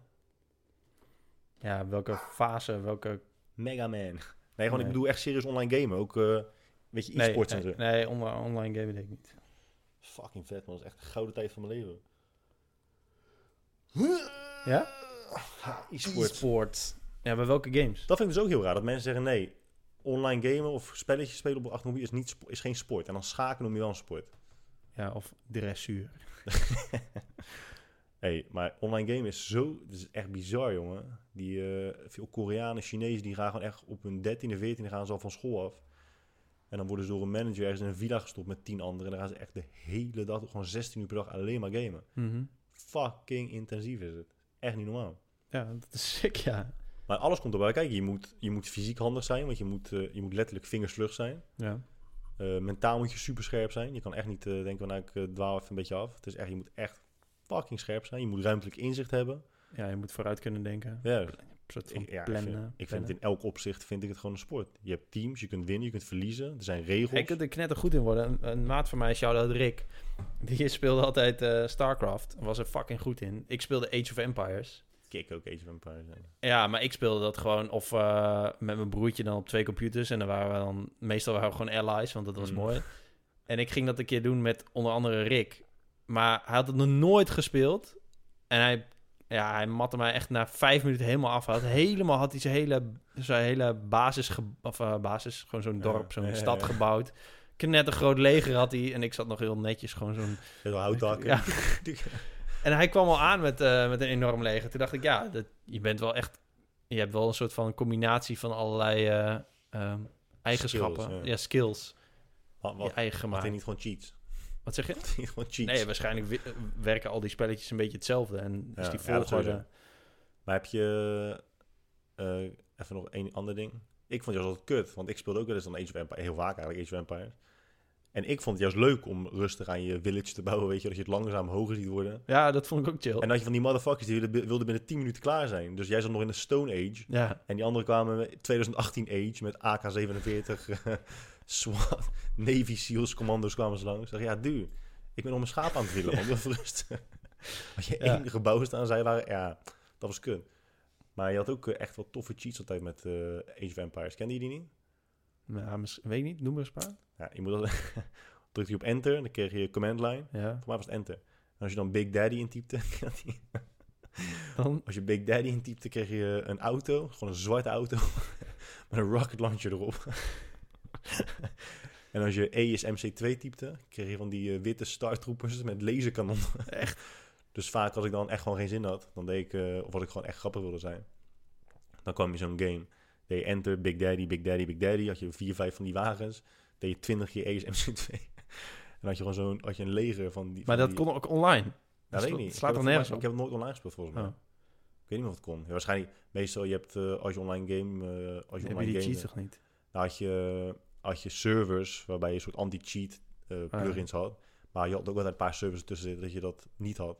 En dan kon je die cheats wel gebruiken, maar dan deed iedereen dat. Maar ik weet dus niet of dat met Age of Empires het geval dat was zo kick, joh, met die wagens. Dan kon je met die, eh kon je man, met rocket cheat. launchers op anti-lopen schieten.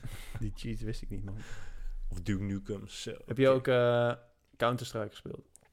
Nee, ik was dus een idiot. Want ik, ik, mijn broertje en ik allebei hielden heel erg van gamen. Ik, ik game nu ook echt bewust niet meer, omdat ik mezelf er echt helemaal in verlies. Ook eh, League of Legends heb ik een paar jaar geleden voor het laatst gespeeld. Nou, een paar jaar geleden is ook weer echt al zes jaar geleden of zo. Maar toen ik serieus online ging gamen, speelde ik Soldier of Fortune 2. En eh, toen speelde ik eh, ook eh, nog voor Team Nederland. Ook nog een keer op Europees. had dan, hoe heet het ook alweer? Een soort van de Champions League van gamen. Toen je er nog geen geld mee kon verdienen. Nou, niet, ja, toen kon jij dus nog wel geld mee verdienen, maar niet met dat spel. Het was Nee. heel populair, maar bij lange, bij lange na niet als, als Counter-Strike. Ehm, dus achteraf was het zonde dat ik niet al die tijd had, heb gestoken in een spel wat misschien net zo leuk was en dat je ook nog iets aan eh, had kunnen hebben. Ja. Maar ding is ook prof. ding is echt prof geweest, hè? Doan. Echt? Die is echt Call, ja, die is echt Call of Duty eh, pro geweest. Die, die Andere vriend van mij, die, die eh, wordt gewoon knettergoed in iets wat die... Ja, Doan is fucking irritant, man. Dat is overal goed in. Ja, Lul. dat is wel sick, ja. Ja, ik had een klasgenoot op de middelbare school. had Een klasgenoot de hele school als level nagebouwd in Counter-Strike. Dat was sick, jongen. Dat is een kick. Dat was wel echt vet. Ja, wat ik niet snap, Minecraft. Ja, dat snap ik. Dat heb ik nog nooit gespeeld. Ken je dat? Ja. Ja, ik heb het nog nooit gespeeld, dus ik, ik, ik snap het niet. Ja, moet je bent gewoon kan bouwen. Ja, je bent gewoon letterlijk een poppetje. En je kan gewoon dingen, je kan, je kan hout hakken en kan je dingen combineren zodat het een andere grondstof wordt. Oh, zo is dat, ja.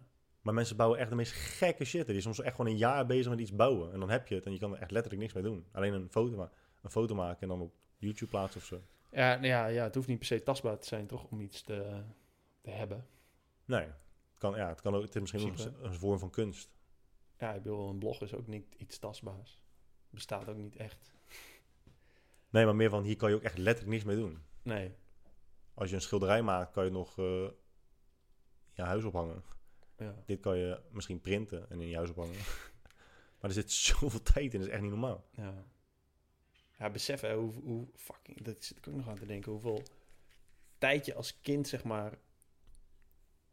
ehm, hebt en wat, wat voor shit je allemaal doet. Ik heb ook zo... Ik heb ja, ik heb echt veel gegamed. Ja, wij echt domme spellen. SimCity. Eh, Premier Manager 2 was Ja, het eerste ja. managerspel dat ik deed. Dat jij moest klikken, toch? Wat? Dat jij moest klikken. Je kon niet daadwerkelijk spelen, toch? Nee, je moest je alleen... Ja, je was manager. Ja. Maar dat is in 1993, hè. Dat is Ja. 25 jaar geleden. Was ik, het- maar maar ik was ook ze- eh, zeven. Tien. En deed, zeven deed ik mijn broer na, want die had het spel. En dan ging, ik ging dat ook spelen. Maar ja, was ik op mijn zevende een managerspel aan het spelen. ja, ik was er wel goed in, maar ik had er geen Transfers idee. en zo. Ja.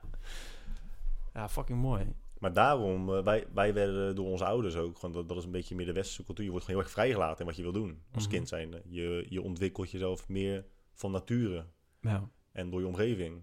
In andere culturen word je gewoon echt gepusht door je ouders. Daarom worden veel Aziaten gewoon op een twaalfde dokter. Ja. dat is ook ziek. Ja, klopt. Ja, ik weet niet, ja, ik weet niet of de, Nederland de meest vrije... Ja, zal het worden gemeten of zo? Hoe vrij een cultuur is. Hoe vrij je opgroeit. Nee, volgens mij was er laatst nog een onderzoek over in Nederland. Dat het gewoon tunde chill was. Dat je gewoon al toegang hebt tot alle onderwijs die je wil. In Zweden is eh, onderwijs gratis, toch? Ja, Dat is nog en nog chiller. wel meer landen, ja. Volgens mij in... Gaan er heel veel mensen in ehm, Slovenië studeren. Dat is, daar is het ook gratis. Maar is, het- is het ook goed? Dat weet ik niet. Als het kut is, dan is het... eh, Ja, is toch chill. Lekker studeren daar. Beetje op zijn campus wonen, waarschijnlijk niet zo duur. En Slovenië is wel een mooi land. Ben je daar geweest? Nee. Ja, is wel een mooi land. Ja, een vriend van mij die eh, woont daar, die komt daar vandaan. Ik kom om 6 uur PT, hè? Echt? Ja. Oh, ik dacht dat het niet doorging. Nou ja, moeten, dan moeten we maar stoppen. Alle tijd, man.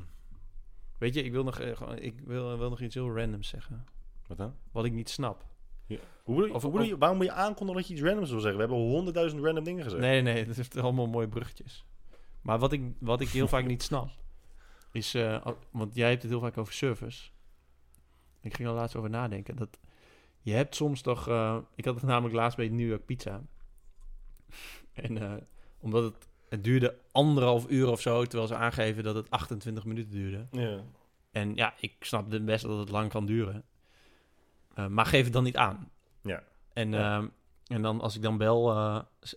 ik zei hallo met Jan de Boer en mijn pizza zou zo, sowieso laat komen. En ja, het is nu een half uur later en is het nog steeds niet. Ja, hij komt er zo aan. Ik zeg, maar je hebt mijn ordernummer niet eens. oh, nee, nee, nee, maar eh, ze, komen, ze zijn onderweg. Zeggen ze altijd. eh. Ja, maar het duurde alsnog een half uur. En ja, en dan denk ik, oh ja, wat irritant. De laatst kreeg ik dus een, een, eh, iets in de post van New York Pizza. Zo van, joh, als je, als je honderden pizza's per dag verstuurt, dan gaat er wel eens iets mis. En waarvoor onze excuses. Of dat gebeurde bij jou, waarvoor onze excuses. Om het goed te maken, hier een paar kortingsbonnen voor een volgende bestelling. Toen dacht ik, ah, dat lijkt, dat lijkt wel chill. Alleen, ik vind het zo vreemd, en dat doen heel veel bedrijven. Als er iets misgaat met je order, dat ze dan als oplossing zeggen: je moet iets nieuws bestellen en daar krijg je korting op. Ja. Terwijl dat, dat vergt dus een actie, een nieuwe actie bij dat bedrijf. Terwijl er ging iets mis met die eerste order. Dus fix die eerste order dan. Ja. Geef korting op, geef Geld terugwerkende, Ja. eh, terugwerkende kracht korting daarop dan. Ik vind, maar dat doen vet veel bedrijven. Yo, hier is een kortingsbon voor je. Zalando doet het ook als iets misgaat. Oh, hier heb je 25% korting op je volgende order. Ja, ik wil wel niet de volgende order. Deze order ging kut. Nou ja, dat vond ik. Ik vind het heel, ik vind het heel bijzonder. Ik weet niet of dat iets Nederlands is of dat het internationaal is. En hoe andere mensen erover denken. Maar ik vind dat heel, heel bijzonder. Stel je nu eens voor dat ik gewoon geen antwoord zou geven. Wat? Gewoon niks zou zeggen. Ja, dan heb ik dus mijn eigen eenpersoonspodcast.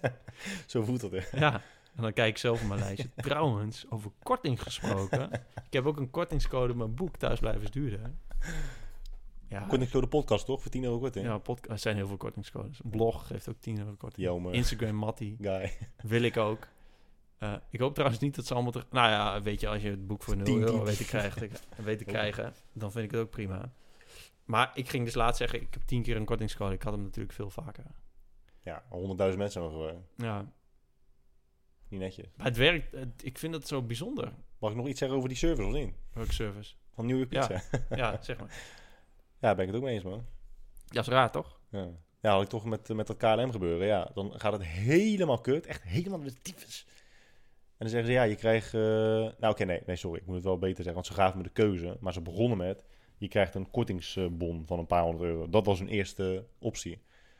Waarop ik zei van, ja, maar ja, ik wil niet... Dan Ja. forceren jullie mij om dus weer gebruik te maken Ah, ja, van jullie diensten. Inderdaad, daar, dat hoorde ik. Daarom had Ja. ik hem op het lijstje gezet. En daarom... eh, en, dat, en dat wil ik niet. Want jullie dienst, jullie serviceverlening is kut. Dus ik wil niet nog een keer van jullie dienst gebruik maken. Nee, en bovendien verdienen zij sowieso weer geld, ondanks die kortingscode. Nee, ik vind dat er twee goede opties zijn. Eén, je zegt, wij willen aan jou bewijzen dat we het wel kunnen. Dus de volgende keer is het gratis.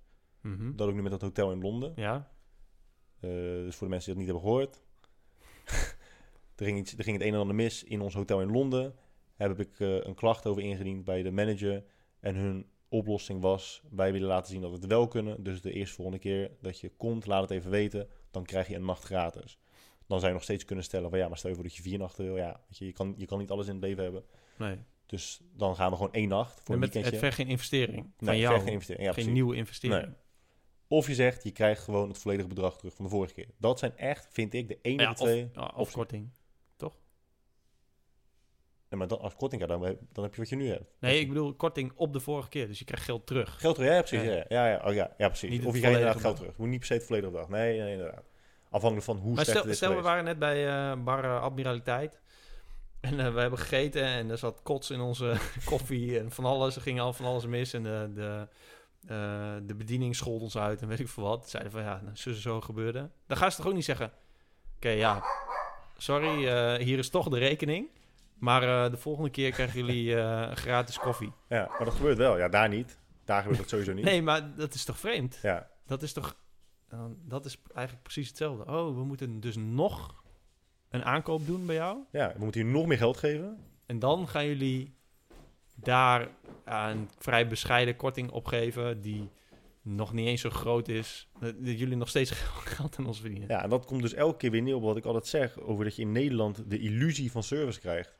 Dat mensen zeggen, excuses voor het ongemak. Of het spijt ons dat dit is gebeurd. Nee, Ja. het spijt je echt helemaal niet. Nee. En jij denkt echt dat je mij gek kunt krijgen... door te zeggen, oh, excuses voor het ongemak. Ja. Ten eerste ben je totaal niet bewust van het ongemak... dat je hebt veroorzaakt. Nee, En ten tweede, het. en ten tweede heb ik helemaal niks aan die excuses van je. Echt helemaal niks. Je merkt het ook gewoon als iemand oprecht excuses aanbiedt. Wanneer het oprecht is, merk je dat echt. Mhm. We hadden bij Novikov in Londen... ehm, zaten we te eten en we kregen het eten... en Samantha ziet gelijk van, oh, er zit een haar in mijn eten. En normaal gesproken, ja, ik ben best wel makkelijk. Ik haal een haar, haal ik er gewoon af en ik vreet het gewoon op. Mhm. Maar het was daar tering duur. Dus ik zeg tegen Samantha, ja, hier, weet je, dat, dat gaan we niet doen. We gaan er gewoon iets van zeggen. Ja, en dan zie je dat die gast, het, hij schaamt zich er echt voor. En hij, het spijt hem ook oprecht. Dus hij haalt gelijk het eten weg. En binnen vijf minuten stond er een nieuw bord op tafel. Ja. Niet alleen dat, hij zegt ook nog, meneer, zal ik jouw bord ook weghalen en jou ook, een- ook een nieuw voor jou maken, zodat jullie alsnog samen kunnen eten. Mhm. Weet je, dat kleine extra stapje, Ja. dat is echt, dan zie je gewoon, zij weten wat serviceverlenen is. Ja. Dat maakt echt wat verschil. En dan is het gek is ook van, als iets, als iets gebeurt wat kut is, dan kan je daar zo snel een negatief gevoel aan overhouden. Maar het vergt ook echt helemaal niet zo heel veel om dat helemaal om te draaien. Juist op het moment dat het verkeerd gaat en je laat zien dat je servicegericht bent en dat je het echt op wil lossen, is zo een mooi moment om te bewijzen hoe je bent als bedrijf. Ja. Ja, ik vind het, ja, voor hetzelfde, ja, dat is weer precies hetzelfde. Alsof die, dan, die gast had dan waarschijnlijk, als hij de, de, de New York pizza methode zou eh, gebruiken, De volgende keer, ja, kort, zou je zeggen, ah, hier heb je een kortingsbon voor de volgende keer. haar in je bord. Ja. 10% korting. Ja, dat is, dat is toch vreemd? Ik heb ik wel eens verteld dat, dat eh, ik met mijn eh, dat de vriendin van mijn voormalige schoonvader, dat die Ja. ging eten in Palladium in Amsterdam. Nooit? Nee? Nee. Die gingen dus eten met het gezin in Palladium in Amsterdam. En die vrouw die kreeg, die, die had echt een heel groot stuk glas in haar eten zitten. Als ze dat, als dat op had gegeten, was ze gewoon echt dood gegaan waarschijnlijk. Mhm. Toen zei ze daar iets van. En toen impliceerde die ober gewoon... Nou, die impliceerde... Die, die zei gewoon... Ja, maar mevrouw, dat kan gewoon echt niet door ons gekomen zijn. Ja. Holy shit. Zeg je nou echt gewoon dat ik dit expres doe? En dat ik gewoon iets probeer af te troggelen bij je? ja. Ja, dat is echt next level, hoor. Nee, maar zou het gebeuren? Zou, want, want waarom zeggen mensen dit soort dingen? In Amerika gebeurt het wel, denk ik. Want ja, dan kan je iemand aanklagen en dan ben je helemaal leeggetrokken. In Ja. Nederland, ja, Oké, dan krijg je een salade en dan zit er een stuk glas in. En dan zeg je dat gelijk, zonder dat je hem überhaupt hebt aangeraakt. Ja. Ja, maar er zit een stuk glas in eten. Ja, je probeert iets af te tochelen van ons. Wat dan? nog, een, nog een salade. Ja. Ja, is vreemd.